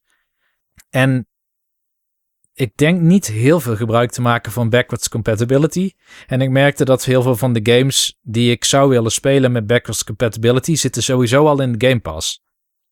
Klopt, er zit best een hoop in. Eh, ik, heb, ik heb voordat de Xbox Series X uitkwam, eh, daar hebben we het wel eens over gehad.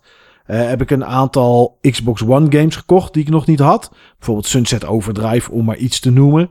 En ik het wel leuk vond om die te hebben. Maar die, die zit ook gewoon in de Game Pass. Als ik naar Dus- rechts kijk en ik zie mijn hele eh, Xbox One eh, library, zal ik maar even zeggen. Alles zit in de Xbox Game Pass, van wat ik heb. Ja, precies. Dus het is net zoals Super Lucky Steel heb ik gekocht. Maar ik heb toch nieuw Super Lucky Steel gespeeld uit de Game Pass. Ja, weet je, het is leuk voor de heb. En omdat het niet zoveel kost en het staat leuk. Maar het slaat eigenlijk nergens op. Want ja, je kan ze ook gewoon uit Game Pass halen. Ja. Ja, en de oudere games zoals de Halo's zitten er allemaal in. EA library zit er tegenwoordig in. Klopt. En die heeft heel veel toegevoegd. Die Dead Space games zitten er allemaal in. ja, ehm, ja, inderdaad. De Mass Effect games zitten er allemaal in. De Dragon Age games zitten er allemaal in. Dus wat, waar heb ik nog mijn cd's voor nodig? Weet je wel, als ik toch alles gewoon daaruit kan halen. Ja, eens. Dus ja, het, ik ben... e- het enige is de harddisk space natuurlijk. Ja, ja, die is nu half vol en ik heb er nu vier games op staan. Welke games heb je erop staan, Niels? Eh sea of Thieves heb ik erop staan. Ik heb Ace Combat 7 erop staan. Oh ja. Doom Eternal. En de laatste ben ik vergeten. Ik denk Ori en The Will of the Wisps.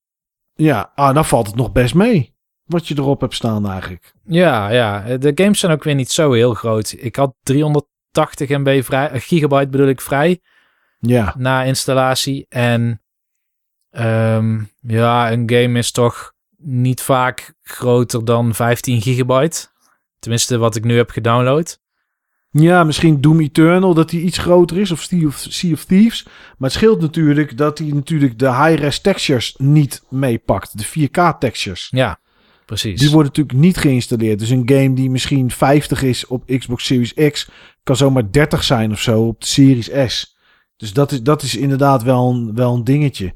En als je natuurlijk Xbox One games zou hebben... of 360 games... zou je er ook gewoon extern harddiskje aan kunnen, aan kunnen koppelen... als je die zou willen spelen. Ja, ja, dus ik vind de console gewoon toereikend voor wat ik ervan wil. Ik wil hem ook met name voor de games die toch in de Game Pass komen. En ja, mocht ik bijvoorbeeld volgend jaar toch een nieuw meubel en een nieuwe tv willen aanschaffen, dan komt die X er denk ik ook wel. Dus Ja. dan pak ik die ook wel mee. Nu was de S net binnen impuls aankoopbereik, zal ik maar zeggen. Ik had een bol.com bon, dus ik, eh, ik hoefde ook weer niet de volle map ervoor te betalen. Oh, dat is helemaal lekker inderdaad. Ja. Ja. En eh, zelfs dan zou ik een Xbox S en een X hebben. Dan wordt die S waarschijnlijk een, ehm, ja, een, een, een station in een andere kamer of een, een emulatiestation. Hè? Want dat is het mooie. In Dev Mode kun je RetroArch erop zetten. En kun Ja. je dus alle consoles tot en met de PlayStation 2 gewoon snel en goed emuleren. Ja, inderdaad. Er zijn best wel wat video's van geweest. Het kost geloof ik 25 euro of zo om van je Xbox een eh, development kit te maken. Ja, en dan kan je gewoon inderdaad RetroArch erop zetten. Die, eh, die is er gewoon inderdaad. Ja. Ja, ja dus dat is, eh, ja, dat is helemaal goud. En dan heb je aan die eh, 380 GB heb je echt wel genoeg als je daar eh, wat PlayStation 2 games op zou zetten. Wat eh, PlayStation, eh, PlayStation 1. Ik weet niet hoe de GameCube het doet, maar ja, daar zitten nog best wel, eh, zitten nog best wel leuke games tussen. Maar ik heb eh, Ace Combat en Thieves vandaag ook een tijdje gespeeld. En met name vind ik gewoon inderdaad die SSD bij Sea of Thieves. Ik denk dat op mijn laptop moet die wel een minuut laden, denk ik. Ja, En eh, met die eh, Xbox Series S is hij binnen 20 seconden klaar om te zeilen, zal ik maar zeggen. ja, ja, ja, ja. En dan loopt het volgens mij ook gewoon netjes op 60 frames per seconde, toch? Op Series S. Ja. Ja, nee, het draait heel erg goed. En eh, dat was ook wat Digital Foundry zei. Ze zeiden ja, het, het enige verschil op dit moment in games op Devil May Cry na, is dat de resolutie anders is. Ehm, en Ja. afhankelijk van je tv en hoe ver je er vanaf zit, merk je daar meer of minder van. Bij Ja. die Devil May Cry heb je dan nog raytracing die je wel op de X hebt, maar niet op de S. Maar bij eh, die, eh, wat is het, die game van Ubisoft, die hacking game. Oh, Watch Dogs Legion. Ja, die heeft wel raytracing ook op de S. Ja, Dus het is een beetje afhankelijk van de developer wat ze wel en niet ondersteunen. Maar in ieder geval om te kunnen spelen wat de nieuwe generatie meebrengt, is dit voorlopig genoeg. En we kijken wel halverwege de generatie of ik een X erbij pak of een, Playst of, ja, of een PlayStation. Waarschijnlijk en een PlayStation 5 Slim, hoop ik dan tenminste. ja, of een Pro. Of een Pro, inderdaad. Ja. Dus uiteindelijk zal ik alles wel weer hebben. Maar ik ben op dit moment wel heel erg tevreden. Toen ik hem uitpakte, sowieso was hij heel mooi ingepakt. Ehm, echt, ja, tegenwoordig heb je niet meer zomaar een, een pak schuim of zo eh, met een eh, console die dan in plastic met een tapeje zeg maar verpakt zit. Goed is dat, hè? Dan heb je echt, je, je voelt alsof je een gewaardeerde klant bent. Zo is het ingepakt, weet je. Echt een cadeautje is het dan. Ehm, en toen ik hem dus uit de doos haalde, toen was ik wel echt blij. Ik dacht, oh, ik heb een nieuwe Xbox. En, eh, Ja, maar dat is ook zo. Volgens mij is Apple de eerste die dat ooit deed, zeg maar. ja, Echt gewoon een beleving van het uitpakken van een product. Eh, ik heb unboxings gezien van de PS5. Daar hadden ze dat niet gedaan. Dat vond ik wel jammer. Maar inderdaad, ook toen ik mijn eh, Xbox Series X opende. Ja, je, je klapte de doos open. En dan zie je ook niet dat witte plastic piepschuim, zeg maar. Maar dat was dan zwart. En dan zo'n heel mooi ja, soort plastic cellofaantje of zo. Niet doorzichtig over, eroverheen. En dan zo'n papiertje eroverheen met eh, Power Your Dreams of zo, Ja. weet je. En dan denk je echt van, oh, ik heb echt, ik- ja, ik heb, ik heb een bonk goud gekocht. Dat gevoel krijg je. En dan, ja, eh, voor de een is het dat natuurlijk ook, hè. eh, 299 euro is niet duur voor een next-gen console. Maar kan wel eh, voor mensen een redelijke prijs zijn. Ehm, maar je hebt ook echt het gevoel dat je inderdaad, dat ze jou inderdaad waarderen. En dat je iets echt heel unieks hebt gekocht. ja. Ja, ja. En het ging ook Ja, niet over één mooi. nacht ijs. Hè, want ik heb echt heel lang nagedacht of dat ik dit wel moest doen. Veel video's gekeken ook van wat mis ik nu echt met een S. En ja, ik denk dat de hoofdzakelijke reden om de X te kopen is als je er cd's in wil doen. Ehm, Dat is denk ik de allerbelangrijkste afweging. Ben je akkoord met alleen digitale aankopen en of Game Pass? En ik ben dat. Ehm, ik zou ook graag niet meer kasten vol met fysieke games willen hebben.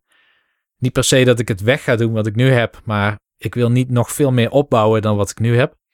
Nee. En, ehm, en het andere ding was inderdaad de resolutie. Als ik vooruit ga denken van wil ik deze Xbox nog hebben over zoveel jaar? Nou, ja, nu ben ik flexibel, want ik kan zeggen ja, ik gebruik deze Xbox ook, maar dan in een andere kamer of voor RetroArch. Of ik kan ook natuurlijk aan mijn broer geven. Die is hartstikke blij met de nieuwste Xbox om de nieuwe FIFA op de mooiste mogelijke manier te kunnen spelen. En Ja. dan ga ik gewoon upgraden naar de X. Dat zou zeker kunnen. Maar ik heb ook heel uitvoerig, en ik heb jou dat laten zien. Dit is, Ja, dat heb ik gezien inderdaad, ja. dit is gewoon hoe ik keuzes maak. Hè? Ik ben niet iemand die merktrouw is. Sterker nog, Nee. ik ben eerder merk ontrouw. Want ik, ik ben heel snel geneigd als ik bijvoorbeeld twee keer achter elkaar een Samsung telefoon gekocht heb om een ander merk te willen. Daarom wilde ik ook wachten op de iPhone 12. Ja. En wat ik had gedaan is ik had een lijst gevonden volgens mij op Wikipedia, van alle gamegenres die er zijn. En heb ik toen voor de Switch, voor de PlayStation 5 en voor de Xbox Series X opgeschreven per genre. Of ja, opgeschreven. Ik heb min of meer aangegeven welke console blinkt uit. Dus heeft kwantitatief en kwalitatief de beste representatie bij dat genre. En eventueel ook juist niet, zeg maar. Dus ik heb uh, bijvoorbeeld uh, het eerste genre wat wordt genoemd is, even kijken, platform games. En daar heb ik dan aangegeven, die is zeg maar heel goed vertegenwoordigd op Switch en op PlayStation 5 en Xbox Series S en X is het een beetje een ja, gelijkspel, zal ik maar zeggen. Ja. En kijk je vervolgens naar de volgende, dat is dan uh, first person en third person shooter games. Dan heb je die heel goed vertegenwoordigd op PlayStation 5 en Xbox, maar heel slecht weer op Switch. En uiteindelijk zie je dus met, ik, wat zijn het? Het zijn denk ik zo'n Oh, ik heb de... Ja, 25 tot 30 of zo, denk ik. Nou, wel meer, gok ik. Ik denk uh, tussen de 30 en de 40 genres. Ik heb de nummers er niet bij staan, zie ik nu. Nee. Um, maar daar heb ik dus aangegeven met kleurtjes van deze console is daar goed in, die console is daar goed in. En dan zie je uiteindelijk een heel mooi overzicht tot wat hebben die consoles nou te bieden. En dan zie je dat de PlayStation 4 een hele goede, of de 5 een hele goede allround console is. Dus die heeft bijna elk genre wel aan boord. Zelden is die um, echt minder, veel minder dan de andere twee consoles in een genre. Maar hij blinkt bijna nergens ook echt in uit qua genre. Nee. Alleen, bijvoorbeeld, dat heb ik dan opgeschreven ook nog aan de zijkant. Uh, PlayStation 5, waar blinkt hij uit? In fighting games en interactive movies. Oké. Die zijn er meer op op PlayStation 5 dan, dan op andere consoles. En ook qua kwaliteit beter. Maar het doet weer onder in bijvoorbeeld, je moet er maar van houden, maar live simulators, real-time strategy games, bordspellen en party games. Ja. Als je dan kijkt naar Xbox en Switch, uh, die hebben veel meer, uh, moet ik het zeggen, bepaalde genres zijn daar heel erg op vertegenwoordigd. En die zijn minder vertegenwoordigd op de andere consoles. Bijvoorbeeld de ik heb dan met kleurtjes aangegeven. Groen als een genre heel goed vertegenwoordigd is. Rood als hij heel slecht vertegenwoordigd is. Eh, zowel de Switch als de Xbox, die hebben veel groene en veel rode.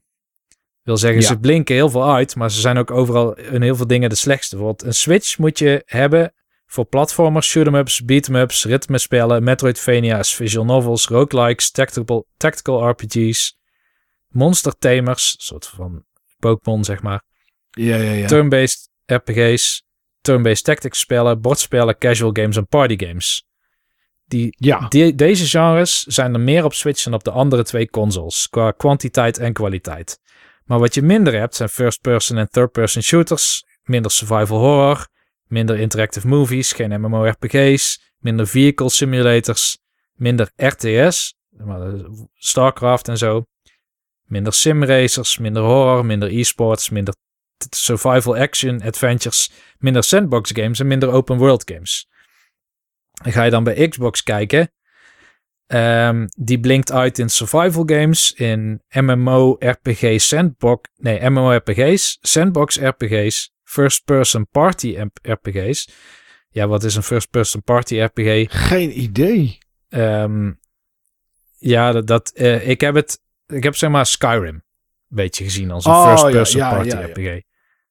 Dus niet een feestjes RPG, maar je hebt een party. Ja, ja, Je bent weliswaar daar dus, alleen, maar goed. Ja, Skyrim ben je wel alleen, ja. Construction simulators, vehicle simulators, 4X games. Dat zijn zeg maar de Civilizations en... Ja, XCOM. Ja, nou ja, XCOM niet helemaal. Um, maar wel... Uh, hoe heet die? Oh nee, XCOM is natuurlijk real-time is real-time strategy. Age of Empires, zoiets. Ja, ja, ja. XCOM is uh, strategy inderdaad, uh, real-time tactics, racing games, e-sports games, survival action adventure games, sandbox games en open world games. Maar je moet er weer niet zijn voor de shoot ups, ritmespellen, visual novels, Japanse RPG's, monster tamers, strategy RPG's, turn-based tactics, bordspellen, party games en narrative adventure games. Nee, dat klopt. Ja. Dus uiteindelijk, zeg maar, als je um, veel voor mijn smaak, laat ik het zo stellen. Ja. Mijn smaak zijn indie games, met name. Daar moet je Switch voor hebben. Uh, Japanse turn-based RPG's en tactics games moet je Switch voor hebben. Uh, open wereld roleplaying games moet je Xbox voor hebben. Mhm. Ja, en die meer die sandbox games, daar moet je ook Xbox voor hebben. Dus ik, ja. het beste voor mij was om een Xbox Series X of XS bedoel ik te kopen. En de Ja. PlayStation 5 later, omdat daar uiteindelijk voor mijn smaak tenminste, je moet heel erg houden zeg maar van die third person action games. Action, ad, ja, action adventure games die Sony maakt. Ja, dus als je Dat is het enige wat zij hebben. Naughty Dog en Insomniac games speelt, dan, heb je, dan moet je gewoon bij PlayStation zijn. Ja, ja, als je inderdaad eh, God of War en, en straks waarschijnlijk wel weer een Uncharted Ja. of eh Ratchet Clank, natuurlijk die uitkomt ergens in februari als het goed is. Ja, als dat echt je ding zijn, dan moet je naar de PS5 inderdaad. Dus zodoende. Dus toch Ja. de Series S. Ik ben blij. Nou ja, wel overwogen keuze eh, dan Niels, als je het op deze manier eh, bekijkt. Ja. ja, ja, ja, nee, ja, dat is goed toch? Bedoel, eh, en, en, ja, en je bent in ieder geval klaar voor de komende jaren, als het goed is. Als het goed is wel, ja. zeker, zeker als je deze tv blijft houden, dan is er helemaal weinig reden om echt te gaan upgraden. Ja, nice. Eh, nou, dan heb je best meer hardware gekocht dan ik, denk ik. Misschien toch. Ja. Op de valreep, ja.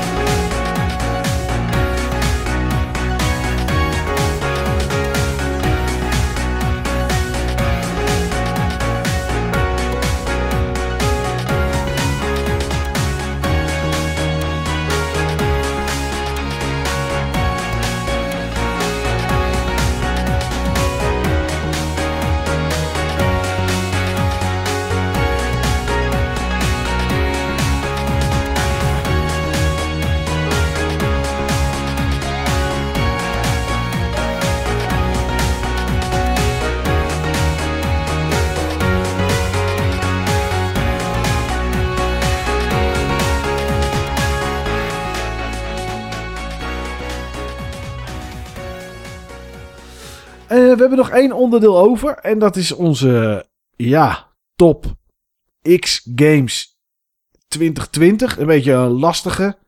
Ehm, ik heb wel daar een aantal games in staan die echt dit jaar zijn uitgekomen. Maar ja, jij zei al dat je niet zo heel veel games hebt gespeeld die dit jaar zijn uitgekomen. Dus we maken er maar eventjes een mooie top zoveel games gespeeld van dan, van dit jaar.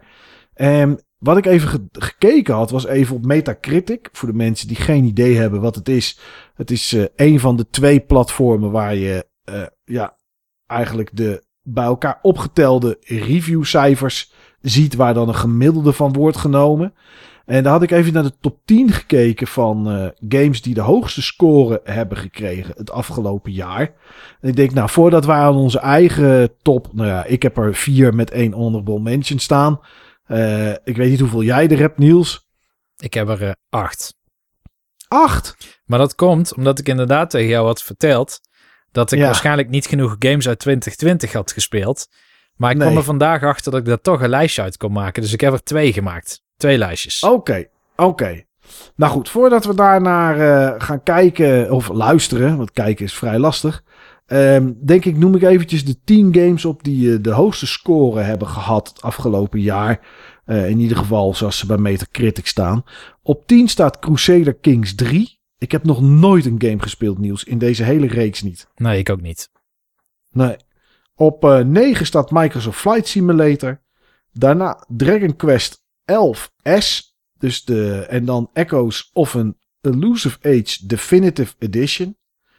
Op 7 denk ik dat het is. Maar het kan ook 8 zijn, omdat er een game dubbel in staat. Dus ik ben de telling kwijt. Staat uh, Demon Souls. Hades komt daarna. Ori and the Will of the Wisps. Half-Life Alex. Oh, nog een keer Dragon Quest. En Hades staat er ook nog een keer in, maar dan voor een ander platform. Uh, Dragon Quest 11S staat er nog een keertje in. Last of Us Part 2. En Persona 5 Royal. Dat is de game die de hoogste reviewcijfers van het afgelopen jaar heeft gehad. Ja, dan zou het zomaar kunnen en moeten zijn dat in onze lijstjes ja, een van deze games uh, natuurlijk staan, Niels. Uh, dat zou natuurlijk zomaar kunnen. Ja, dat kan. Maar jij hebt twee lijstjes. Ja, ik heb dus een lijstje 2020 en een lijstje wat nou als alle spellen die ik dit jaar heb gespeeld kiesbaar waren. Wat zou dan mijn lijstje zijn? En die zijn compleet anders. Oké, compleet anders. Er zit er geen overlap in. Er zit geen overlap in. Nou, laten we dan eerst maar eventjes jouw lijstje doen van wat als alle. Want dan kunnen we afsluiten met toch alleen 2020. Ja, dat is goed. Dat is helemaal goed. Ik heb als honorable mention IS 8. Oké, maar die is wel van dit jaar, toch? Hmm, is dat zo? Nee, want die heb ik al heel lang. Oh, oké. Ik dacht dat die van dit jaar was. Of was nu die andere... Er is nog zo'n Eves game uitgekomen dit jaar volgens mij. Er is mij. een poort van Origins uitgekomen dit jaar. Die inderdaad. Daar ben ik mee in de war. Ik zie hier Ease 8 voor, de, voor een spelcomputer. Uh, Switch volgens mij. Of niet? Ah, is er ook op Steam zie ik. Maar die is al sinds 2016 inderdaad. Ja. Nou, dat vond dus ik... die is geldig. ja, mooi. het is oud spel. ja. Nee, dat, dat, daar heb ik het in BB Bulletin over gehad. Ik vond dat een hele gave game. Uh, heel anders dan de andere East games qua thema. Want meteen in het begin van het spel... dan strand je schip en dan spoel je aan op een eiland... en dan moet je de crew weer terugvinden van het schip. En het is een soort van open... Niet helemaal open weer. Het is een beetje, een beetje Monster Hunter-achtig. De oude Monster Hunters, weet je wel, met van die open gebieden, maar wel aaneensluitend. Mm -hmm. En dan een action RPG die een beetje speelt als een ja, soort Dynasty Devil Warriors. Cry, toch? Of dat? Of ja, misschien een beetje Devil May Cry, maar wel wat simpeler, weet je wel. Je hebt gewoon okay. twee attack knoppen en een special balk of zo die je kan laden. Maar je hebt heel veel moeilijkheidsgraden. Dus het is wel echt een leuke action adventure roleplaying game. Uh, die ik in ieder geval zo'n, denk zo 60 uur heb gespeeld. Zoiets. En okay. die meer doet dan wat ik je nu vertel. Er zit meer dan dat in. De game ja, ja, ja, precies. heeft een soort uh, voor en na. Um, en na speelt heel anders dan voor. Oké. Okay. Dus die op uh, vier, honorable mention. Op drie heb ik Fire Emblem Three Houses. Ja. Twee playthroughs gehad. Ik. Echt geweldig. Ik, zeg maar, ik kon niet stoppen met die game. Uh, nee. Ik heb twee huizen gespeeld. Ik heb um, de, de, de Golden Deer eerst gespeeld en daarna de Blue Lions. En ik ben dus nu begonnen aan de Black Eagles. Ik heb de DLC ook gekocht, zodat ik echt alles kan gaan doen in die game. En voor me, ja, ik ben denk ik iets net voor halverwege de content die het spel heeft. Dus ik verwacht toch nog wel een extra 100 uur op een gegeven moment erin te moeten steken. Oeh. Maar ik zie er niet tegenop. Het is nou, spel, nou, dan is het goed. Het voelt als thuiskomen als ik het opstart. Ja, ja. Dan op 2 Baldur's Gate 1. Oh ja, ja, snap ik. En op 1 Baldur's Gate 2. ja, Baldur's Gate, ik had het niet verwacht, maar ik vind Baldur's Gate 2 uiteindelijk op elk vlak beter. Ik vond deel 1 heel prettig, juist in de vrijheid die je kreeg en het, ja, heel veel exploratie en proberen in de wereld nieuwe gebieden te zoeken, zeg maar. En dat is bij 2 eigenlijk bijna niet meer aanwezig. Net als in Dragon Age Origins krijg je meer een soort van kaart waarin je kan aangeven ik wil direct naar die stad of naar de kust of zo. Dat zijn dan ja, tegels die je aan kan klikken en daar warp je dan automatisch heen. Um, maar gewoon die dichtheid qua verhaal. Het Baldur's Gate 2 is denk ik het soort spel wat je zou willen verzinnen. Zo van een spel Ja. van, ik wil een wereld met een hele grote stad, met heel veel mensen. En die hebben bijna allemaal iets interessants te vertellen over die wereld. En daar kun je mee kletsen. Heel veel winkeltjes en koopmensen die ook concurreren, misschien qua prijzen met elkaar. En ehm, ja, grote avonturen die je beleeft. En ik had het daar straks over dat een questline vrij lang kan zijn, dat je het onderbroken wordt. Soms dan heb je gewoon een uur of drie aan een quest zitten werken in een dungeon. En dat blijkt dan uiteindelijk, in plaats van een soort van grote sidequest, blijkt het maar één klein kraaltje te zijn binnen een web aan quests die er ook mee te maken hebben. En dat ontdekken van wauw, dit, staat, dit is niet een quest, weet je wel, die iemand moest maken. Een designer van, jij moet even 10 quests maken voor Baldur's Gate 2. Nee, al die quests die hebben ook met elkaar te maken. En die vertellen meer over die wereld en over de karakters die erin zitten. Dus ja, ik ben zeer onder de indruk. Ja. Weet je, ik denk dat dit een game is die ik niet zou willen spelen meer of kunnen spelen. Maar waar ik het altijd heel interessant en leuk vind om van jou te horen wat je daar dan in beleefd hebt. Hmm, ja, Ik, ik denk, ik, kijk, ik heb eh, tijdens deze uitzending heb ik een, had ik een stream aangezet waar iemand Baldur's Gate 2 eh, Shadows of Am Ja. aan, het, aan het spelen is, zeg maar. En als ik naar kijk, dan denk ik, oké, ik denk niet dat ik dit nu nog zou trekken. Eh, Pillars of Eternity, Tyranny, dat trek ik wel om nog te spelen. Maar dit denk ik niet. Ik weet niet waarom, maar het is misschien te veel icoontjes, te veel klikken wat ik zie gebeuren. Dus ik denk van oké, ik denk dat dit maar. Maar ik vind het wel op van jou te horen wat er dan zeg maar gebeurt en hoe het werkt. Vind ik het super interessante game om, eh, om iets van te luisteren, zeg maar. dat komt goed Ja. uit, want ik heb nog heel wat uur te gaan. Dus ik vertel er wel vaker over. ja, dat is wel mooi.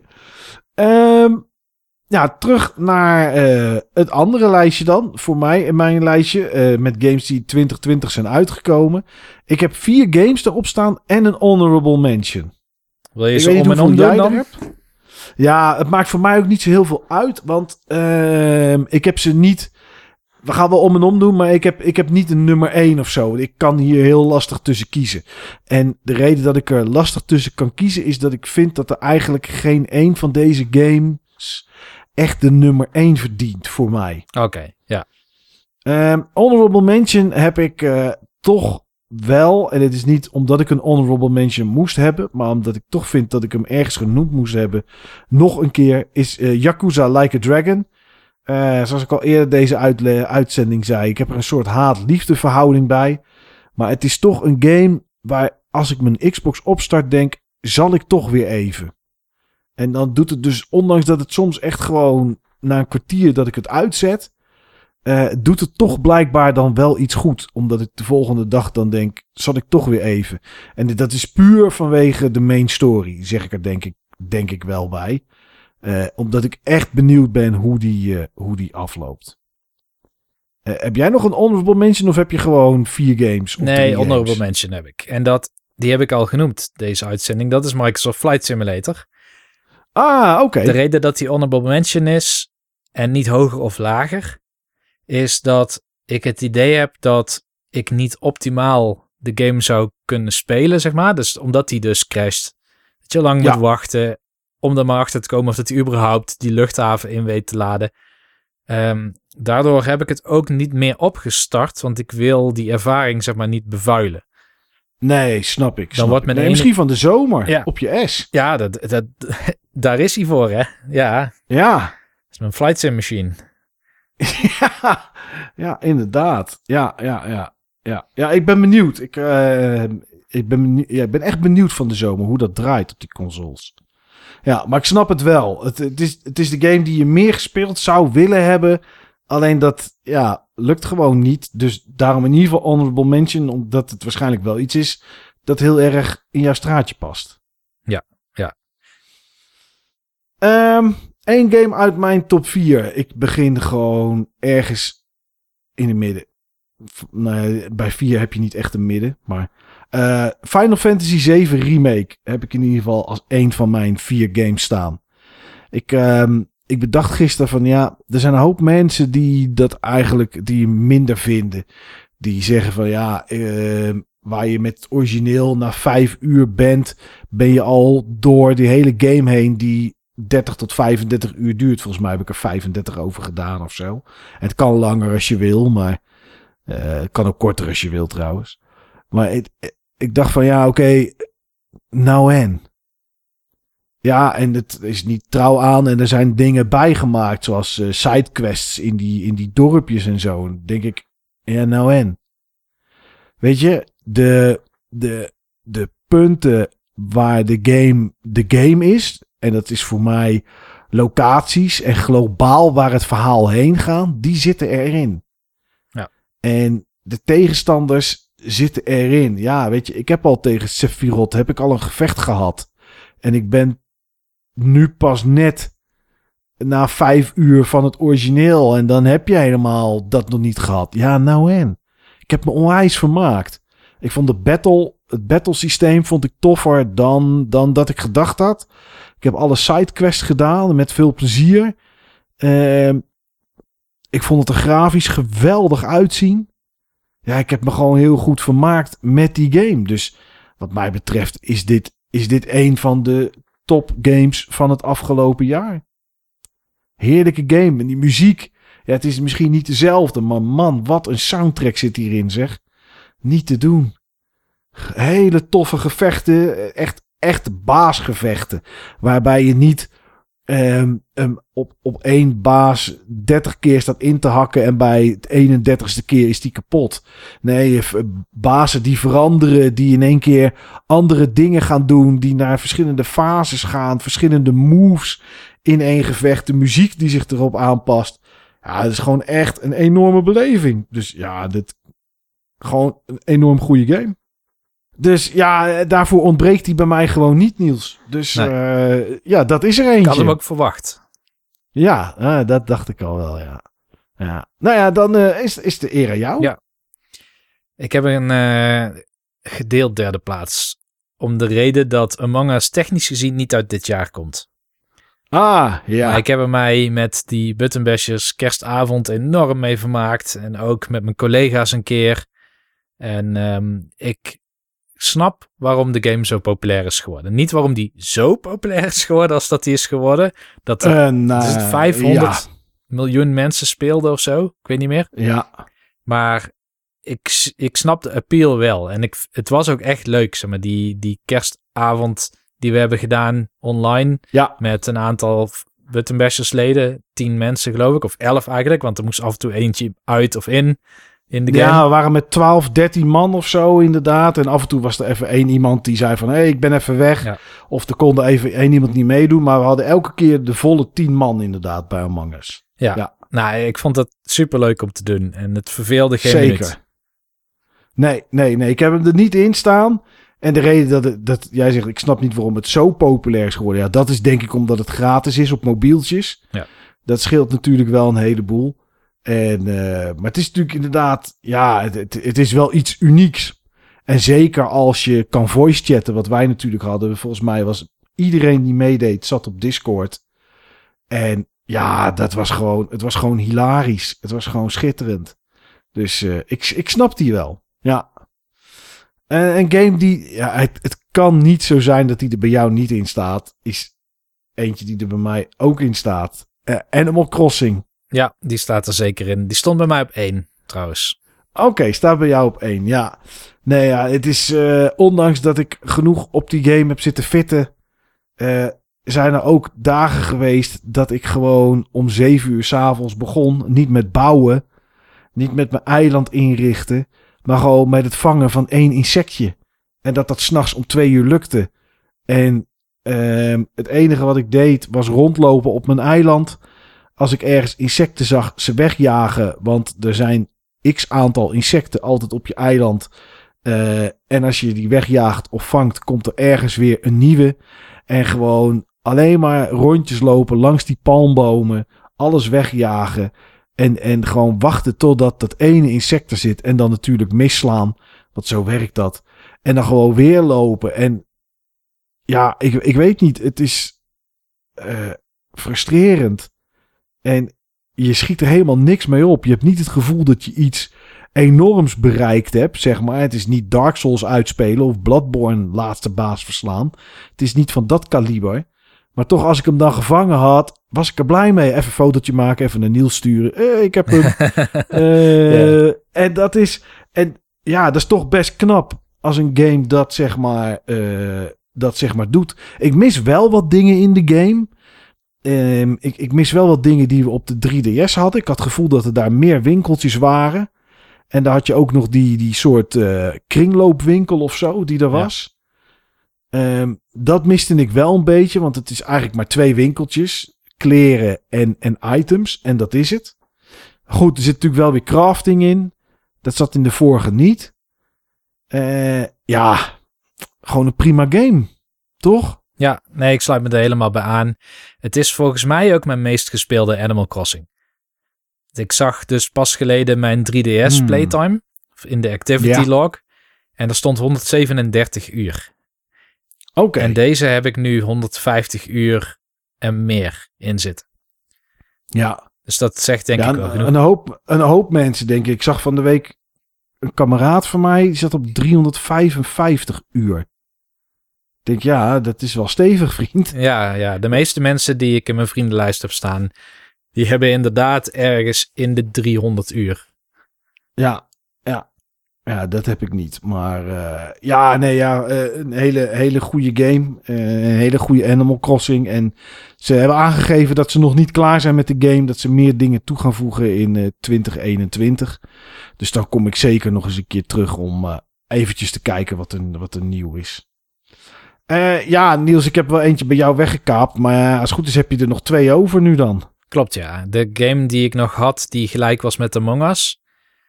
Dat is een game die ik gisteren voor het eerst in mijn leven heb gespeeld. Namelijk bij de mensen Ja. wie ik een Switch heb gegeven.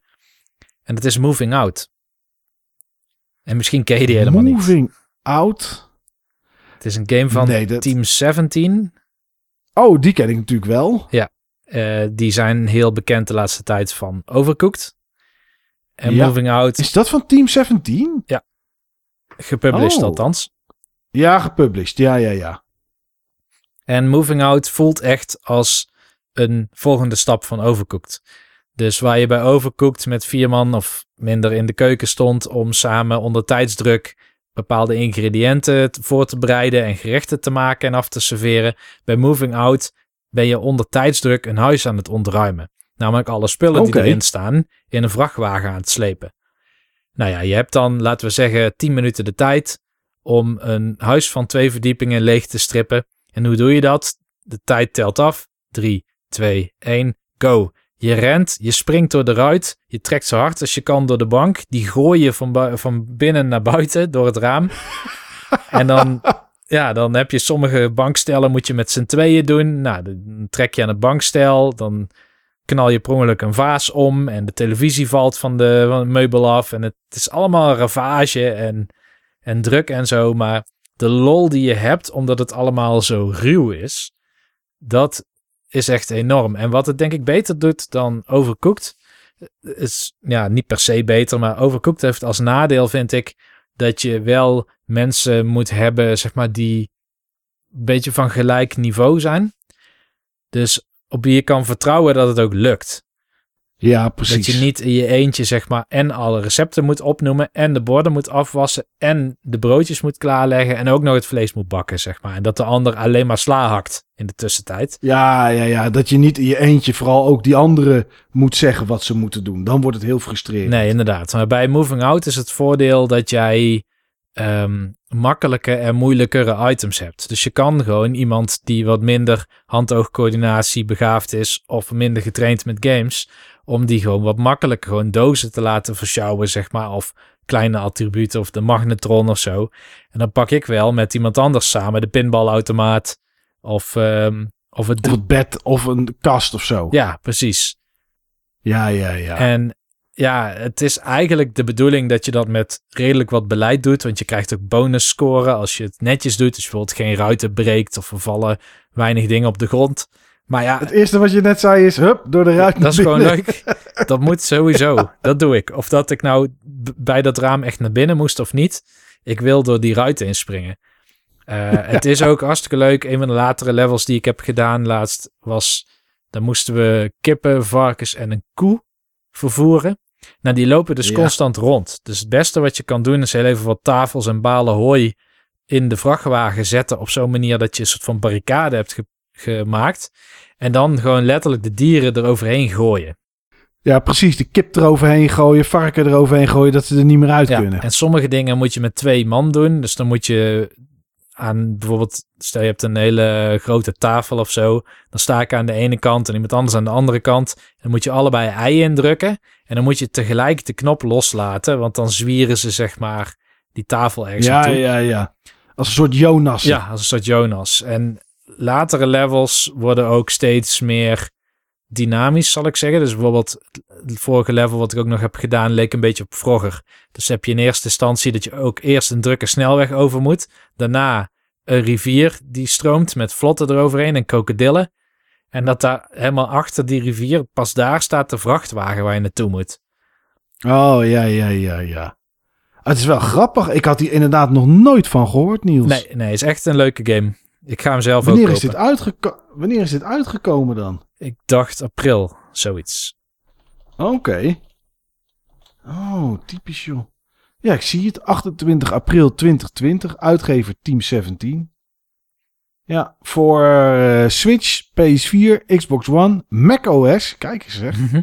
En Windows platform. Ja, dat horen we niet vaak meer, macOS. Nee.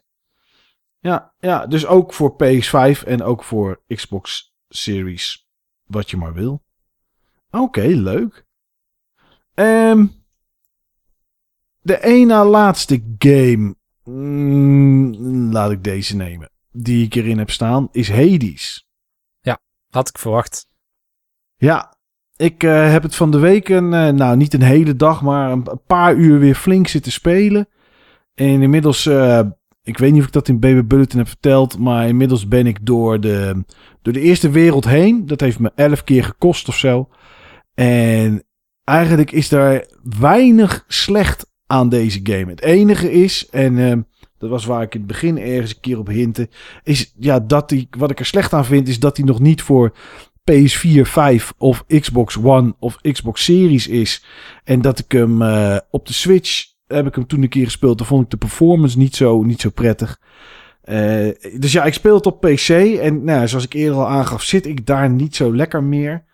En dat is, kan ik ook weinig aan doen. Ja, ik zou een andere stoel kunnen kopen. Maar mijn PC zit in de huiskamer. Zodat er dan in één keer zo'n gaming chair in staat. Is dat wel echt. eh, ja, dat ziet er niet uit. Als ik dat daar neer ga zetten. Maar ehm, ja, ik wacht eigenlijk met smart op het moment dat hij op, eh, op een van die twee eh, consoles komt. Want dan koop ik, hem, eh, koop ik hem daar ook nog voor. Dat weet ik zeker. Maar het is, ja, dit is zo'n heerlijke roguelike. En het, die, game blijft me verbazen ook met story. Met verhalen uit de personages die je tegenkomt. Ehm, ja, dit is gewoon echt een hele goede game. En, en ja, dit is zo'n game die je even weer een uurtje speelt. En dan in één keer weer vier uur verder bent, zeg maar. Dat is, dat is wat deze game gewoon doet, zeg maar. Dat, en dat is, dat is goed. Het ziet er, het ziet er super uit, sfeervol. Ehm, we hadden het over Bastion natuurlijk. Het begin eh, van, deze, van deze uitzending. Of ergens halverwege. Of misschien zelfs iets later. Ik weet het niet meer. Maar ergens hadden we het over Ja, Bastion. En ehm, ja, je ziet door de tijd heen dat dit is dezelfde studio. Dezelfde ontwikkelaar. Dat die gasten gewoon enorm gegroeid zijn. En dat vind ik ook wel gaaf aan, aan indie games om te zien. Eh, ontwikkelaars die dan zo enorm groeien. Maar ja, Hades is gewoon, gewoon supergoed. Echt supergoed. En dat, die, ja, dit is sowieso de beste indie game van het afgelopen jaar. Ik heb zometeen nog één semi-indie game erin staan.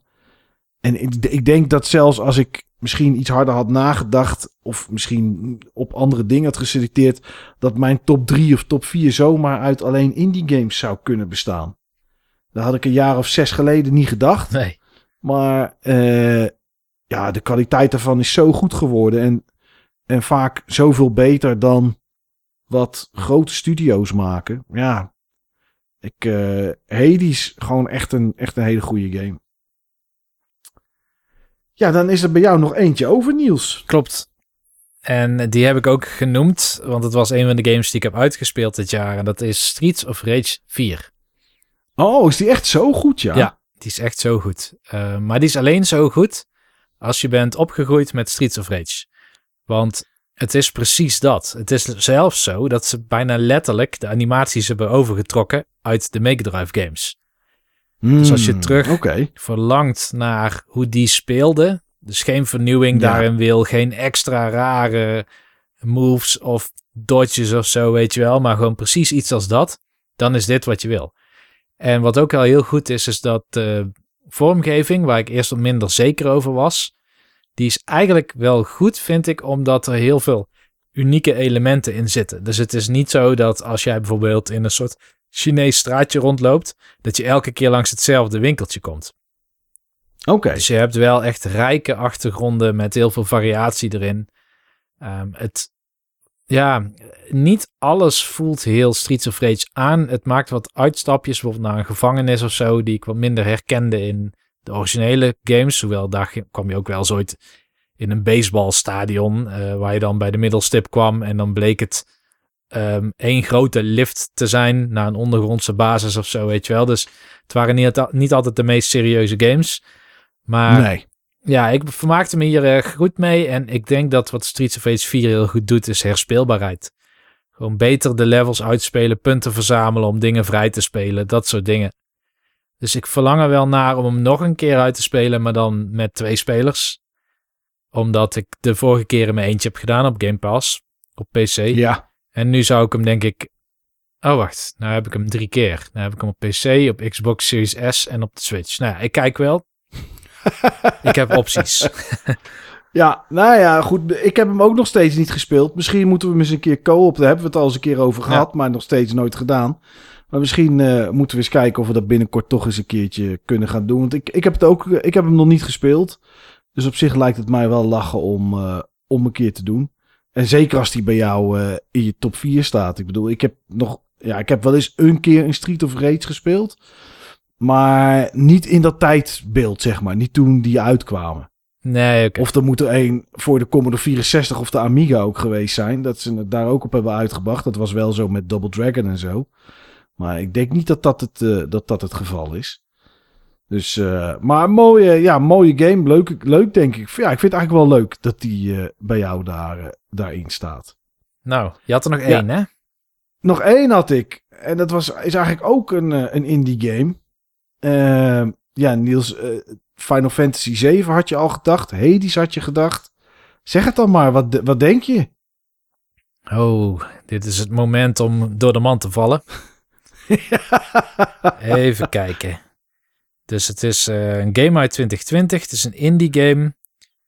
ja, eh, ja, in principe wel, ja. In principe wel. Nou, dat is ook al een hint Ja. dat hij in principe een indie game is. Ik neem aan dat je het erover hebt gehad in de podcast. Nee, Oh, je het niet over gehad in de podcast. nee, volgens mij niet. Nee. Hmm. Als ik het wel erover gehad had, wat zou het dan geweest zijn?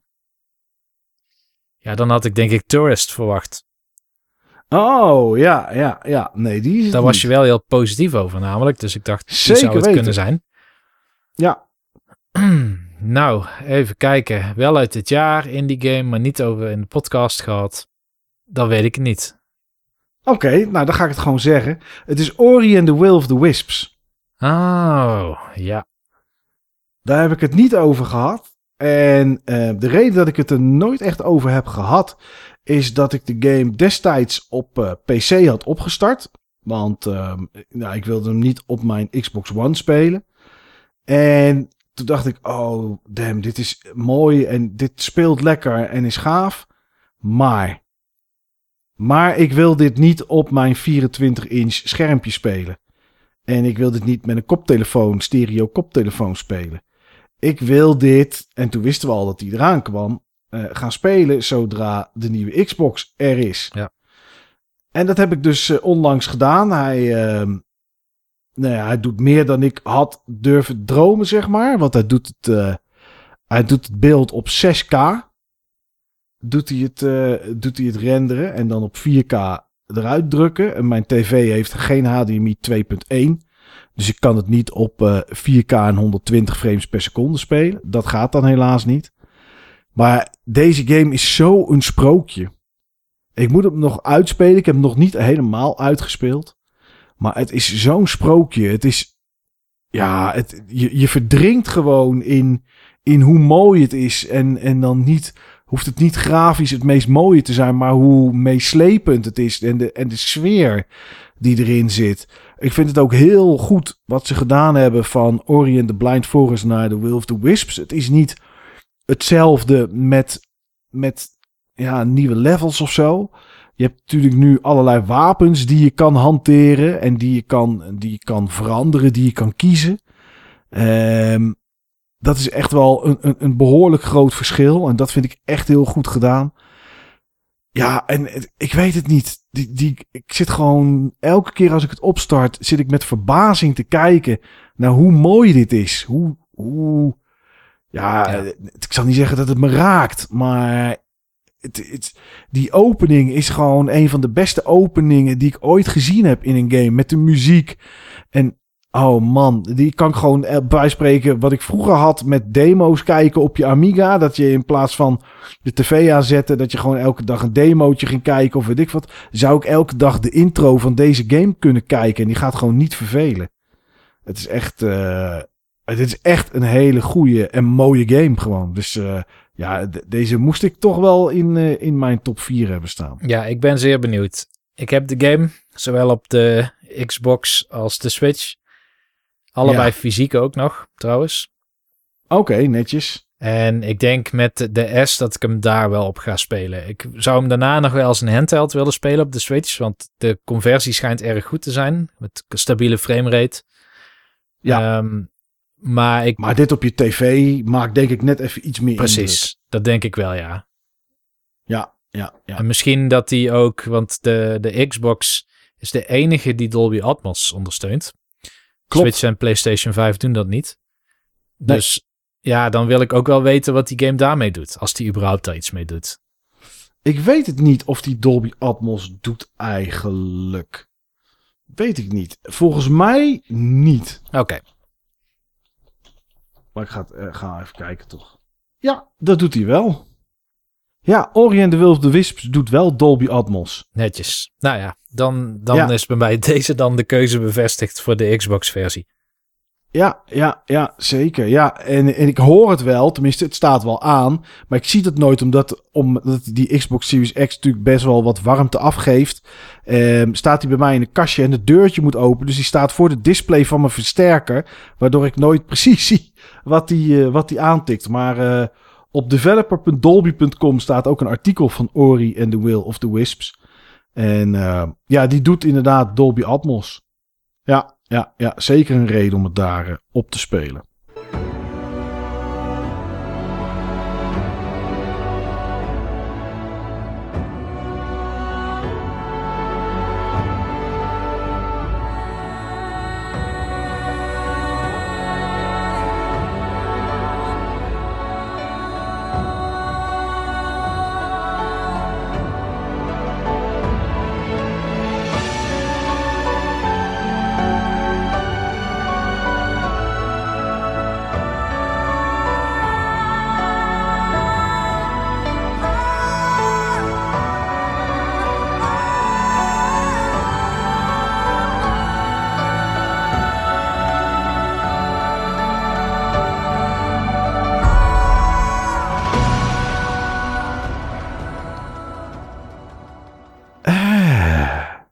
Was 2020 Niels. Diepe zucht, ja. Ja, niet van verlichting van hè, eindelijk we zijn er doorheen, maar ja, dit, dit was hem. Denk ik. Ik denk het ook. Ja, ik heb niks meer, Mike. Nee, ja, ik ook niet. Ik zit al te denken van ja, als er nog iets is over 2020, of het nou met games te maken heeft of niet, dat je kwijt wil, dan, dan kan dat nu. Maar ja, ik, eh, ik, ik ben er doorheen. En jij ook dan? Ja, ik ook. Ik, er staat mij nog één ding dit jaar te wachten. Met dit jaar bedoel ik 2020, het jaar waarin we het nog opnemen. Ja. Dat is eh, bij oudjaar iets op tafel toveren met mijn kookkunsten. Daar kijk ik nog een beetje tegenop, want het is allemaal nieuw. Ja. Ik ga frituren. Maar verder, Oké. ja, op, Wat ga je frituren dan? ik ga ehm, kip frituren. Dat is niks voor mij natuurlijk. Maar ik maak Nee. even een uitzondering. Ja. Ik, eh, En dan gewoon eh, fried chicken, zeg maar. op zijn Koreaans. Oké. Ja, dus wat je daarmee hebt, Koreaanse gefrituurde kip is altijd heel krokant. Die is namelijk double deep fried. Ja, ja, ik eh, heb het van de week nog gemaakt. Oké, ja. En wat ik dan doe is, naast dat het een krokant jasje heeft, een bepaalde mix waar je dan ook bepaalde kruiden al in doet, ehm, maak ik ook nog een sausje met gochujang saus. Dat is eh, een soort chili pasta, dat heel veel wordt Mhm. gebruikt in Zuid-Korea. Met eh, ketchup erbij en een klein beetje sojasaus erbij en mirin. En dat maakt het straks wat pittiger, zeg maar, als Oké. buitenkantje. Ja. En dat was eigenlijk mijn hele plan. Dus ik denk misschien een voorgerechtje als rivierkreefjes met cocktailsaus. En dan als hoofdgerecht alleen maar gewoon een grote schaal kip. Op twee manieren klaargemaakt. Eén met de pittige variant en eentje met soja knoflook. Oké. Het klinkt wel goed. Ik heb van de week voor de tweede keer Korean Honey Butter Fried Chicken gemaakt. Ah, lekker. Ja, ja, ja, ja, ja. En eh, dat is inderdaad de, de, de dame waar het recept vandaan komt. Die, eh, die zegt ook in een video... eh, How many times do we fry? En dan zegt ze... Yes, you are correct. Always double fry. Dus dat is ook wat je, wat je doet inderdaad. Eh, met kippenvleugeltjes heb ik het, eh, heb ik het laatste gemaakt. Ehm, en dat is echt heel lekker. Dat is echt heel lekker. Het- Wat je eigenlijk dan uiteindelijk krijgt, is kip die gefrituurd is en die helemaal gaar is van binnen. Waar een soort popcornachtig laagje overheen zit.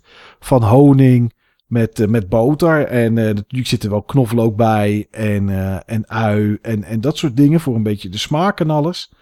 En het is echt, ja, is erg lekker moet ik Ja. zeggen. Dus ik, ik ja, dat moet lukken Niels. Ja, ik, de- ik wilde het maken omdat dit het eerste jaar is sinds 2013, denk ik, dat ik niet in Zuid-Korea ben geweest. En dat Ja. ik dus niet daar heb kunnen eten. En de laatste twee jaar heb ik altijd in een, in een restaurant gezeten tegenover mijn hotel. Het hotel heet dan Hotel Rex in Seoul. En daar tegenover zit The Brown Chicken.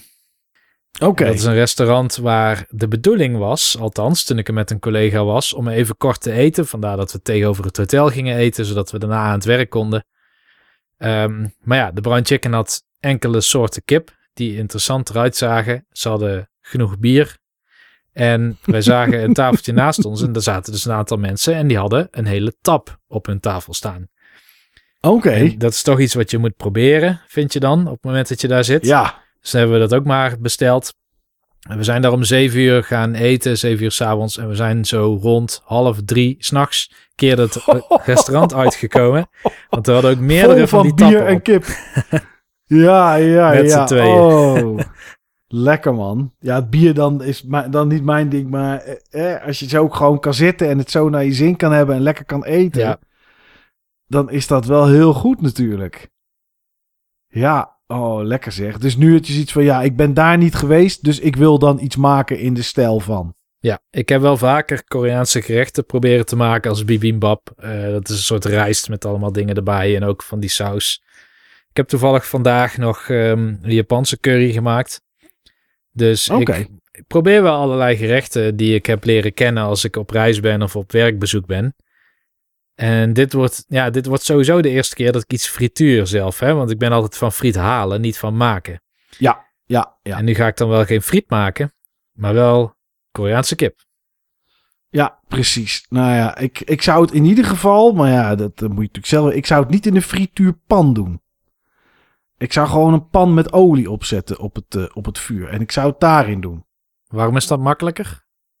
Eh, omdat, omdat het dan vaak wat breder is en je wat meer tegelijkertijd kwijt kan. Ja, ja, ja. Frituur, frituurpan heb je vaak zo'n mandje en ja, daar kan dan niet zo heel veel in.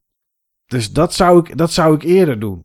Maar ja, goed, misschien is dit, werkt dit ook wel prima. Ik bedoel, eh, ja, waarom niet? Of je nou twee keer of drie keer bakt. Of dat je vijf of zes keer bakt. Ik bedoel, je hebt toch tot 12 uur de tijd. Ja, dat is waar. En wat het wel is, is zo'n frietpan, daar kun je gewoon een temperatuur instellen. Uh, dat is zeker zo. Ja, ja, ja. Dat is, uh, en, en als het lampje uitgaat, dan is die gewoon 180 graden. Ja, en dat bij een pan heb ik geen idee. Al heb je daar wel trucjes voor, heb ik gezien. Dat je een klein beetje deeg of zo de pan in moet gooien. Erin laat. En als die dan drie seconden erover doet om te komen drijven, dan is hij op temperatuur. Precies. Ja, ik heb video's gekeken. Ja, of als het überhaupt... Ja, ja, of als het überhaupt gaat borrelen. Ik bedoel, uh, ja, dan is dat, uh, dan is dat waar. Dit komt op zeker goed, Niels. Ja. Dit, uh, dit gaat helemaal goed komen. Dit klinkt als een goed, goed oudjaarsavond. Inderdaad. Ja. Eh ja, wij gaan afsluiten. Ik, ik heb, ja, jij hebt niks meer. Ik heb niks meer. Dan rest het ons om uh, jullie te bedanken voor het afgelopen jaar naar ons luisteren. En hopen dat jullie dat in 2021 ook weer blijven doen. Uh, bedankt voor het luisteren naar deze uitzending, die toch redelijk in lengte is geworden. We zitten inmiddels bijna op de 4 na, op 10 minuten na, op 4,5 uur.